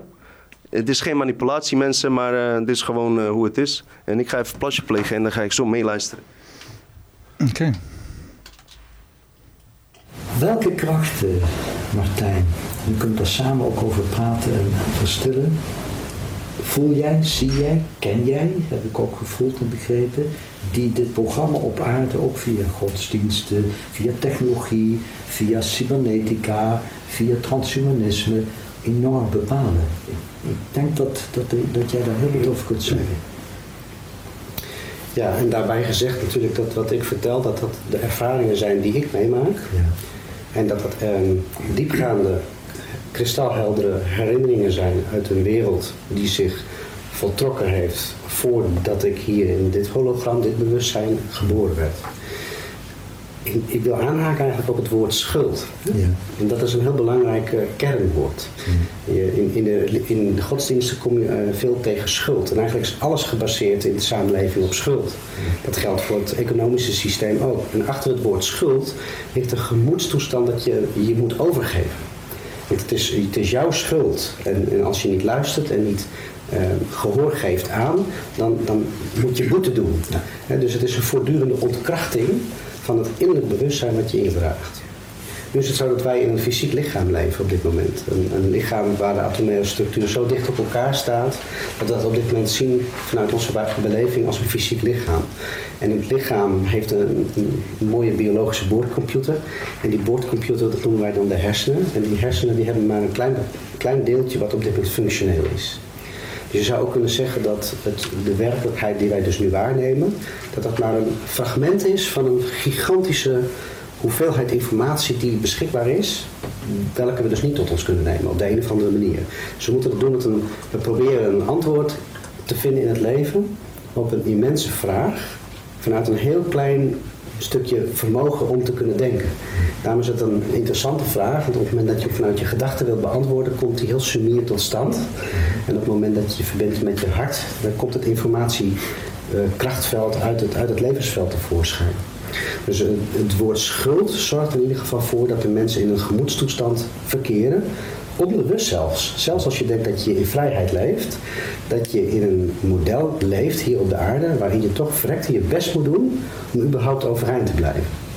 En dat is heel interessant om te onderzoeken, want ik heb daar heel veel gesprekken um, over gevoeld met mensen. Dat ze zeggen, ja, ik ervaar dat helemaal niet zo, ik ben heel gelukkig. Ik heb verstand gedaan van mijn materiële zaken.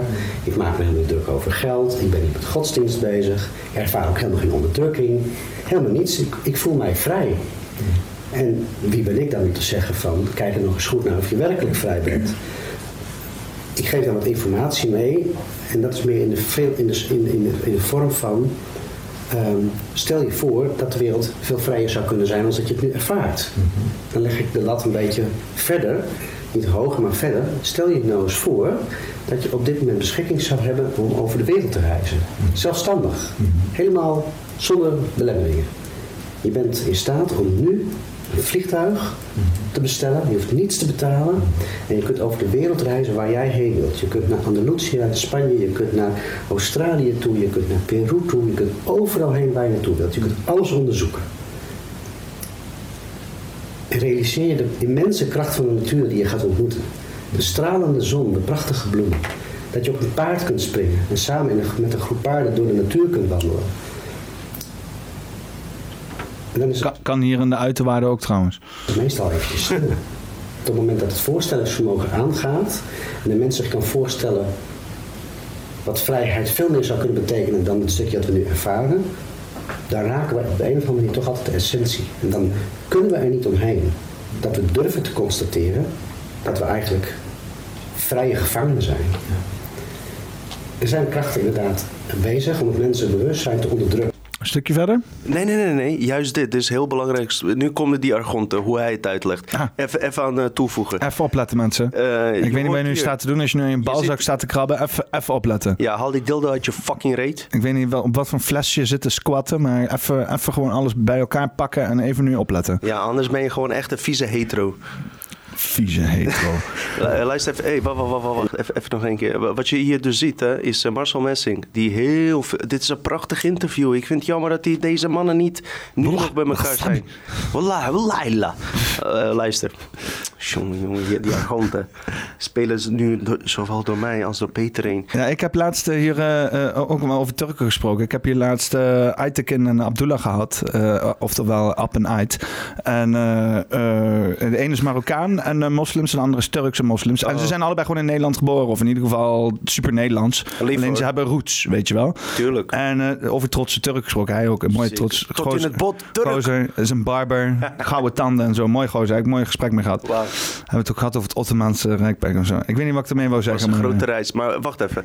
Dus wat je hier eigenlijk ziet, hè? Nee, in ieder geval, daar, daar was ik ook behoorlijk... Daar waren we ook lekkere uh, Arabische shit aan het. Ik heb je toch verteld, uh, Turk... Hamdullah, zei hij. Hamdullah. Turk, met, respectievelijk. Of het nou een schoonmaker is. Of het nou een... Ehm, weet ik veel, hoteleigenaar is, bankier, weet ik veel wat, ze, wat allemaal ze weten wel hun roots. Is dat belangrijk? Nee, maar ze kunnen wel uh, zeg maar hun uh, verhaal waar ze achter staan, kunnen ze wel heel goed uitleggen. Heb ik respect voor. Maar wat je hier ziet, is dus Martijn van Staveren en uh, Marcel Messing. Van Marcel Messing, heel populair. bij Jon Luca is die geweest. Heel veel dingen verteld, uit boeken geleerd. Uh, Nang en alles, daar wil ik straks op ingaan. En Martijn van Staveren praat hier uit zijn eigen ervaringen. En waarom kan ik bevestigen dat deze shit klopt? Ik heb Martijn van Staveren zelf ook nagecheckt.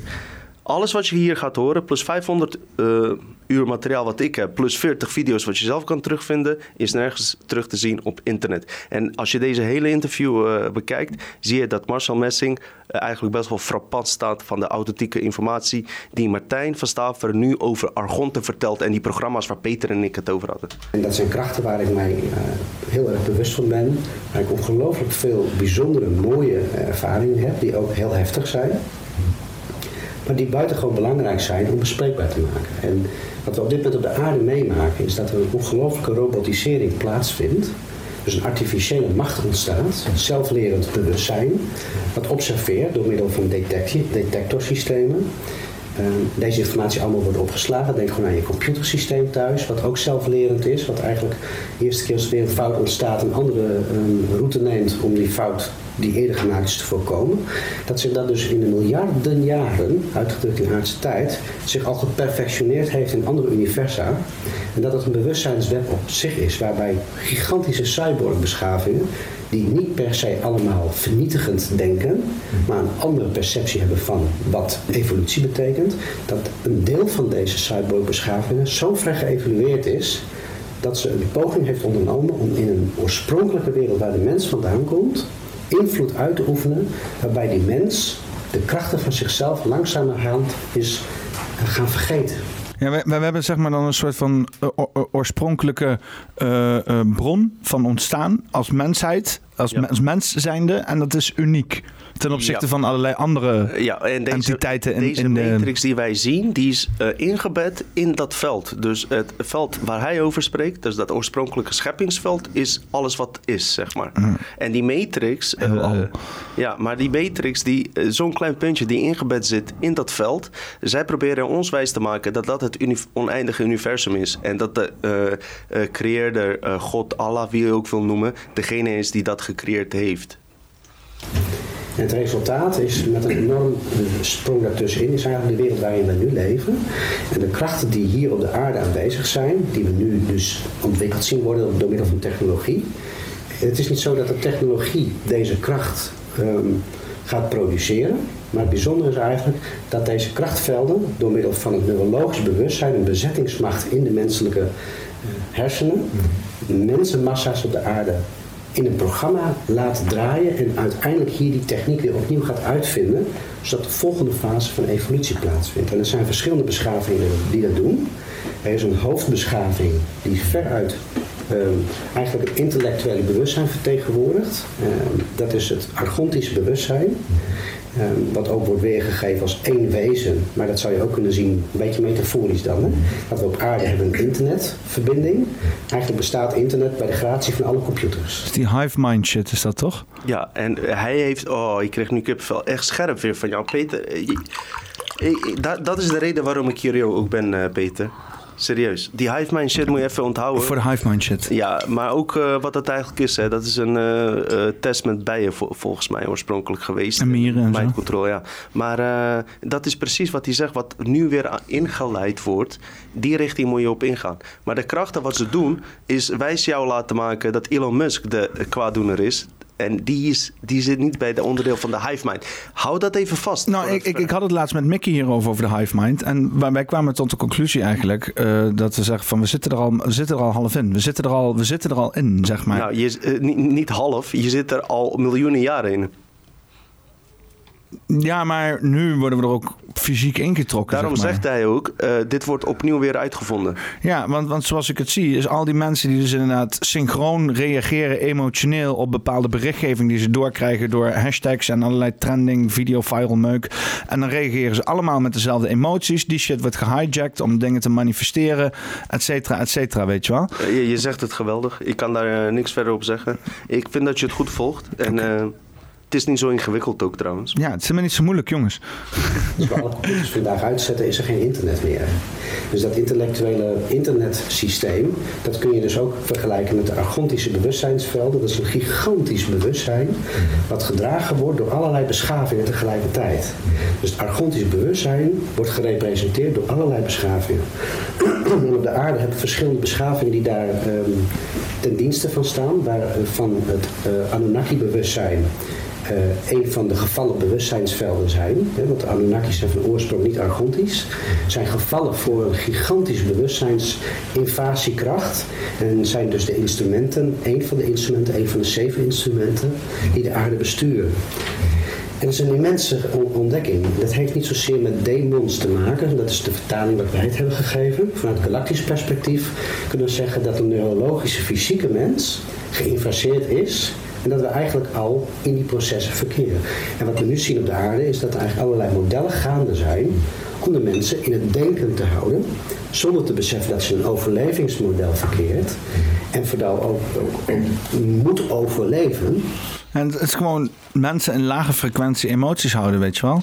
Angst, schuld, uh, uh, uh, ja, die shit die ik net aan dat fucking plaatje naar boven had gehaald. En ja, schuld is ook heel erg gekoppeld ja. aan het christelijke je geloof, net, weet je wel. Je hoorde het net ook, hè. Maar hij gaat zelfs zo ver, en tenminste niet alleen hij, ook dingen die ik verder heb onderzocht, is dat als je in een hogere frequentie bent, in die zesde dimensie waar jij het dan over hebt, of vijfde dimensie, dat het niet betekent dat er geen kwaadwillende wezens zijn. Er zijn wezens die in de vijfde dimensie zijn, dat zijn bij de motherfuckers. Sterker nog. Zoals ik het zie, zeg maar dat we dus de energie uit de vijfde dimensie gebruiken om dus inderdaad de zesde dimensie te betreden, om dus vervolgens een bepaalde frequentie te kunnen ontvangen. Ja. En als je dus in een, in een lage frequentie wordt gehouden, want die flow die je al aan het doormaken bent door alle dimensies heen, is al een bepaalde frequentie als je binnenkomt. Weet je wat het is? Ik wil het even wat verder uit gaan dokteren. Want waar ik, waar, ik op, waar ik mezelf aan stoorde, is dus het feit dat, want ik zat dus allemaal op het weten, weten, weten, weten, weten, weten. Ik, kwam ook, ik heb ook neuro, uh, neurologie, wetenschap, uh, dingetjes, saaie bijeenkomsten en zo heb ik allemaal gelopen kijken op, op Serieus, YouTube. Joh? Ik, ik ben er niet naartoe. De hele historie, man. Ik, ik, ben er niet naartoe gegaan. Ik heb het gewoon gekeken op YouTube. Zo'n dude die staat zo'n presentatie te geven over neurologie, wetenschap en zo. Ik heb dat proberen op me te nemen, maar waar op een gegeven moment, dus wat het is, uh, uh, uh, bewustzijn ontstaat dus eh, eh, eh, vanuit, wordt aangestuurd vanuit de pijnappelklier. Maar wat je hebt is, wat jij waarneemt, is pas die breindimensie. dat is dus pas waarin jij dus de, jezelf of de gedachte vormgeeft. En dan vervolgens, want dat gebeurt op zichzelf. En dan in die derde dimensie is dus inderdaad dat je het ook materialiseert. Dat je het ook uitspreekt. Dus zolang je niet uitspreekt, opschrijft of verft of kleurt of zo, dan is het, blijft het in die tweedimensionale wereld. Dat is die breindimensie. Maar die breindimensie maakt dus inderdaad iets aan van daarvoor, wat daar is. Dat is die eerste eerste dimensie, die pijnappelklierdimensie. Maar daar heb je geen controle over. Want jij waard, neemt het pas waar op die breindimensie. Dus wat ik nu heb gedacht voor mezelf, het is een full circle. Je komt weer terug. Je gaat van singularity naar volledige manifestatie naar singularity. En je komt weer terug. En op die manier kan je de uitoefeningen opgeven. Niet achteruit naar van hoe kom ik bij mijn pijnappelklier. Mhm. Nee, je moet vooruit gaan. Die dimensies zijn steeds kleiner inderdaad in jezelf. Naar inderdaad die multidimensionale wereld waar je op een gegeven moment uh, in strijd gaat met de argons, de kwade, kwade invloeden in jezelf, de emoties. En dan jezelf in hogere frequentie emoties houden om vervolgens weer terug te komen in je pijnappelklier. En dan heb je er invloed over. Vanuit de achterkant. Vanuit je dus inderdaad jezelf eerst in een bepaalde flow, emotiestaat krijgen. En dan vervolgens die feedback gebruiken om dan inderdaad creatiekracht te ontwikkelen en dat soort zaken. Mhm. Dat is inderdaad een beetje wat ik dus dacht. Je wilt zeg maar die pijnappelkleur kunnen besturen, maar dat kan niet. Het kan niet achteruit. Je kan niet proberen bij dat ding te komen. Dat kan niet, want je registreert pas als het ontstaat, weet je wel. Je bent altijd één microseconde eh, na datgene wat het ontstaan heeft. Dus je kan letterlijk daar niet bij komen.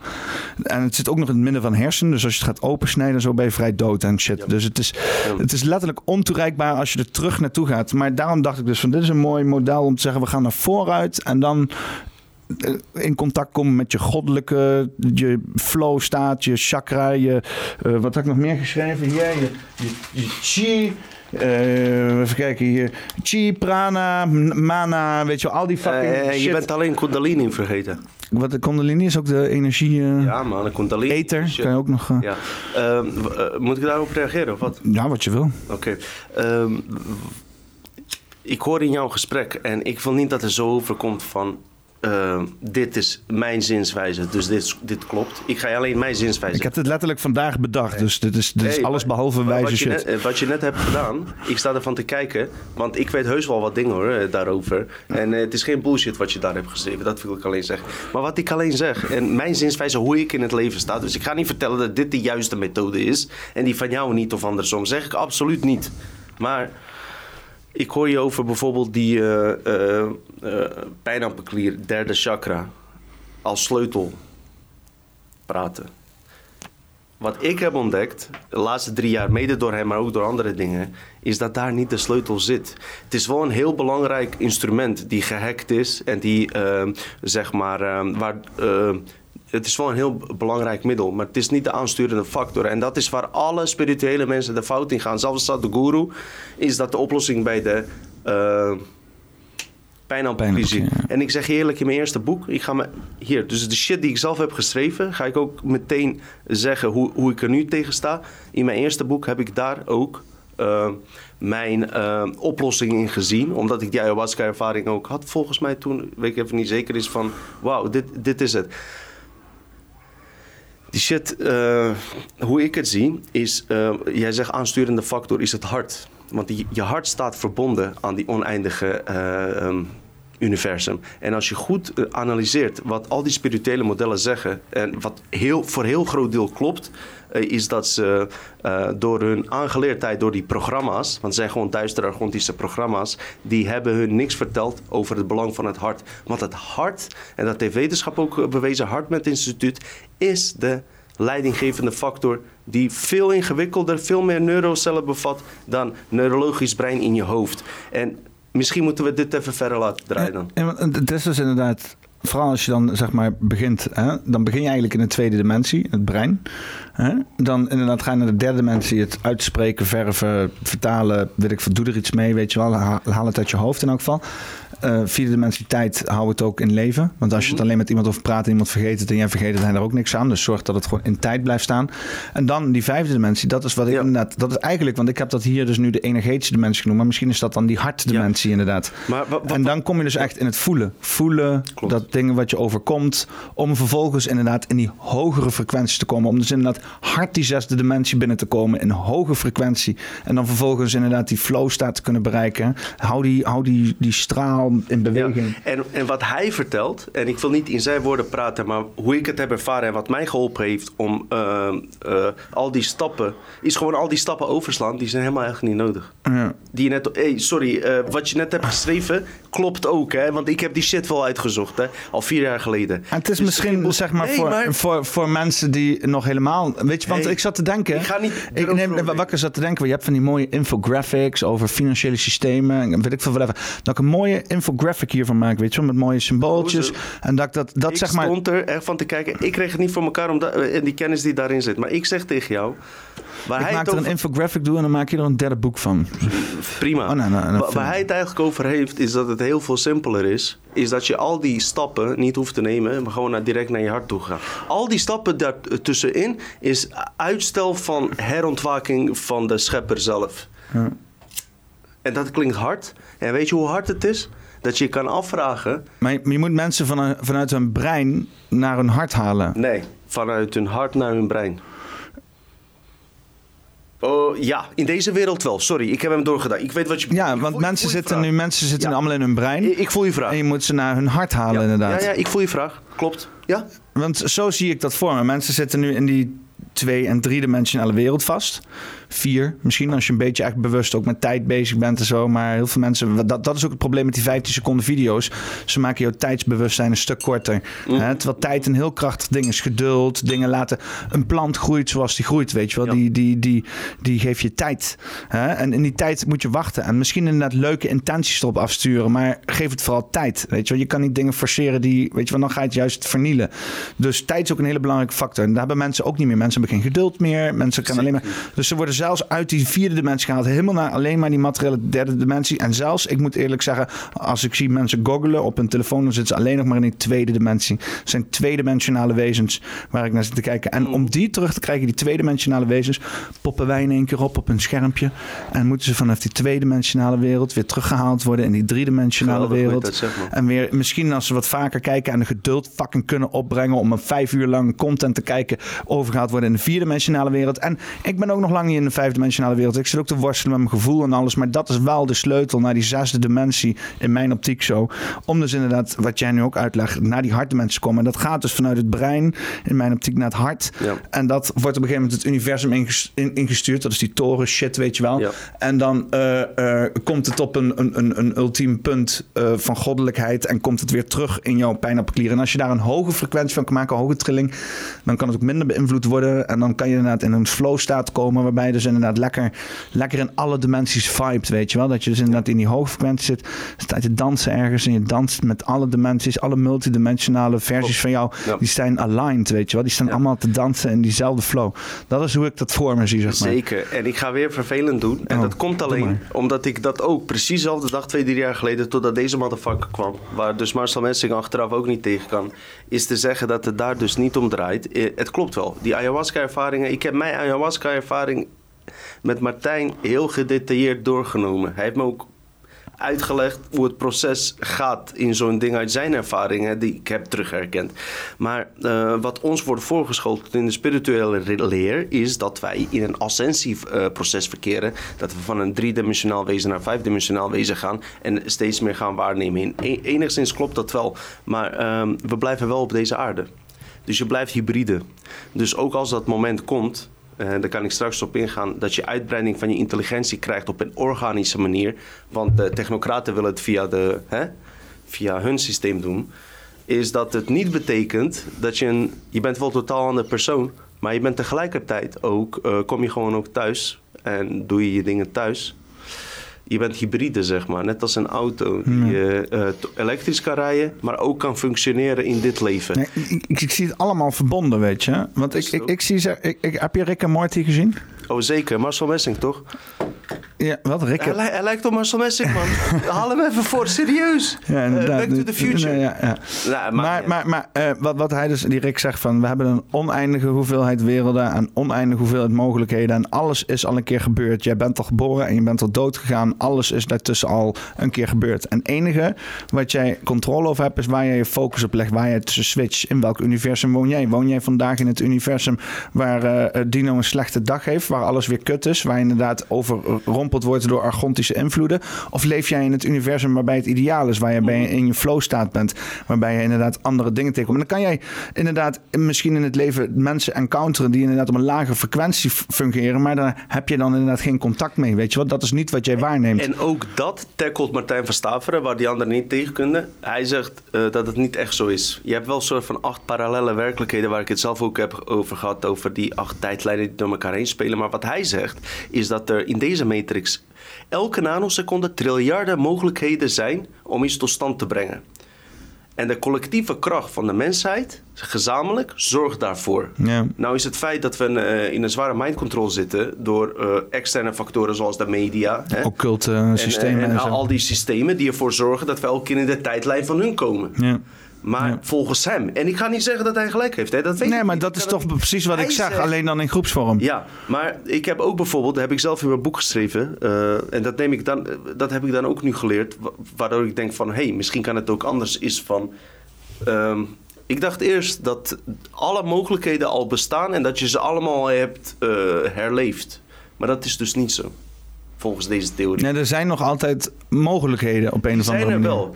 Weet je wat het probleem is? Nogmaals, wij, wij praten uit 8% perceptie, weet je. Ja, en, en uit een een driedimensionale stukje wereld. anders nog van hem? Ik maar vanuit hier nog, of moet ik hem nog een stukje eh, nee, maar doorzetten? Wat, wat vind je wat je hebt gehoord nu? Is het interessant voor jou of, denk- of, of val je in slaap? Ja, nee, dat kan nog wel. La- Ik, laat ik, hem ik nog wil, ik wil graag bier pakken en misschien pizza's in de oven doen of zo. Eh, ik stel voor dat je hem eh, laat eh, afspelen. En die man is, heeft zeker wat interessants te vertellen terwijl je die shit regelt. Hoe vinden jullie dat, mensen? Ik, ik vind dat een, eh, goede deal, eh, sowieso. Doe maar, doe maar. Laat hem We denken afspelen. dat we sterfelijk zijn. Dus we zijn eigenlijk gedurende korte momenten dat we hier op de aarde leven, zijn we aan het overleven in plaats van het genieten.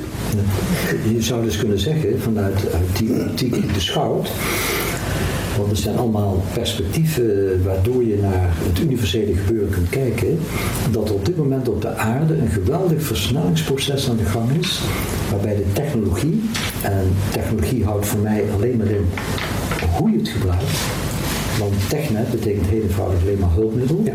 Maar als je dat gaat gebruiken om de mens te robotiseren, om hem afhankelijk te maken, een soort technische slaaf, via transhumanisme bijvoorbeeld, waarbij superprogramma's door, door mensen als Kurzweil, Bill Gates, die allemaal uit dezelfde stammen komen, uit dezelfde krachtenvelden, dan loop je dus nu als mensheid ik ga het toch zomaar noemen, een gigagevaar dat een heleboel menselijke wezens, en daarmee ook de natuur van, van eh, bloemen, planten, dieren, in een technische ja, harnas komt, waardoor de verslaving begint en het oorspronkelijke veld, het veld van oorspronkelijk licht, waaruit alles oprijst, wat je ook in een evangelie van Thomas, dat heeft niets te maken met, met kerkcultuur of kerkgodsdienst, dan lees je ook, jullie komen allemaal uit het oorspronkelijke licht. Hou dat bij, bij een langdurige studie van de kleitabletten, en daar daar ben je nooit in uitgestudeerd, want je blijft iedere dag leerling. Mij viel iedere keer op en in mijn hart kwam dat gevoel zo ongelooflijk sterk, dit is maar een deel van het verhaal. Er is een verhaal voorafgaande aan die verslaving, aan die beïnvloeding, die genetische manipulatie, het scheppen van een vorm, het scheppen van een lichaam, waarbij allerlei wezens op aarde gebruikt werden. En kloontechnologie, DNA-technologie. En de mens is een wezen pre-Adamitisch, dus geestelijk van oorsprong. En dan ga je bijvoorbeeld een geheim boek van Johannes uit Egypte, koptisch overgeleverd, openbaring van Johannes, geheime boek, lees je dat de Argontoi de scheppingen gingen nabootsen. Dat is, dat is subliem wat daar staat. En dat ze een namaakgeest, denk aan de computer, de computersimulatie, denk aan nanotechnologie, denk aan cybernetica. En ze gingen een namaakgeest scheppen, en dat staat letterlijk in de tekst, die ze via het seksueel contact met de vrouwen invoegde in de lichamen van de mens. Komt jouw punt? bijna niemand is zich bewust dat hij voor een deel geprogrammeerd is al. En dat deel wat wakker in ons kan worden, mag ik toch noemen dat spirituele element, wat ook helaas door New Age zo begoocheld wordt gebruikt, maar die essentie, die, die godsvonk uit dat oerveld, wat onvernietigbaar is, geen begin, geen einde. Dat raakt nu in gevaar, in die zin in gevaar, vanuit een andere optiek is het toch weer niet, maar het raakt in gevaar binnen dit evolutionair gebeuren, dat de verslaving van de mens, de robotisering, de cyborgisering, Kan je misschien op 25 minuten zeggen... Hey, sorry voor mensen die denken eh, dat... eh, dat Hij is nu Marcel- op 25 minuten. Oh, op, eh, laat maar doorgaan. Sorry. Is goed. Laat maar nog even doorgaan. Want Marcel is ook aan het spreken. Ook hele interessante dingen die hij vertelt. Eh, ga maar door. Waarom ben ik zo dictatoriaal bezig? Ersan heeft gelijk. Ik ben een fucking dictator. Waar is je zweep? Oh nee, dan zijn we weer gay. En hij heeft zijn eh sokken uitgedaan. Wil die voetjes vrij. En Mickey, jij had ook gelijk. Even kijken, we de voetje op de camera krijgen? Ja. Maar, hey, eh, maar eh, zijn wij... Voor die fetish mensen. Ik wil ook niet de lichtere versie van Roddelpraat zijn, want die fucking Dennis staat te tongen met de elke fucking gast die die tegenkomt en zo. Dus wat Dat wel een betreft... heftige, eh, heftige vorm hey. van, van in de kast blijven zitten. Maar- die gozer die klauwt zich vast aan de binnenkant van de kast, jongen. Het is ongelooflijk. Nou, of hij is bi, weet je wel. Hij moet gewoon, hij moet, daar moet eens een keer iemand met blauwe haren langskomen. Zij moeten jou uitnodigen, man, bij die Roddelpraat. Dat jij vind daar meteen zit. Ik heb Jan wel eens proberen te mailen. Maar. Serieus? Ja, maar ik verdwijn natuurlijk in een grote hoop van 500 aandacht die ze euro, krijgen. 500 euro komt goed. Inderdaad, als ik het juiste bedrag daar neerleg, dan komen ze in één keer heel snel. Trouwens, ik vind ze heel goed, hè. Eh, ik kijk elke week. Als ik vier keer heb gelachen, ben ik fucking blij. Ik heb zelfs een trui gehaald. Die wilde ik in Dutchmeters podcast eh, aantrekken. Maar toen begon Dennis ineens eh, over zijn vader... die eh, 50 euro truc deed met negers en zo en shit. Ik dacht, nee, dit gaat te ver. Soms heb je momenten dat ik denk... fuck jullie, maar gelukkig is Jan Roos daar... die dat nu even herstelt. Dus eh, dankzij Jan Roos kijken. Mhm. Ja, maar Jan, Jan is, eh, als de eh, liberale vrijdenker dat hij is, terwijl hij nog conservatief overkomt naast Dennis, want zo, zoveel verschil is er eigenlijk in dit kleine landje. Ja, het zijn een stelletje rednecks daar, weet je wel. Dat is gewoon redneck van Nederland, wat De- Dennis vandaan Nou, komt. Die mensen hebben alleen ja, maar, precies wat Jan zegt, is alleen maar inteelt. En, Het zou goed wat- zijn om daar niet kennen, wat de boeren niet kennen, dat eet hij niet en zo, dat soort shit. In dat soort dorpen zou het goed zijn om een paar buitenlanders gewoon eh, neer te zetten. eh, om, om, om gewoon wat aan die intel te doen. Gewoon Eh, keiharde daarom. sharia-la in... Dat, dat hoeft ook weer niet, maar gewoon een beetje inmengen. En wat de grap is, dat is inderdaad.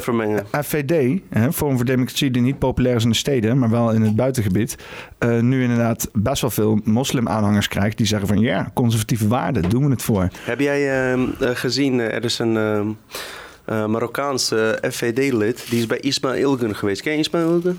Nee. Ik heb een interview, eh ze noemen hem, ja sorry dat ik zeg hakenneus, eh, van, die treitervlogger man. Hij was zo eh, overal... eh, Ja, dat vol... Oh, jawel, jawel die Tuurlijk ken je die wel man. Ja, ja, ja. ja. Hele relaxte gozer. Ik heb Met, die met, die grote, met dat eh, grote Ja, neus. eh, super, super toffe gozer. Niet omdat ik daar ben geweest, serieus. Ik Hij zweer het op alles. over. Ik heb ook achter de schermen die super toffe gozer. Ik probeer maar een vlog te maken in een ghetto tussen gefrustreerde jongeren. Hij kreeg het altijd nog voor elkaar, dus er werd altijd wel gevochten daar niet van. Maar... Waarom kwam ik op hem? Ik weet niet eens waarom. Ik wel, Ismail, Ismail, eh, die zou ik ook op de podcast willen hebben. Ik is een toffe gozer. Ik, ik, ik, heb zijn telefoon. hè. Ik, ik ken wel wat. Dat meen je niet. Nice. Eh, Netwerk, oké. shit, alles. Ismail, kom voor jou, jongen. Jij krijgt vriendelijke mail. Ismail wil niet Hilgun weten. is echt een toffe gozer. Eh, dat durf ik gewoon te zeggen zonder enige eh, shit en alles. Ik weet niet eh, waar ik heen wilde. Maar eh, laten we even terug naar Marcel Messing en eh, Martijn van Staveren gaan, man. door die Argontoid-kracht giga is. Als ik jou beluister, ook vanmorgen en ook voel, want wij zijn allemaal geëduceerd met luisteren, dat is heel belangrijk, maar je kunt elkaar ook voelen. En dan voel ik een hele sterke aanwezigheid in een taak die jij hier hebt. Dat vind ik ook oprecht zegt, ieder heeft zijn taak, ieder heeft zijn dharma, om die kracht mede te ontwikkelen. Zijn die nou karma? Dharma. Dharma, dat is, je- ja, toch wel. Dat is jouw taak voor deze wereld. Oh, je zielsmissie, zeg maar. Ja, Dharma. Ja. Oh, van Dharma en Greg. Hè? hey, ze was hè? motherfuckers. Ah. Of is dat ook gay? Sorry, Mickey van Leeuwen. Sorry, Mickey. Sorry dat we zo gay zijn, Eh, Mickey. Luister, eh, kunnen we over een half jaar hier samen met Mickey en mij zitten? Dan heb, eh, Ja. En ik. Ja? Mickey, ik hoop dat hij dat wil. Wij gaan met z'n tweeën hier. En dan heb je een, echt een explosieve Een uitloop. menage à trois doen. Ik zweer het je. Als, als ik met Mickey hier ben, ik zweer... Nou ja, kom goed. Eh, Wat wat aflevering moet je dan hebben? Ik zit sowieso op een 83 misschien. Breken zonder dat je aanvalt, maar te laten doorschouwen. Kun je eens wat meer vertellen over wat jij voelt bij die kleitabletten, bij die agontooi, hoe hun spel op dit moment gespeeld wordt? Via wat allemaal? Ja. Ik wil een hele eenvoudige eh, verhaaltje vertellen. Wat ik als kind heel duidelijk heb ervaren voordat ik eh, naar de kleitabletten ga. Ehm, ik was altijd heel gek op poppenkast spelen. Poppenkast! Ja! Over synchro- synchronisatie gesproken. Fuck yeah. Nou, misschien kunnen we dat na het interview dan nog eh, samen. Is dat, eh, Ik trok nooit door de touwtjes. Ik deed het met zo'n handstok. Nou, zo weet je wel. Ik deed zo mijn hand er dus in. En ik, ehm, alles wat ik heb bespeeld als kind, en volgens mij herkennen we dat allemaal, is dat terwijl je iets aan het doen bent, dat je beseft van ja, maar zo kan het ook zijn dat ik bestuurd word. Ik was met mijn autootjes bezig en dan voelde ik, ik ben deze parkeerplaats aan het arrangeren, zeg maar. Als kind denk je dan natuurlijk anders, maar eh, ik, ik, zo kan mijn leven dus ook wel ge- georchestreerd eigenlijk worden door andere krachten. En terwijl ik dus met poppenkast pop aan het spelen was, kwam ik erachter dat het dus mogelijk is als ik naar de wc ben gegaan en ik kom terug als kindje en ik doe die hand weer in die pop, dat ik dan een ander humeur heb en dat de rol van die pop ineens verandert. Die, die vergelijking heb ik. Doe maar stop. Hoor je wat hij nou net zegt? Wauw, die, die dringt nu tot mij door. Hè? Dus zijn humeur be- bepaalt hoe, het, hoe de humeur wordt van dat pop die hij bespeelt. Nee, andersom juist. Dus Hij- sorry, hij, hij, eh, hij zegt, hij, zegt, hij zegt dus dat hij dus inderdaad beïnvloed wordt van zijn humeur, humeur op het moment dat hij zijn hand steekt in die pop. Dan is hij die pop. Ja, oké, het, is ook, het gaat over poppenkast, dus ik kan je niet tegenspreken. Ga maar verder. Eh, Ik vind het ook wel interessant, weet je. In zekere zin, want dat is een metafoor voor dingen waar je in verdiept. Want in zekere zin is, is deze poppenkast die ik hier heb ook, weet je wel, ik stort me daarin.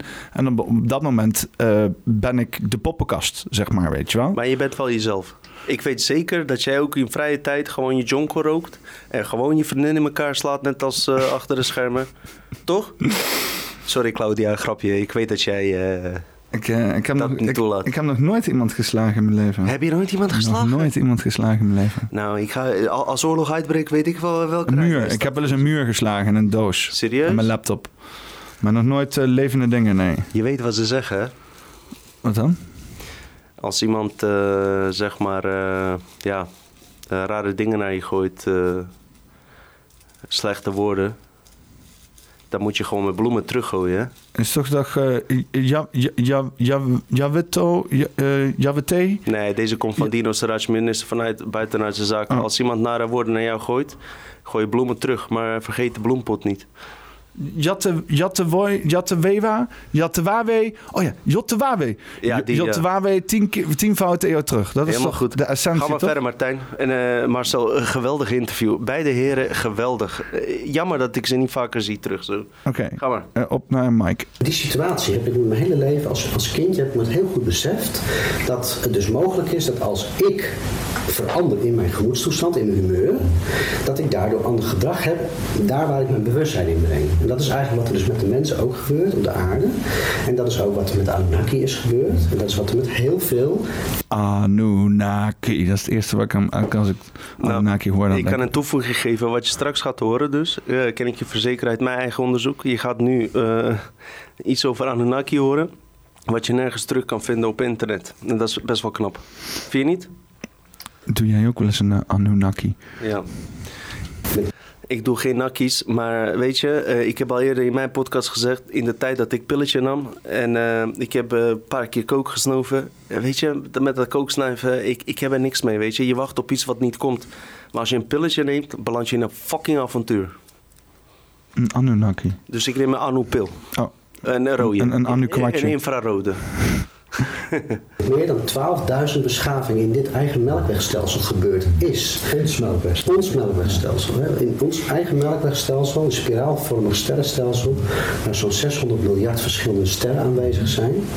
Daarvan is 8 eh, miljard planeten is daarvan bewoond volgens de ruimtevaartbureaus op basis van berekeningen. Dus dat zijn er nogal wat. Maar wat ik dus heb ehm, toe te voegen aan, aan die vraag, of te reageren op, wat hoe ik daarnaar kijk. Ehm, het argontisch bewustzijn is, is, dat zijn werelden op zich. Dat is zo immens groot. En dat zijn, zoals we dat gewoon eventjes hardop... Heeft de zon een bewustzijn? Uh, dat is nu even niet van toepassing. Uh, mijn enige vraag is, zonder dictatoriaal te zijn, uh, terwijl ik dat niet eens kan uitspreken, zou je even vier, vijf minuten gewoon deze man kunnen laten spreken? Want iedereen boycott hem al. Laat, hè? Snap je? Okay, of, ben, okay. ben, ik nu weer... Nee, je weet dat ik van jou, ik ben geen gay. Nee, sorry hoor. Ik mogen zeggen, dat zijn duistere werelden die zichzelf niet als duister ervaren. Het zijn zelf, ehm, zelfbewuste wezens die onder invloed staan van een gigantisch programma. En het is hen gelukt om in biologische werkelijkheden, waarin, eh, wat wij dus als drie- of vijfdimensionaal zien, om bewuste, bewuste wezens te invaseren, dus een invasie te plegen, en daardoor een deel van hun bewustzijn permanent aanwezig te laten zijn in de boordcomputer van die lichamen. En dat is eigenlijk wat er dus met ons ook gebeurt. De menselijke lichamen dragen een code in zich, een bewustzijnsveld, wat niet bij ons hoort als kosmische wezens, als reiziger uit een andere wereld, als geestelijk wezen. Als geestelijk maar wat echt geprogrammeerd zit in het fysieke lichaam. En dat is met de Anunnaki eigenlijk ook gebeurd. En de Anunnaki uh, spelen daar een sleutelpositie in. En zij willen ook heel graag uit het veld van de Anunnaki dat dat onderzocht wordt door de mensen die hier zijn. Omdat de mensen op de aarde die zich bewust zijn dat ze drager of draagster zijn van de kracht van het leven, hè, van geest. Op het moment dat de mensen dat, die deze kracht in zich voelen en ook gaan onderzoeken wat er aan de hand is, dan kan de verborgen werkelijkheid die weggepoetst is uit het collectief bewustzijn en zelfs weggepoetst is uit de historie, ja, absoluut. Kan open gaan. Want dan kom je dus op het volgende punt, wat historie nog eigenlijk is. Ja. En wat werkelijkheid nog is. Want dat, dat, ligt allemaal opgeslagen in onze databank, wat wij onze geheugenmodule noemen. En de geheugenmodules van de mens liggen opgeslagen in een hersengolfstaat, die alleen toegankelijk is als je in een theta-bewustzijn verkeert. Dus de vraag is natuurlijk maar van welke historie ontvangen wij in onze hersenen? En wat hebben die kleitabletten daarmee te maken? Ik zeg wel eens een beetje voor de grap, maar met een hele serieuze ondertoon. Dat als de Anunnaki bijdragend zouden zijn geweest voor de mens, zouden ze niet kleitabletten hebben achtergelaten. Zouden ze iets anders hebben achtergelaten. De kleitabletten die geven heel goed weer wat er gebeurd is, maar is nog steeds een poging om ons te laten denken dat het daar ontstond, daar waar in de kleitabletten wordt aangegeven dat de invasie plaatsvond, ofwel dat er de aanpassingen plaatsvonden. Ja. Maar dat is niet zo. Ja, dat kan ik helemaal accorderen. Wat ik mijn Dit is conclusie ook. Ja. ja. Dat was hem. Oké, okay. wat ik alleen hier aan toe wil voegen. um, tijdens dit uh, filmpje heb ik een Mandela-effect ontdekt. Ken je dat? Geloven, gozer. En je had het met Erzan over Mandela-effect. Maar voordat we daar naartoe gaan, onthoud die ook. Dus we hebben Blue Elephant hebben we al behandeld. Mandela-effect. In dit filmpje heb ik levend bewijs. Mandela-effect. Hoe vind je die? Heb je een applaustoon? Maar wat was het Mandela-effect? Uh, dat je dingen herinnert die niet zijn. Ja, ja, ja maar okay. wat is in dit geval het Mandela-effect dan? Oké. Okay. Uh, ken je de denker? Een standbeeld, bekende standbeelddenker? Ja, die zo, uh, zo van Michelangelo, toch? Zo? Nou, Michelangelo bijna. Oké. Okay. Jij herinnert hem op de juiste wijze. Oh. Ik herinner de denker zo. Oh. Kan je even naar Google gaan, de denker? Even tussendoor. En ik heb shit voorbereid, dus ik ga hem straks zo doorspoelen... dat je meteen Marcel Messing herinnert hem net als ik. De denker. Maar dan komen jullie in een andere, komen jullie een andere dimensie, ouwe. Doe eens uh, de denker, uh, nee, de tinker en Mandela-effect. De denker en Mandela-effect. Oké, okay, iedereen herinnert die fucking denker, ik ook zo goed, dat die zo... Je denkt toch bij je fucking hoofd zo. Je denkt zo, toch? Ja. Toch? Ja, zo heb je... Uh, doe eens de denker, de tinker en Mandela-effect. Ja, dat, dat, heb ik net gezocht, ja. Dat, dan zie je dat mensen foto's maken voor die standbeeld. Zij staan zo... Maar dit, die denker staat... Dit, dit denk jij, dit denk, dit denk je. Dit is wat ik me herinner. Maar, dit is wat ik heel veel kijkers zich herinner. Kan niet anders. Anders ben je ergens waar gay. Maar of NPC, sorry. Uh, waarom zeg ik dat? Maar uh, Google die zegt dus echt... Uh, dat is ook een mindfuck natuurlijk, Google. Hè? Wat zegt hij? Google zegt deze dan, hè? Dit is hem. Ja, ik dacht het ook inderdaad, ja. Maar is dat niet dan gewoon een teken dat ik uit... Want ik heb ook een Mandela-effect. En dat is namelijk van Jaws, van uh, James Bond. Ja. Uh, met die, eh, met de beugel. Ja, beugel. die zou met een beugel hebben. Je hebt zo'n scène dat ze- heeft je onderbroken, dus vertel hem nu, vriend. Ja, want je hebt dus inderdaad zo'n scène dat dus eh, die... maar- eh, laat maar zien. eh, even kijken, Jaws... Oké, even tussendoor even zeggen. Mensen, eh, eh, mensen van onze generatie, hoe herinner jij je, wat was de grap met die grote man die de Jaws speelt? En dat kleine meisje dat ze een relatie kregen trouwens. Die eh, episode ging over Secret Space Program. Maar dat maakt verder niet uit. Kunnen we ook nog op, over uitdiepen. De eh, eh, grap was juist. Zij lacht. oh, hij lacht. Hij heeft die Jaws. Dus Ja, hij maar heeft- hier heb ik een foto. Ik heb hier een foto waar ik... Oh, hé, de pizza. Die pizza kan ik gaan doen. Oké. Ik Nee, maar hier heb, ik, hier heb ik een foto. open een nieuw tabblad. Die, waarbij je toch wel iets van draadjes ziet. Hier, zie je dat? Hier. Hey, maar daar, weet je daar heb wel- je niet goed uit... Luister, vriend. Er was daarna een motherfucker die eh, Mandela-effect eh, community wilde beledigen. Heeft hij zelf opgeplakt. Heb je daarvan gehoord? Oh. Dit is nep. Ga naar je fucking originele film. Je kreeg fucking kippenvel hoor. Als je nu naar die video gaat, dit zie je niet. Dit is een, die bunker geweest die die Mandela-effect community wilde kapotmaken. Ja, want, eh, ja, want hier heb je dus een foto van haar gewoon inderdaad zonder... dus- Luister, ga gewoon naar YouTube. Ga naar die scène en dan zie je het gewoon. Wat er gebeurd is. Oké, YouTube. Eh, Mandela Effect, James Bond. Jaws, James. Snap je? Want er zijn motherfuckers die willen dit natuurlijk weer debunken op een vieze wijze. Oké, ik, zet hem even op en dan ga ik even pizza's erin doen. Is goed man, ik praat even tussendoor. Nee, ik zeg niks. Ik ga, we gaan gewoon kijken.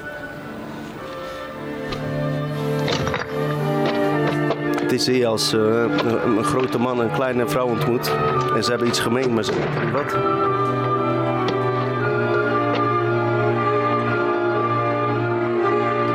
Kijk naar haar tanden nu.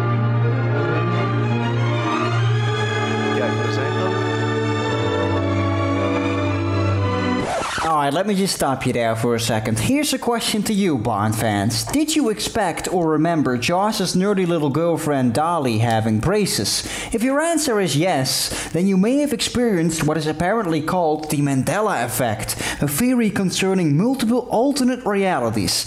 And if you're anything like me, you're probably going, what the hell is this now? Ja, want ik, ik heb dus inderdaad Nee, ook... eh, snap je hoe diep maar, je Want het moet- was ook gewoon logisch. Eh, want ze lachten naar elkaar. Jaws die had een metalen fucking grill. Dat was de, was de hele verbinding, zeg maar. Dat- Dat, dat ze, was de dat, fucking dat ze allebei een metaalbek hadden, en, zeg maar. En ik ken je- Oké, Star Wars. Volg je Star Wars? Nee. Nee? Eh, ken je een bekende scène van Star Wars die je zou willen naspelen?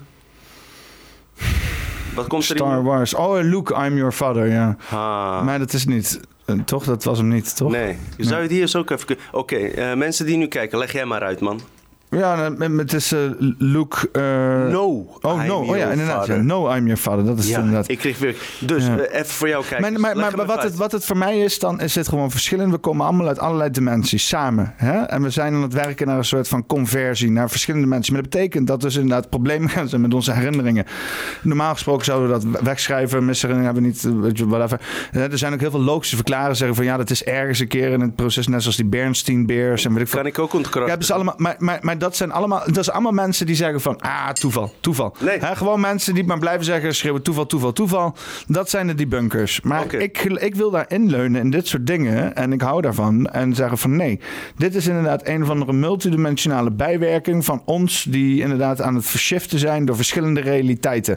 En dan krijg je soms rare shit die onlogisch is. Waar dit, Want dit slaat nergens op. Maar dit was schijnbaar nodig om plaats te maken voor een andere realiteit. Maar, maar zie je hoe vies het is dat er zo'n figuur is die dan zeg maar een nepper er er doet. Dit is een officiële video, mensen kunnen het uit hun fucking kast halen en alles. Maar hoor dit. Door wie wordt die stem van ehm, Darth Vader gedaan? Door die eh, donkere man, weet je, met die zware stem. Iets met Jones, toch? Ja, Of zo? je kan een video terugvinden. Hij is volgens mij in een show, ergens David Letterman, ik weet niet. Wordt hem gevraagd, kan je de scène naspelen? En hij zegt ook, Luke, I'm your father. Ja, man. Ja. Dat kun je gewoon terugzien hier. Ja. Wat ik voorstel, is misschien... Jezus, zie je hoe dominant die... Ersan, je hebt gelijk, man. ik, ik voelde eigenlijk pissen, dus ik dacht... Ik, Zelfactualisatie. Oké, ik wilde eigenlijk pissen en aan jou vragen of je een beetje dis- eh, dit, dit kan overnemen, zeg maar. Misschien om een video te laten zien. En ik wil terugkomen op de denker, hè. Want Ja, daar- ik ga hem overnemen op CERN. Maar want het- we gaan over nee, op CERN. Luister, vriend. We Sorry. gaan over op CERN. Want er Ik zijn nieuwe toch- ontwikkelingen bij CERN, hè? Maar ik moest toch die Mandela-effect van, Mart- eh, van, van Marcel Messing laten zien? Want die denker toch? Jongen, jongen, jij bent vergeetachtig. Daar ging het toch om, gozer. Maar Daar waren we toch al lang. We, hadden toch al, we, we hebben al fucking nee, 10 minuten lang Marcel nee. Messing zitten kijken, maat. Luister, vriend. Ga naar je 40ste minuut. Je hebt de denker net gezien. Ja. En Marcel Messing, Martijn Verstappen. Marcel. Ja. Ja, ja, ja. Maar, Jongen, jongen, jongen. Maakt niet uit. maar, maar, zit hij? ook? Die doet het goed. Ik, hij heeft zijn fucking sok uitgetrokken. Je, je had gelijk, hij is gay, man. Zie je dat aan mijn voeten? Waar heb ik inderdaad Ja, fuck? Heb ik, als het dicht bij mij zit, wel ja. ik heb volgens mij de aflevering ook gewoon weggeklikt ook nog. Oké, gozer, ga terug naar die aflevering. Ga naar 40ste minuut. Ik heb die shit voorbereid voor jou, zodat je kijkers kunnen trekken, man. Kijkers trekken met ehm eh, Marcel Ga Messing. naar 40ste minuut. Kijk wat er gebeurt. Oké, 40ste minuut. Marcel, Eh, Marcel heeft het op een gegeven moment over die denker die we net hebben laten zien. En kijk wat Marcel doe- doet. Dus onthecht je, maak je los aan alle boeien die je gevangen nemen. Als je het hart noemt, ja, je kent, je kent dat onderzoek van de Princeton University ook hè, naar 9-11, dan blijkt het hart 40.000 keer een sterkere uitstraling te hebben dan het hoofd. Nou, vanmorgen maakten we een grapje. Ik zeg, als je eh, ziet hoe Le, Le Penseur wordt uitgebeeld, altijd zo. Hier, kijk zijn hoofd. Kijk zijn eh, dit ding. Huh? Heb ik een punchline hier of niet? Ik ga pissen, man. Nee, maar ik geloof... Ga maar met ik- kijkers bespreken. ik- ik- kijk zijn hoofd, kijk hoe hij kijkt. Kijk hoe, hoe hij kijkt. Ja. Ja. ja, ik geloof die sowieso al, weet je wel. Je hoeft niet zo eh, aan te dringen op jouw overtuiging, hoor. Daar zit hij met DNA van Genghis Khan. Eh, ja, dus eh, wat ik wil doen is dan maar even gaan naar het kopje CERN. Hè? Hè? Wil je even meekijken met mijn notities? Kijk dan hoe mooi ik dat doe zo. Hè? Mooi kladblok. Staat op elke Windows computer. Georgia Guidestones. Shinzo Abe. The assassination of the Japanese prime minister deze week. Sri Lanka. Hunter Biden. Allemaal vet, allemaal vet shit gebeurd, jongen. Het is echt, het is nog beter toen Trump president was. Het is echt werkelijk waar ongefucking lovelijk. Mensen eh, omschrijven het als slechte tijden. En ik denk, ik weet niet, volgens mij zolang je nog gewoon eh, lekker kan chillen eh, en whatever, dan is het allemaal prima toch? Het is alleen maar popcorn erbij pakken. En laat alsjeblieft je er niet door vergallen. All right, so it's been nearly a week since the CERN particle accelerator was turned back on. So far, no new paranormal phenomenons. I did some research this morning and I don't really understand what it is either, but the experiment is making some nervous that it could create a cosmic black hole. Ariane Daytil verifies what we know about the particle experiment. Could turning on this machine create a black hole? This is the Large Hadron Collider, one of the largest particle accelerators in the world. Nou ja, wat, wat ik hiermee even, even in ieder geval wil zeggen is dat er dus inderdaad shit bij CERN weer geactiveerd is. En hij, hij opent grappig met eh, so far no paranormal activity, weet je wel. Ze weten wel wat voor geruchten er rondgaan. Alsof de officiële persoutlet zou zeggen: Oh ja, nee, we hebben inderdaad een eh, gat gecreëerd naar een andere dimensie. Misschien eh, moeten we ticketprijs gaan vragen of zo. Dat is wel lucratief. Eh, ik weet dat ik fucking het gat naar de andere dimensie wil zien, maat. Ik heb daar wel een paar honderdduizend euro voor over, zeg maar. Nou ja, ja. En dan, dat is leuk dan dat ik het ervoor over heb. Want ik, ik heb helemaal geen honderdduizend euro.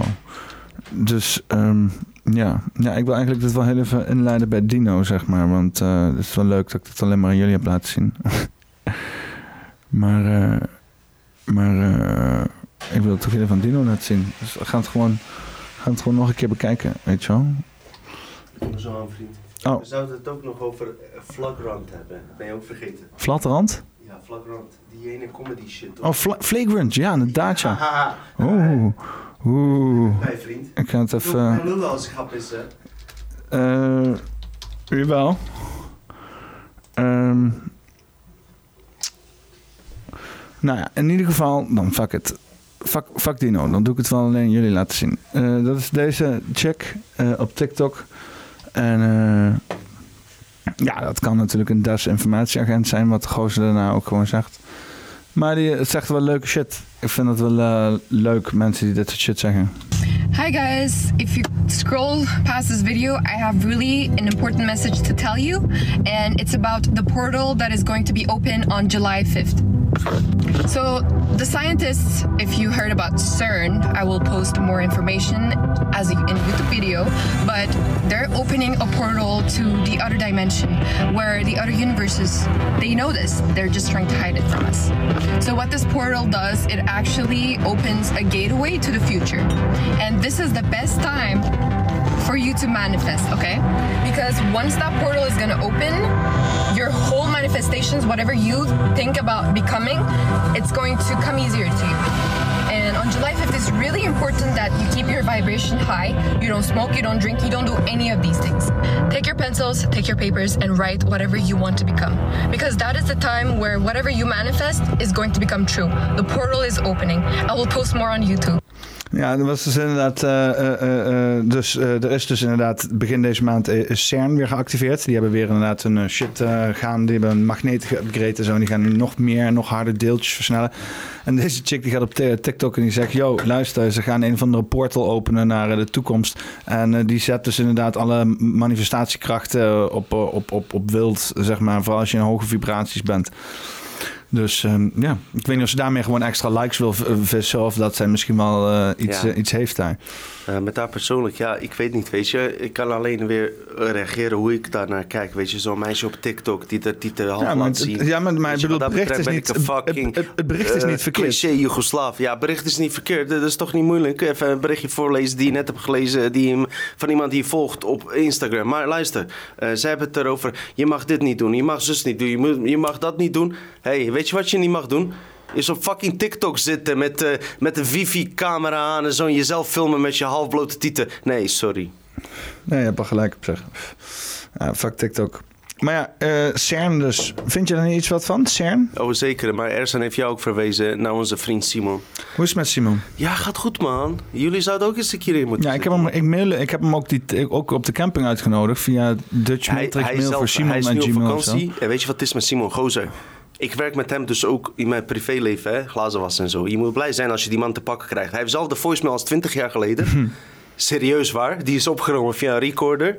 En die hoor je dan. En die kan ik bijna naspelen uit mijn hoofd. Iedereen weet het. Simon heeft scheid aan die telefoons en ik ben jaloers op hem. Hij doet dat goed, man. Simon, mail me at peter.poppenkast.com. Simon, jij moet hier komen, man. Kan je even eh, een goed, goed gesprek eh, houden, man, over alles. Ik weet zeker even- dat je het leuk vindt. gaan we het maar nee, nee, nee, nee. Maar ehm, Flagrant. over Simon gesproken, ja, ik ben daar jaloers op. Hij heeft totaal scheid.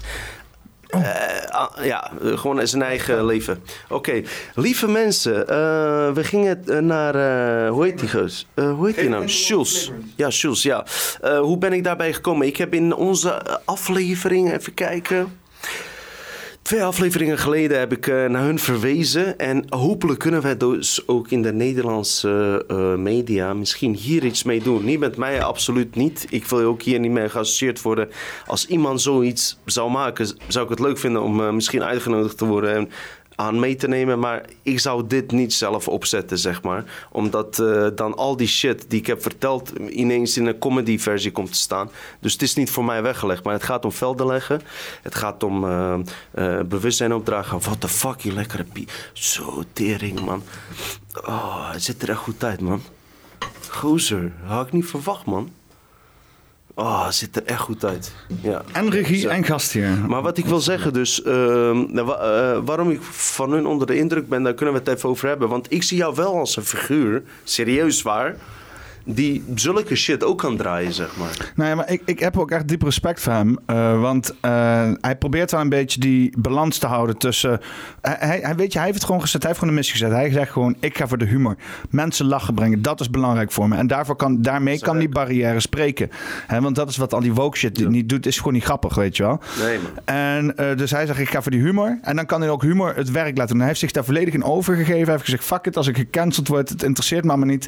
En dat, dat heeft hem beloond. Hij heeft, zonder angst heeft hij, is hij die, die comedy scene ingestapt. En dat is, ja, is een voorbeeld. Gewoon Eh, geniaal. wat en niet alles is grappig, weet je wel. Het is voor Nou, alle mensen, maar... Weet je wat het probleem is? Ik lach niet zo snel. Toen ik deze motherfucker aan het ontdekken, toevallig omdat Joe Rogan bij hem eh, te gast was. Ik, heb hem ook, ik ken hem dus ook sinds kort. Ehm, er is wel iets, dat moeten we allemaal toegeven. Ik zie mezelf ook als een eh, Nederlandse bewoner. Mag dat of niet? Wat? Een Nederlandse Ben je bewoner? mij ook een Nederlander of niet? Ja. Maak ik deel uit? Dank Het is... Ik, Michael Jackson literally... Oh, oh, Oh, oh, oh, in één keer. Andrew Schultz erheen. Nee, nee, nee, het is weer Nee, ja, voor- vooral als je het hier ziet, want ik ben, dat kan ook natuurlijk aan de camera liggen zo, maar jij bent zo zo bruin als ik, nee. Nee, maar wat ik wil zeggen, ehm, eh, dus als ik zeg wij, eh, sommige mensen zouden eh, associëren met Joegoslaven. Wat, wat mijn kern in de matrix is, serieus waar, tuurlijk, eh, Bosnië en Joegoslavië, is mijn shit. Eh, dat hoort bij deze lichaamsopbouw. Uiteindelijk zijn we allemaal één in bullshit en alles, maar tuurlijk. Wat ik alleen wil zeggen, eh, wij in Nederland dus, ehm, het lijkt eh, erop dat we niet genoeg karakters hebben. Oké, je hebt Jan Roos van Roddelpraat. Mhm. Ken je alles van vinden en zo. Hij wel die karakter. Ken je alles van vinden. Verder zijn er geen figuren, weet je, die zoiets in elkaar kunnen zetten. En die Amerikanen, dat zit een beetje in hun DNA. En hoe hij dat in elkaar zet, het is ook fucking goed. Het is entertainment.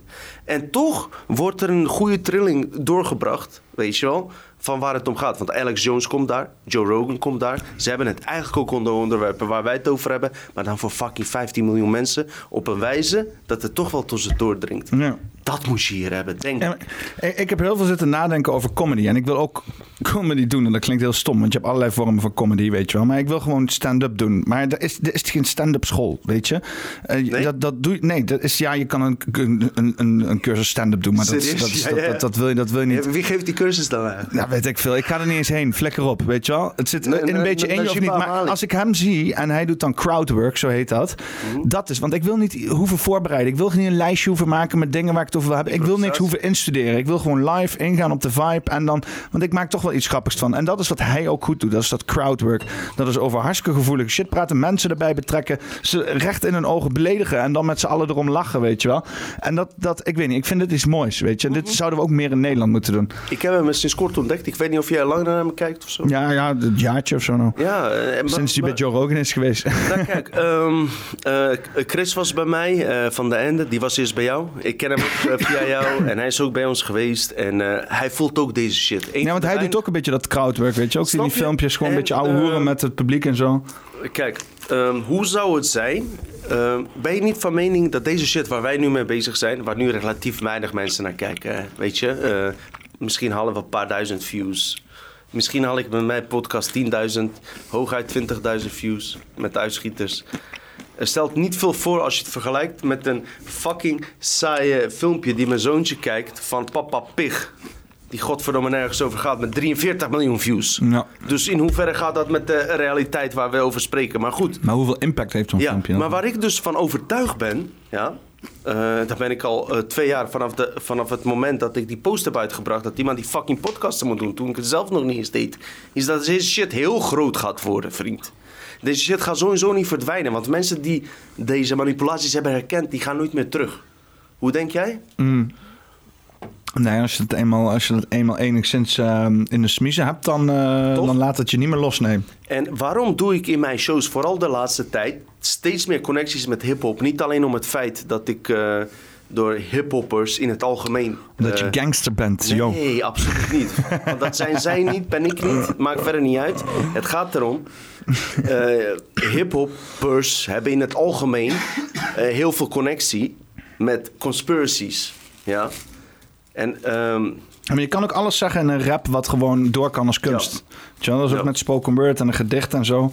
Eh, het is een duidelijke context van, van creatie en niet overtuiging, weet je wel. Zo van, dit moet eruit. En dat is hip-hop ook. En dan ook nog op een vette beat. Maar het punt dat ik wilde dus je kan maken- nooit zeggen van, yo man, hij probeerde het land te veroveren met zijn hip-hop beat, weet je wel. Nee. Dat is, Maar het punt wat ik wilde maken, want ik merk nu wel, nadat ik vijf van die, deze glaasjes op heb, dat ik eh, niet zo eh, scherp ben. Maar nog niet pizza. verder. hey, het is godverdomme vakantie, wat is je te zeiken? word je scherper van, van ik de pizza? Ja, zeker. uit. niet je Maar wat ik, wat ik wilde zeggen, oh hij is nog heel heet. Ja, fucking hip-hop, ik kan me goed herinneren, luister vriend, eh, hip-hop, 1996. Als jij hip-hop luisterde, ja, was je een fucking outsider, werd je uitgelachen, ja. Eh, vriendjes kwamen met hardcore muziek, wat ik trouwens ook respecteer en alles. Wat is dat hip-hop? Fuck dit, fuck dat. Ze lachten je vierkant uit. Oké, wat hip, gebeurt hip, er? hip-hop en hardcore Ze- zijn ook eh, eh, goed getrouwd met elkaar. Uiteindelijk zijn ze getrouwd, ja, oké. Uiteindelijk. Werden in, in, in vroege hardcore beats werd ook gewoon, gewoon Biggie Smalls en Tupac gebruikt en shit en zo. Ehm, I'm hardcore to the bone. Ken je dat een stukje?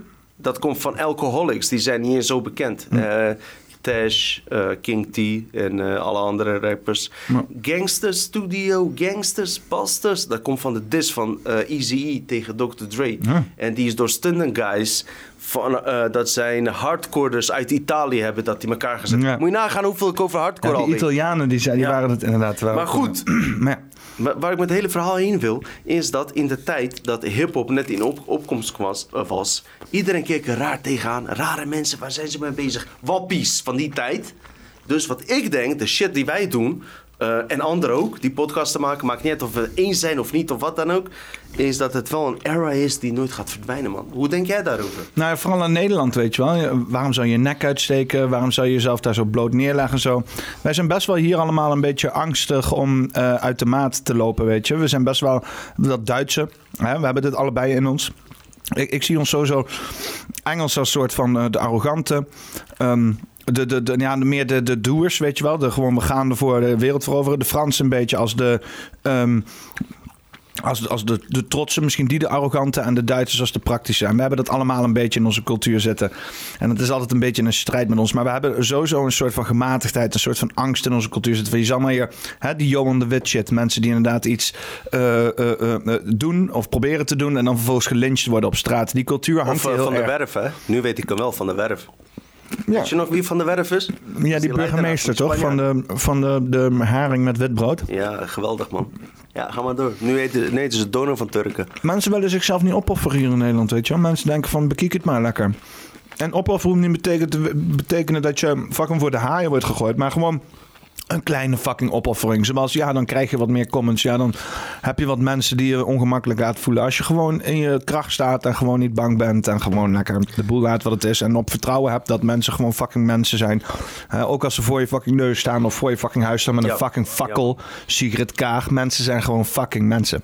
Nou, ik vind het sowieso tof. Ik ben hier in deze... En wat de hel, als ik neergestoken word. Hè? Ik bedoel, hey, eh, Peter R. de Vries. Het gebeurt gewoon op straat als je gewoon nergens op let. Als ik neergestoken word, prima. Weet je wel? Het is niet een last voor mij. Het is een last voor de mensen die je achterlaat. En die worden alleen nog maar nog radicaler. Dus ik weet niet wat je wil bereiken om er mij neer te steken. Maar neem pizza, jongen. Hij is min, hij is Ik ga hem zeker nemen, gozer. Hij smaakt lekker. Ik heb net al eentje op, maar wat je ook zegt. En Ersan maakte wel een gra- grapje erover eh, vorige keer. Ik moest er wel keihard om lachen. Van, eh, is het toch omgekeerde wereld, weet je? Dat een Turk, respectievelijk is mijn vriend, maakt verder niet uit, naar een ghettowijk gaat en op zoek gaat naar een Nederlander. Weet je? Eh, maakt dat wat uit? Nee. Wat, wat- waarom zou dat moeten uitmaken? Misschien is het jouw eigen fucking fout. Of niet, dat je hier woont. Ik vind dat trouwens, die uitzicht die jij hebt... kunnen menige mensen eh, jaloers op worden. Maar hij zegt, ik ben 25 jaar uit de ghetto, ik kom terug. Snap je wat ik bedoel, hoe de wereld een beetje gedraaid is? Eh, 15 jaar geleden was dat bijna onmogelijk. Snap je? Snap je waar ik heen wil? Nee. Ik ook niet, man. Wie kwam in de ghetto terug? Ersan, toen die bij jou vorige keer op ja, ja, ja. eh, was. Toen zei hij ook, ik kom hier, ik voel me zelfs een beetje onveilig... omdat ik eh, al twintig jaar niet in de ghetto ben geweest. Ik zeg, wat is dat dan voor een omgedraaide wereld... dat een Turk bang is in een ghetto die een Nederlander opzoekt? Ja, inderdaad. Ja, ja, ja, ja. Maar moet dat wat uitmaken? Nee. Maar ja, de, ro- de rollen zijn omgedaan. Maar, maar dat is... De, de tijd, tijd gaat voorbij, weet je wel. Tijd gaat voorbij en shit verandert. Maar die shit die jij dus vertelt, neem ik dus wel serieuzer. Want jij, het kan zo gebeuren of wat dan ook. Ja, zeker. Zeker, man. Maar ja, weet je, het, het kan, het- er zijn zoveel. Dat is dus die manifestatiekracht. Jezelf ook in een plek houden waarbij je dat gewoon niet mogelijk acht. Dat je zegt van nee, ik leef hier gewoon. Hè, ik leef hier, dus deal er maar mee, weet je wel. Zeker. En dan kom je in het universum uit waar jij ook leeft, zeg maar. En het hangt ook een beetje om de mensen om je heen. Hè? Want de andere mensen om je heen manifesteren ook. Maar ja, in theorie zou jij, zouden andere mensen om jou heen in een universum kunnen komen waar je niet leeft en jij wel. Hè? Dat- Dus dat zouden bijvoorbeeld situaties kunnen zijn waarbij familie detached is van elkaar. Van verschillende realiteiten en dat soort zaken. Daarom is communicatie dus ook belangrijk. Ook al haat je je fucking ouders op het bot, blijf fucking communiceren met elkaar. Wauw, wauw. Je brengt me ook meteen tot het punt. En eh, sorry dat ik het aanhaal, weet je, op Martijn Verstaveren.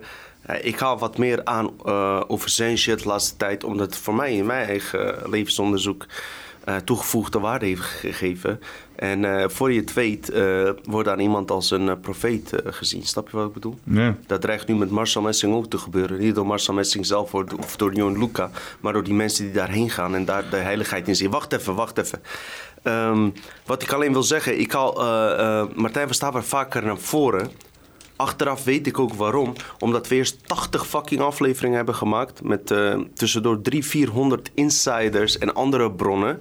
Waardoor ik over hem kan praten zonder dat er een messias eh, energie achter zit. Ja. En daarom ben ik meer hierover gaan praten. Dus hou me even vast wat je wil vertellen. Waar ik dus mee bezig ben en wat hij vertelt, dat- want hij heeft mijn eh, geloofssysteem ook constant onderuit gehaald. Hè? Shit waar ik in geloofde, vertelt hij ook. Ik denk van fuck, dacht ik zo. Dus wat hij vertelt, en dat is echt sleutelpunt waar ik nu mee bezig ben om dat te leren. Hij zegt, kwantumfysica zegt, hetgene wat een goddelijk wezen, dus een mens observeert, Hmm. brengt het in beweging. En die bepaalt waar het, he- waar het naartoe gaat. Maar wat het dus ook betekent is, als wij collectief een slecht beeld hebben over bijvoorbeeld Mark Rutte. Oh, sorry man. Hier zie je allemaal programma's gaan er weer. Zijn we, zijn we goed op beeld? Nee. Bijvoorbeeld Mark Rutte. Wat er in zijn neurologisch brein gebeurt, is die collectieve negativiteit wordt in hem gepompt en heeft effect op hem. Ja. Terwijl hij zegt, zelfs in Hugo de Jonge, weet je, en eh, dit is geen controlled opposition praat, want hij vertelt andere dingen die duizend keer hardcore zijn dan welke complot. Ook zelfs Dutch Matrix, hij gaat alles te boven. Wie Hugo? Nee, Martijn Verstaveren. Oh, oh, oké. maar hij zegt alleen, kijk naar de menselijkheid die nog in die persoon zit. En als je die kan herkennen en dat collectief kan inzien, zal zelfs het gedrag in de hologram van jou, van die persoon veranderen. En dat is fucking ziek. Dus wat hij zegt, sorry, alleen dit, wat er nu gebeurt. Eh Marcel Messing heeft het heel vaak over Elon Musk en David Icke. En ik heb het daar ook over gehad en alles. Maar de vraag die je moet stellen is ten eerste... is Elon Musk onze eh, eerstvolgende eh, vijand die we moeten inzien? Is hij niet een poppetje die Hive Mind bijvoorbeeld overschaduwt? Terwijl Marcel Messing, respectievelijk, waar ik veel respect voor heb...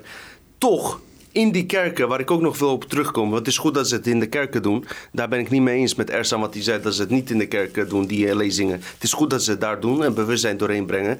Maar als je dan vertelt, gezamenlijk... dat Elon Musk de bad guy is... gaat die kwantumfysica richting Elon Musk. Marcel Messing is gewoon oud en een boomer. Nou, ik- En hij is gewoon, hij is wijs, maar hij is gelimiteerd aan, hij is een mens. Hij is gelimiteerd. Hij is zeg maar een soort van door alles wat hij weet heen gegaan en hij is oud.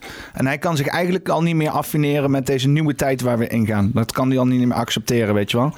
Want ik zie, ik ben jong, ik ben ervoor opgeleid. Ik zie potentie in deze digitale wereld. Niet als zeg maar basis voor het leven, dat absoluut niet.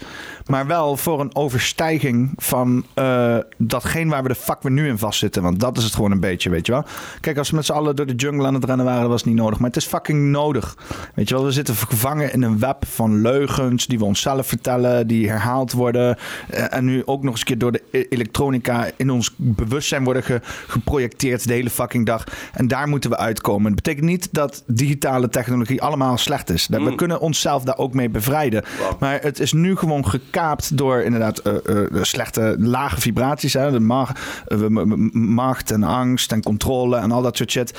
Want ook, ook een Zuckerberg en al dat soort dingen zijn ook, ook al is het hard echt heel moeilijk te zien aan die gozer. Maar ik wil nog wel een soort van hè, in een thema van als je de mensen die het erg zijn nog menselijk kan zien. Probeer fucking Mark Zuckerberg maar als een mens te zien. Die, go- die gozer die is pas fucking geprogrammeerd. Maar dus zeg ik, hij is gewoon heftig ge- volgens mij over een door lage vibraties ge- gecompenseerd, bezeten. De hele fucking shebang. Die gozer die heeft een exorcisme, een DMT-trip en een fucking eh, eh, spirituele begeleiding in één nodig om een beetje op pad te komen om weer een normaal mens te worden. Maar eh, zijn bijdrage, hij is ook nodig voor het grote spel, weet je wel. Zijn bijdrage om de hele shit uit de hand te laten lopen, zodat iedereen het kan zien voor wat het is en dan vervolgens iets te creëren waar we met z'n allen eh, profijt van hebben. Dat proces, ik geloof erin. Er moet eerst iets komen wat gewoon walgelijk is, waar we met z'n allen van walgen. Waar mensen zeggen van dat is walgelijk en het moet opzichtig zijn.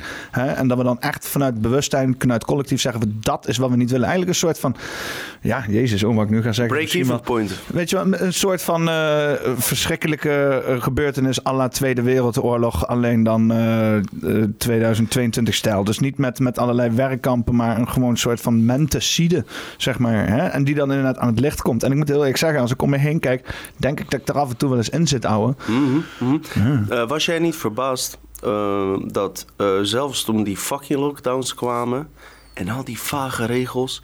En waar ik daar op let is gewoon mensen hoe ze zich gedragen, weet je. Kijk, vak kabinet wat zij opstellen.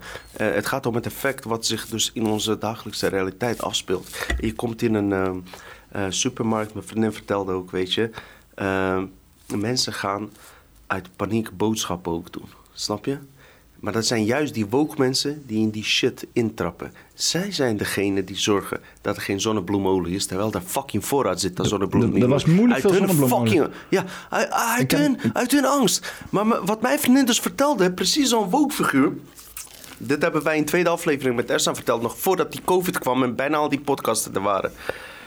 Zij zegt, Dino, luister, ik ga gewoon boodschappen doen. Oude meneer, weet je, wil gewoon even, weet je, die loopt al moeilijk. Die wil wat pakken. En daar komt precies zo'n angstig figuur, ja, die zich aan alle regels houdt, maar vooral aan zichzelf denkt. Die haalt gewoon alle fucking boodschappen weg voor die oude man. Nou, paniek kopen. Mijn vriendin, weet je, daarom ben ik trots op haar. Die is para, snap je? Die pakt die mensen gewoon aan en gelijk heb ze. Ja. Ja, maar dat is een hele praktische uitwerking van zo'n self-fulfilling prophecy. Van iemand die angstig is en dan vervolgens zijn eigen angst bevestigt door precies dat te doen waar hij bang voor was. Dan gaat hij net alle toilet pak- eh, pakken en dan is er geen toiletpapier. En dan zegt hij tegen zichzelf, "Oh, er is geen toiletpapier, zie nog wel, maar goed dat ik alles heb gepakt. Het is gewoon het bevestigen van je eigen angsten, wat je zelf hebt veroorzaakt. Ja, waarom toiletpapier? Godverdomme, is dat datgene? dat begrijp ik niet. Toiletpapier. En, en vervolgens wat je krijgt is dat mensen in programma's worden ingeleid. Dus spirituele programma's zeggen... Goed hè, dat we allemaal vlaggetjes hebben eh, neergehangen voor eh, de zorg. Voor mij is het gewoon een mind control fucking vlag. Ja, wie heeft er nou wat aan? Fuck die Als jij er niet mee eens bent... Die, die sfeer hangt er. eh, het is zo lief wat wij doen. Als jij er niet mee eens bent, ben jij die bad guy, weet je? Nooit iemand in de geschiedenis der mensheid heeft ooit echt iets praktisch gehad aan een vlag. Ik wilde een keer aflevering maken over. En misschien kunnen we even dat doen. Moet je eens kijken, als je op Google intypt, in hoeveel vlaggen eh draconiërs zitten afgebeeld. Dus eh, typ maar iets in Google. Hoeveel alleen. alleen maar- Draconiërs? ja, gewoon eh, in, in vlaggen. Draco's in vlaggen. Of iets. Ja, in flags, ja. Moet je eens kijken. In hoeveel vlaggen draconiërs zitten afgebeeld. Oké. Ehm, eh, je bedoelt... ehm, Oké, ga eens even naar vlag. Hier. eh, Oké, eh, misschien moet je gewoon naar vlag in het algemeen gaan. Flags. Dus een vlag van Schotland. hmm. Oh, no, nee, nee. Nou, kom maar. Doe even, even, even tools. Size. Large. Ben je groot? Ben je een groot plaatje? Kom maar, kom maar, groot plaatje. Eens even kijken. Laten we die shit ook even behandelen, man. Oké. Hupsakee. Eh nou, daar kunnen we wel iets mee, denk ik. Maar waar zitten die draconiërs? Afghanistan? Albanië? Sowieso, eh, Albanië? zie je zo tempeliers hier? Hier zie je tempeliers. Hier, tempeliersvlag. Engeland. eh, is dat Engeland? Hier. Hup. En Zwitserland. Hier, tempeliers. Hup. Ook tempeliers. Uh, Oké. Maar waar zitten die Draco dan? Oké, wacht even. Typ maar in de Google. Typ maar in de Google. Jongen. Zoveel vlaggen. Ja, maar Ik dat voel me is... echt eh, Alex Jones bij die flag, eh, flagrant. hey, Barbados? Dit is dat lijkt wel dat eh, logo van, van Oekraïne. Zie je dat? Die Trident. Ik, ik zat vandaag eens te kijken dat dus inderdaad het eh, christelijke geloof en de mijten van de paus verwijst naar een soort van vissengod. Waar al heel lang naar verwezen wordt. Daarom zit het ook in het tijdperk van de vissen, het christelijke geloof. Oh ja, ja. ja. Dat was een of bij andere... New Age, New Age verhaal, man. Ja, ja. Ja. Oké, ehm, Draco's in vlaggen. Oké. Ehm, hoe, hoe zeg je... eh, even kijken. Dragon Flags. Oké, bam. Hier is die. Dan kreeg je meteen die Aziatische bloedlijn in set. Mensen denken, oh, Tino wist het niet. Kijk maar wat Peter nu tevoorschijn heeft. Dragon Flags. Dat is dit. Of Dragon Faggots. Faggots. Ja, als dat niet lukt... Weet je wat ik ga doen? Ik ga het op Yandex zoeken. Even kijken of dat... eh, Wat? Natnek? Yandex. Oh. Ehm, Draco Flags. Oké. Eh, National Flex. Doe eens, doe eens Draco National Flex. Oh, hier, Wales. Hier, hier, hier. Is dat vaag? Ja, dus, dus, dus Wales, toch? Huh? Hoe vind je die dan? Die Draco komt zwaar in je kontje hoor. Nee, maar dat eh draakachtige shizzle een mythologische cultuur heeft, dat, is, dat mag duidelijk zijn. eh. Ik wilde alleen vertellen dat, die, eh, dat er heel veel verwijzingen daarnaar zijn. Oké, we gaan verder man. Vertel maar gozer. Ja, moet ik een nieuwe, nieuwe onderwerp eh, waar we het over Elon Musk nog hebben. Flagrant. Oh nee, Flagrant. Flagrant wel. Flagrant shit. Oh. Zo, wat zijn wij afgeweken zeg. Maar je hebt je brief Christus. uitgelezen mooi hè? Ehm, maar hey, hey, even serieus. Wat heeft die brief werkelijk nu, op dit moment, heb je er wat aan gehad? Ehm, ja. Ja? Nieuwe tand? nee, grapje. Nee, serieus. Eh, anders begin je er niet over. Het heeft effect op je gehad, gozer. Nee, ik ben onder de indruk van wat zij daar heeft Nou, neergeschreven. anders had je niet gezegd. Respect. Ik wil alleen zeggen dat het goed is. En wat, eh, de inhoud vond ik interessant. Dan ben ik heel kritisch altijd op shit. Maar ik vond de inhoud interessant. Oké. Waarom ben ik, eh, ben ik helemaal weg van... ehm, van... ehm, Ik weet dat je me nu stiekem ook op beeld hebt, hè? Voor die rare momenten. ik stiekem me zo in, in mijn neus... eh, Luister, zal- lu- luister, luistershot of peutershots inderdaad, ja, wat jij wil. Gozer, ik haal alles in de gaten. hoor. maar je hebt een uitzicht hier, gozer. Wauw. Duitsland is hier in de Frankfurt is maar 140 kilometer, gozer. is maar eh, anderhalf uur in je broek. Ik, ik, ik kan vanaf hier eh, Kleven zien en zo. Ik kan gewoon Duitsland zien aan de achterkant. Geweldig, man. Eh, ja, hier. Squid Game is Look at this little diverse group here. Are you all together, all three of you? Got an Asian girl, white guy, black dude, like a fucking college brochure.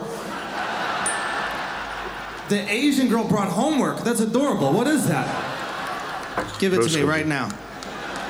Roast me, it's my Ik heb het hele birthday. shit al leeg God, look at...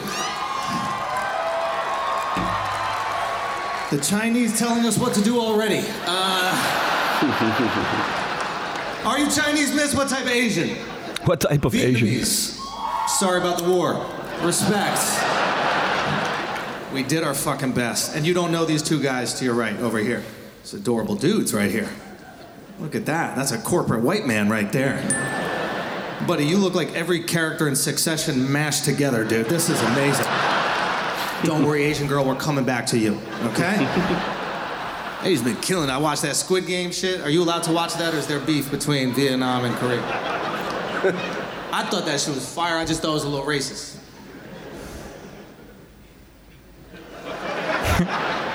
Y'all didn't think it was racist? Half the Asians die because they can't stop at a red light? You don't think that's a little bit? the rule to the first game is hey guys, all you gotta do is stop when the light is red. The look of horror on 500 Koreans' faces when they realize they never done that in their whole fucking life. How do you stop at the red light? How do you do it? They was using teamwork to stop at a red light. Bro, I put my money on that Pakistani kid so fucking fast, bro. You know he been driving Uber since he's 14. He not playing around. He's stopping some fucking red lights. And this is your friend over here, the black guy? Okay. That's what, why you Ja, laughing? dat durft hij wel. You have to have one. Those are the rules these days, right? What's your name, buddy? Hij is dezelfde grap die ik TQ. vertelde, man. Okay.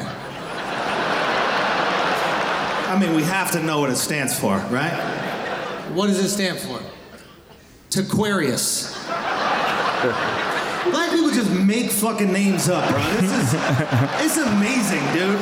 That's why I wasn't shocked when that black girl won the spelling bee. It's like spell your fucking names. That's difficult enough. You got apostrophes, fucking exclamation points in there.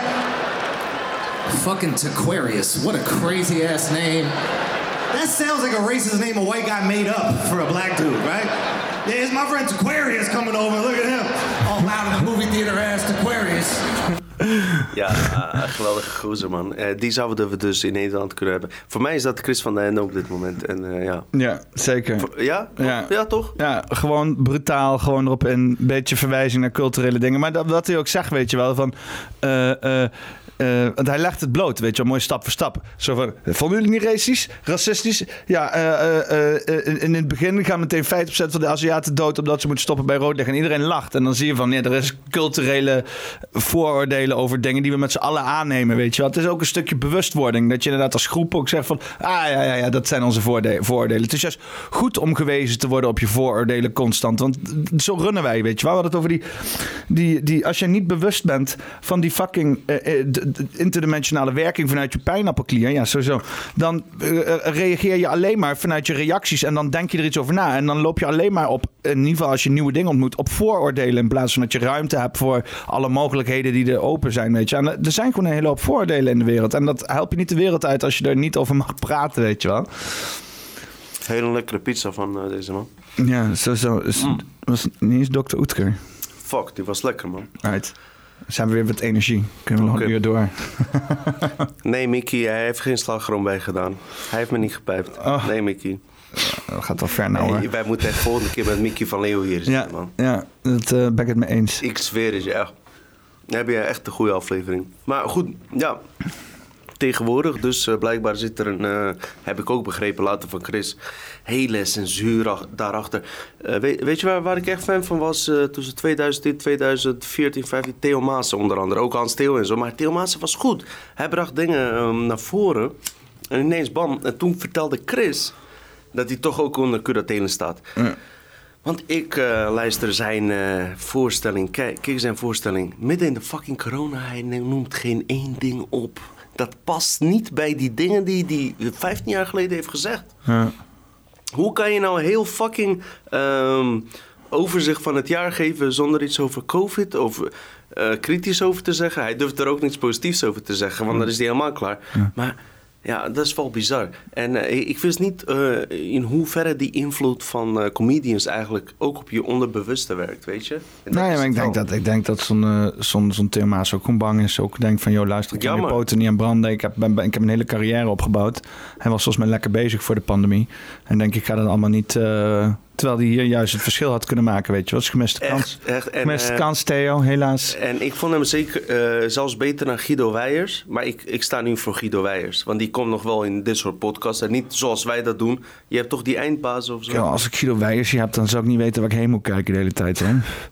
Ik vind hem wel goed, want uh, hij, uh, tenminste, jij vindt hem ook goed, weet ik. Ja, ik hou maar, sowieso van humor. Dus nee, maar die gast, die gast vertelde al over uh, Palestina, Israël, shit en zo al jaren geleden. Jaren voor deze. Ik herkende dat erin terug.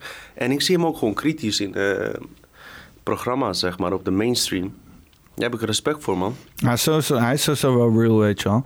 Het is sowieso al iets dat je fucking schil met je bak uh, in de media gaat. Dat is, al, dat is al een hele overwinning. Dan ben je al in mijn optiek verlicht gewoon. Zo, maar, maar uh, uh, over dat verlicht kom ik zo op terug. Maar zelfverzekerdheid, ja.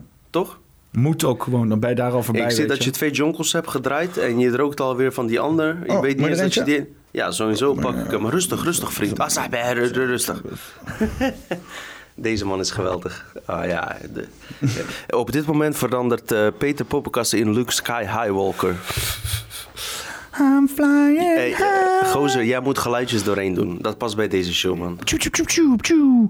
Jij bent toch die geluidsman, man? Doe die shit doorheen, man. Ik doe het ook toch. Ik ga klaar jij zitten voor dat, de rit. Jij kan dat veel beter doen, man. En jij, hebt die opleiding gedaan en shit. Ik had laatst met een maat hierover. En heb je, je hebt zeg maar voor uh, eh, OBS heb je zo'n apparaatje en die kan je aansluiten. Die had uh, de poppenkast ook van Weltschmerz. En die kan je dan inderdaad allemaal dingetjes voorprogrammeren. Maar het moet niet hier een of andere fucking WPSX radio worden, weet je wel. Dat is This is WXP Radio. and we're gonna rock your world. The baby and the wild man. Now we're gonna listen to some rock, rock music, all that rock, rock music. Before that, in the night show, Bob Lazar with his newest, uh, hoe zeg je? Uh, experience uh, from the Area 51. Uh, his first name was Danny. Uh, hoe, hoe is het met die Bob Lazar? Wanneer heb je die shit ontdekt dan eigenlijk? Ja, ook Joe hoe zit het met UFO's, man? UFO's. Oh, nog wat, mag ik even tussendoor zeggen. Um, tussen Dutch Matrix in doe ik toch ook eh, solo-afleveringen, meestal UFO gerelateerd. En daar gaat het eigenlijk ook over. Ja. Ben ik ook op verwezen van ja, wanneer doe je het in je eentje en alles. Dus eh, bij deze, eh, hoe denk jij over UFO's, man? Nou, ik ben helemaal in die eh, Stephen Greer shit, zeg maar. Wauw, ja, interessant, Ja. man. Heb je dan ook, eh, iedereen heeft het over de Acknowledged, maar heb je dan ook die Serious documentaire gekeken met Emery Smith? Dank het niet. Oh, vriend. Dat is eigenlijk de shit. Hoe vind je deze? Ik ontdek Emery Smith eh, een paar jaar geleden. En weet je, bij die insiders, ze hebben allemaal mooie verhalen en ze zijn zo fucking goed. Maar in jouw eigen brein is er toch nog zoiets van: laat even een keer wat zien. Toch? Heb je dat ook? Die eh, fenomenen bedoel je? Ja, laat even bewijs zien van wat je hebt eh, meegemaakt. Nou ja, wat ik, want door de hele Stephen Greer ben ik dus op een gegeven moment, en dat dacht ik al. Ik dacht al van, ja, misschien zijn dat helemaal geen fysieke fenomenen die we hebben. Want we proberen het allemaal zo van, oh, het is een rondje, het is een vierkantje, het is, het is glimmend, het is iets. Maar ik dacht van, als het nou gewoon vijfdimensionale fenomenen zijn, dingen die wij inderdaad uit andere dimensies weten eh, te manifesteren. En dat is dus iets, hè, net zoals dat je, ik heb het al eens eerder uitgelegd, iets wat vier of vijfdimensionaal is door de derde dimensie heen beweegt, dat maakt, dat is niet logisch. Hè, zoals er een mier loopt op een, op een oppervlakte en wij gaan met onze driedimensionale ding er doorheen. Die mier die weet niet wat de fuck onder en boven is. Er komt iets uit het niets en iets uit het... Weet je wel? Dus dat is ook wat we zien. We zien iets waar we gewoon nog niet genoeg informatie over hebben... wat de fuck we naar aan het kijken zijn, zeg maar. En dus kunnen we de hele tijd met z'n allen dat proberen te weergeven en zo... Maar die Steven Greer laat ons mooi Ja. zien in die document, eh, document, doc- doc- documentaire. Eh, Five Grind of zo, Encount- Fi- en- Close Encounters with the Fifth Kind. Goed zo. En eh, die laten dus daar zien dat je dus inderdaad een, juist een spirituele connectie kan maken met, hè, door dus inderdaad meditatie met deze wezens en dat ze dan verschijnen. Hè. Ze proberen ons inderdaad, of nou, ze proberen ons, want dat is, is dat driedimensionale denken, het of de, de, de, de, de, de laag die erachter zit, En ze die probeert wat foto's. dichterbij te komen. Zeg Kan je die foto's laten zien? Eh, ik, ik wil je alleen helpen hoe mooi je verhaal is. Eh, kan je misschien op Google even laten zien? Stephen Greer UFO Pictures. Om datgene wat jij net hebt verteld, want het is opgenomen. En dat, dat, dat lijkt me ook sterk om even bij te vermelden. Sorry dat ik, de- eh, dat ik een dictator ben. Ik heb namelijk DNA van Genghis Khan over, geërfd, weet je. Denk je, want zijn... Jij weet ook niet wat je bent. Nee, ja, maar ik denk, ik denk dat het gewoon hopeloos is. Want er zijn gewoon... Ja, Nee, de- wacht even, wacht even. Wat, van die alien, kleine Oké, alien? oké. Emery Smith, luister dit. Hoor dit, hoor dit. Eh, Oké.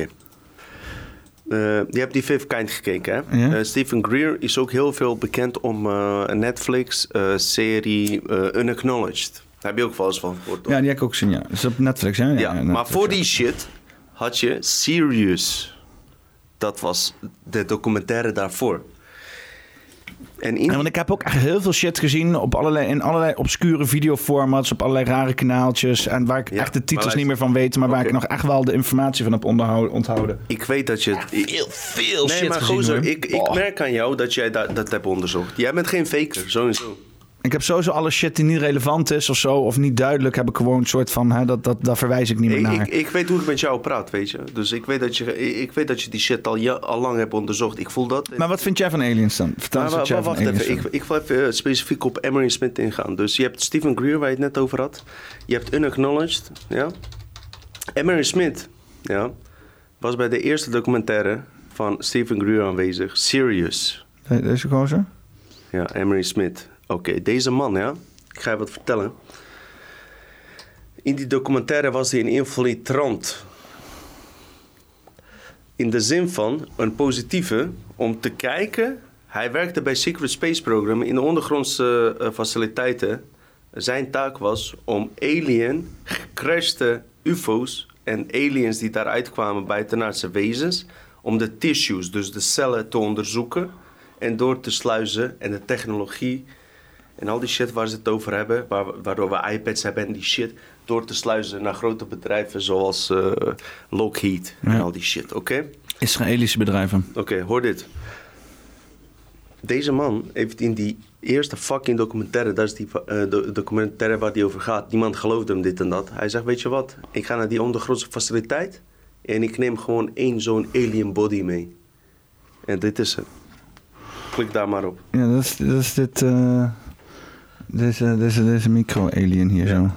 Hij is misschien 10 centimeter lang. Ja. In stijve vorm. Maar kan het niet gewoon eh, 3D geprint zijn of zo? Daar moet je die documentaire kijken. Ze zijn naar Spanje gegaan. Ze hebben al die shit onderzocht. Weet je wat, weet je wat de mainstream wet- wetenschap zei? Dit is een misvormd kind. Ja. Oh, ja, ja, ja. Maar, maar. Want ze konden het niet ontkennen dat het niet echt was. Ja? Want volgens DNA is het real shit. Hoe kan een misvormd kind eh, tanden hebben? eh, volgroeide ribben? Nee, maar dit, dit is natuurlijk. shit. hoef, je, dit hoef je ook helemaal niet. Dit, valt allemaal weer onder het kopje van. Ah, dat is toeval. Ja. Dat heb je sowieso in de archeologie, archeologie heb je dat heel veel. Heb je allerlei dingen die opgegraven worden en waarbij iedereen de initiële reactie heeft van ah, ja, dat is toeval. Hierover kan ik je vertellen uit mijn onderzoek. Ik doe die shit echt grondig. Deze shit klopt. Deze shit is real. Oké? En Emery Smith zit in bij Gaia. Bij alle fucking... eh, hij is nu de echte grote ster geworden. Zelfs in de eh, complotwereld van misleiding soort van. Wil ik ook wel zeggen. Maar deze man heeft echt... Dit is de real one. En misschien zou je op... eh, ja, op Nee, ik wil even inhaken hierop, want ik vind het interessant wat je zegt namelijk. En dat is eh, ook die eh, CIA-infiltrant, weet je. En er was hier ook even, Joe Rogan was bij Lex Friedman op de po- podcast, dat is wel interessant. Eh, die gast met die pak dat die zei van het kan zijn dat iemand bij mij infiltrant is geweest. Ja, ja, die wil ik er even bij pakken. Helemaal geweldig. Mag ik So? Mm.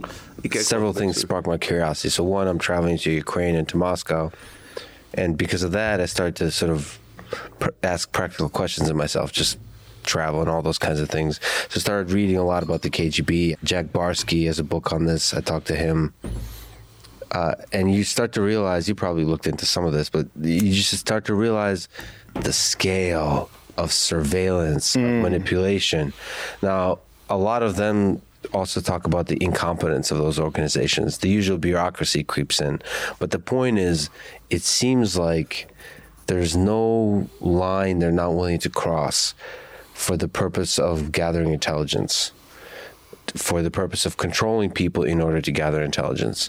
Now, this is MI6, FSB. Uh, th- there's not much information about the FSB or the GRU, but the KGB. So we're always like 20 years behind or more on the actual information. And so I started to wonder. So I have not officially been contacted by any intelligence agency, but I start to wonder. Well, did I? Is there somebody I know that's doing that? Undercover CIA or undercover FSB, undercover anything? You probably do. Have you asked yourself this question? Yeah, for sure. Yeah, people that have been on my podcast. Yeah, for sure. You think there was actual a guess that may have been? hundred percent. Oh man. I would imagine. Would you know? I have suspicions. Do you care? Is this? I mean, it depends on what they're attempting to do, right? Like, if I felt like there was some deception involved and they were trying to use the podcast to ma- manipulate uh, a narrative in a deceptive way to trick people into things, yeah, I would care. But this is exactly what. Those are the kind of things they do. They do plant narratives. Yeah. I mean, I would imagine if you have the number one podcast in the world, that people would want to infiltrate that. Yeah, there's probably meetings in all major intelligence agencies about okay, what are the large platforms? Mensen zeggen dat nu al wel eens. Op, op, op, eh, het, het grappige was dus een van die, een van die trollen die inderdaad zei van... Van nu al, weet je wel, fucking wat duizend abonnees, een paar duizend abonnees. Eh, eh, ja, de FBI die zit echt op je nek en zo. En ik denk van, dus, eh, hoe, hoe dan? Hoeveel mensen moet de FBI dan wel niet hebben, weet je wel? Ja. Maar ja, dit soort dingen. Want hij is dus de fucking grootste podcaster in de wereld. Dat is echt zo bizar, hè? Maar dat is, dat is ook mijn inspiratiebron, weet je wel. Die, die, die- je kan met zoiets droogs fucking groot worden, weet je. Als je gewoon loslaat en de tijd geeft. En eh, eh, eh, hij zegt er gewoon ook... En dit is ook dat mooie, dat hij dat echt het open staat. En van whatever the fuck, weet je wel. En ook wat jij zei over...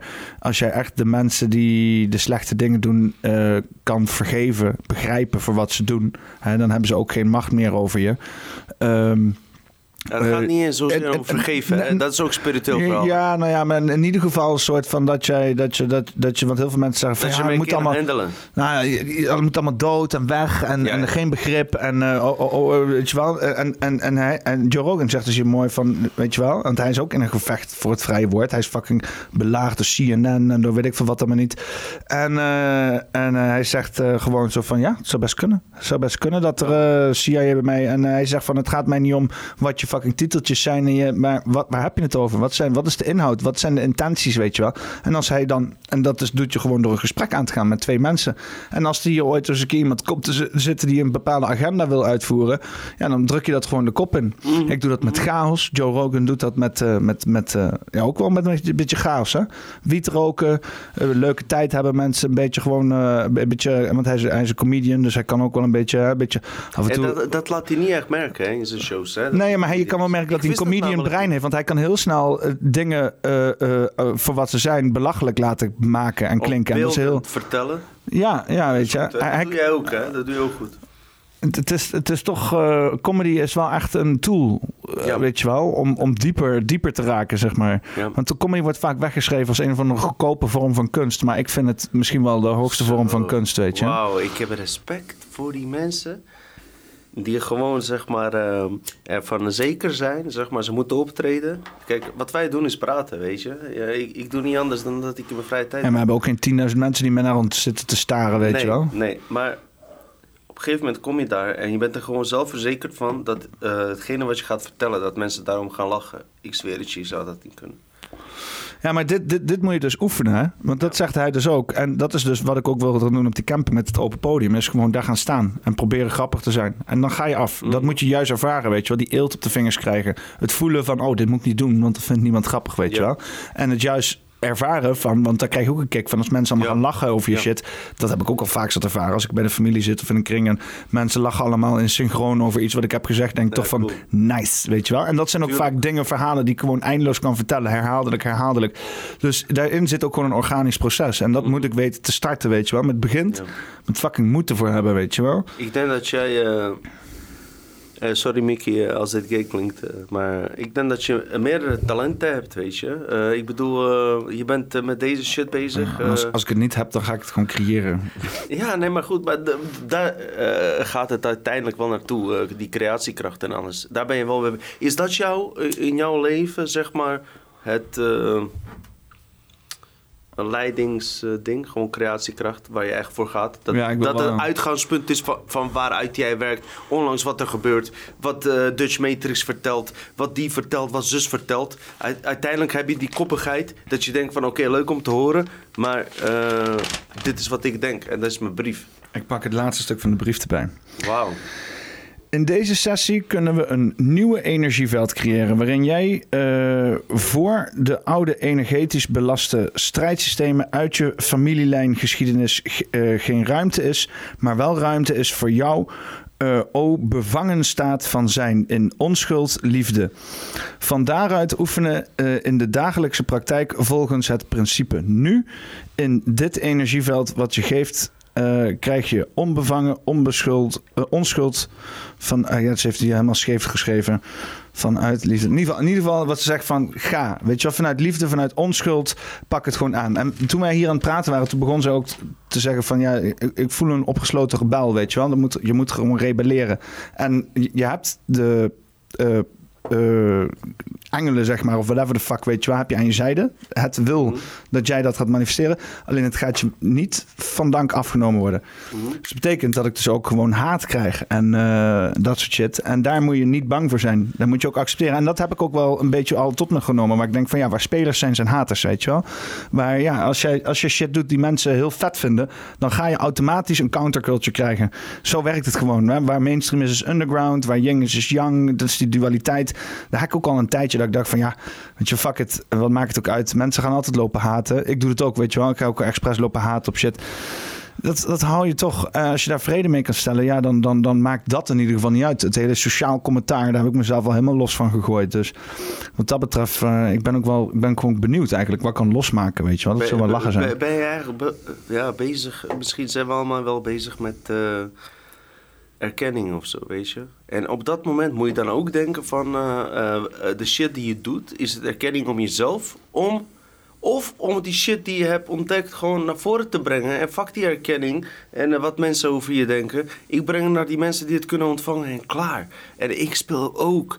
Dagelijks speelt het in mijn rol vriend. Tijdens mijn werk spelen gedachten door me heen. Slechte gedachten over andere mensen die niet bij mij passen. Nee. En ik blijf bij dat uitgangspunt is van... oké, dan even onderzoeken van... is het mijn gedachte of is het een ingevoerde gedachte? Mm. Want daar, daar ga je naar die Maar- mind. eh, eh, in mijn optiek is het nooit jouw gedachte. Het is een gedachte die je kan toe-eigenen of niet. Zo, zo zie Ja, ik ja. het nu inmiddels. Ja. Dus alle gedachten die je hebt, is inderdaad dat wat, op, of wat je opvangt uit die goddelijkheid, hè, die, die, die eh, eh, eh, tiende dimensie. Is iets wat je zelf voor opgezet hebt. Dus dat is wel, daar zit jouw creatiekracht achter. Maar wat het precies is, hè, daar, daar heb je niet superveel invloed op. Daar kan je, als je in een hoge dimensie zit, meer invloed op hebben. Als je in een lage dimensie zit, dan heb je daar eigenlijk nauwelijks invloed op. Hè, dan krijg je gewoon shit toegewezen. Ja. En eh, ehm, eh, eh, eh, ja. Ben je wel eens met jouw eigen gedachten niet eens? ja, constant de hele Ja. dag. Dus, maar, oké, als je het niet mee eens bent... Wat, wat zegt dat? Zijn dat dan jouw eigen gedachten? Nou ja, ja, ik heb nu toe, ik heb dus ik pak dingen op van anderen, hè, frustraties en dingen. En eh, ik heb inderdaad iets in mijn familielijn zitten wat nog ettert. Maar eh, wacht even, familielijn ben ik compleet mee eens. Ja. Dus eh, die DNA-overdracht en die shit klopt helemaal. Ik lijk op die... Weet je, mijn zoontje op mij begrijp ik allemaal. Dat is die vierdimensionale shit. Dat zit nog steeds in die Matrix-ding.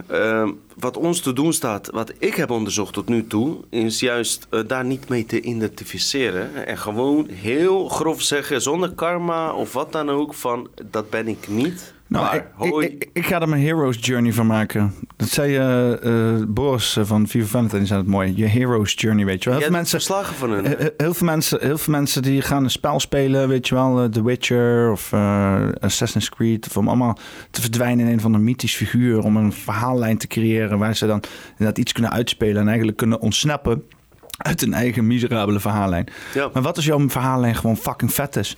Als alles wat jij doet fucking betekenis heeft, weet je wel? En die betekenis die ga je niet van iemand krijgen. Die ga je niet lezen in een boek. Die ga je niet vinden in een fucking video. Die geef jij zelf. Jij geeft zelf betekenis aan dingen. Het is zo simpel als dat. Hij zegt, yo, dit betekent iets. En als je dat vaak zo doet, ga je rode lijn zien. En als je open staat voor dingen en mensen en input, dan kan je serieus... Ik heb serieus nou al... Dat laatste wat ik heb gehad bij die spiritual coaching, dat is alsof ik fucking next level ben gegaan, weet je? Een soort van eindbaas heb gedaan, een puzzel heb opgelost. En ik heb een, een, een nieuwe verhaallijn voor mezelf bloot kunnen leggen die ik kan bewandelen. En mijn familieverhaal, die is daar een cruciaal onderdeel van. Ik identificeer me niet met de emoties die eruit, daaruit voortkomen, maar ik weet wel waar ze vandaan komen en hoe ik ze in de toekomst kan aanpakken op een of andere manier. In ieder geval, en ik, ik- het voelt heel goed, weet je wel, want het voelt ook heel eigen. Dat ik denk van ja, dat is inderdaad, weet je wel. Ik heb mezelf altijd gezien als een soort van half product van mijn vader en mijn moeder. Maar het is zoveel meer dan dat, weet je. Het is slechts gewoon de baarmoeder waarin je op, opgroeit. Ook de, de eh, opvoeding. En daar kan je uitstappen, weet je wel. En de dingen die je daarin hebt geleerd en hoe dat heeft gevormd, dat, dat heeft dan een nut. En dat is dan ook fijn als je dat nut kan toewijzen. Dat je kan zeggen, oh, dit heb, dit heb ik gedaan. Al die ellende en shit die ik meegemaakt, dat is ergens goed voor geweest. Dat is die betekenis geven aan dingen. Zo kan je ook retroactief in je tijdlijn dingen positief aanpassen naar, naar dingen die je hebt ervaard, waar je geen eh, eh, nut aan kan toewijzen. Achteraf zeggen van, oh, dit is hier nuttig voor geweest. En zo kan je je tijdlijn ook opschonen van achter naar voren, weet je wel. En dan op een gegeven moment in een positieve sfeer komen, waarbij je je eigen hero's journey creëert, je eigen verhaal. Eh, eh, wat, dat, dat kan je delen met mensen en dat kunnen mensen leuk vinden, weet je wel. Dan schrijf je Harry Potter boek of zo erover, weet ik veel. Je kan het ook alleen maar voor jezelf houden. Het is jouw fucking ding, weet je wel. Je moet het inderdaad zo min mogelijk laten beïnvloeden van dingen van buitenaf. Dus als je inderdaad dingen leest zoals een fucking Bijbel of Scientology of de, de- de een of andere secte of cult invalt of... En weet je wel, een of andere hype, want dat is er ook genoeg gaande straks met deze fucking awakening. Ik zie nou wel de fucking goeroes uit de grond schieten, ben je niet goed van. Dat, dat moet je gewoon... Goed, zie het, observeer het, maar luister fucking naar niemand, weet je wel. Kijk naar mensen hun acties en internaliseer het als het je bevalt. Maar ga niet fucking luisteren naar mensen. Creëer je eigen gedachten, creëer je eigen fucking... Ik zeg je heel eerlijk, je wat je net hebt verteld, ik, ik kan er niks aan toevoegen, weet je. Het is ook misschien, eh, wat ik voel, een, eh, een mooie slot van jou zelf. Eh, we hebben deze show ingebracht best wel strak. Dat mensen gewoon er meteen zwaar in blijven. En als we op deze manier eindigen, naar mijn eh, idee, hoe jij hem nu net hebt verteld, hebben we een fucking goede aflevering gemaakt. Maar als je verder wil, is het ook goed. Nee, nee, ik wil alleen één ding nog voorlezen. Wacht even, hou, hou even mensen. Ik vind alles prima, gozer. Maar je hebt het goed gedaan eh, qua, qua opzet en alles. Geweldig, man. Geweldig. De camera staat natuurlijk op mij gericht. En eh, heel veel mensen weten dat niet die in deze show zitten. Dus eh, ja, ik hou daar wel rekening mee. Ik ben benieuwd wat hij gaat halen. Ik ga in ieder geval nog een drankje schenken. En eh, ik vond het wel... eh, wat vond je van de aflevering dan, gozer? Ja, ik vind het fucking gruwelijk. Hoor je hem? Hoor je hem? Hij vindt het goed. Ik moet het, ik moet het allemaal altijd nog laten Is er nog een briefje dan, joh? Nou ja, zij vroeg mij dus tijdens deze fucking energetische coaching eh, van tevoren iets op te schrijven. Hè? Wat, Ja. is, wat ik wil eigenlijk van, van het leven. Dus ik zei, ik ben Peter, ik wil graag gezien worden. En hopen dat eh, ze iemand zien die vrij is. Ik ben de innerlijke rebel.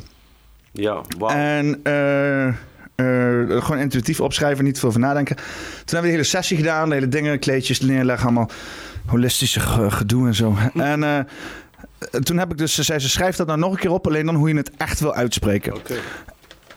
En dat is, zie mij vrij zijn, rebelleer met mij. Wauw. Snap je? Het is Eh, zonder excuus.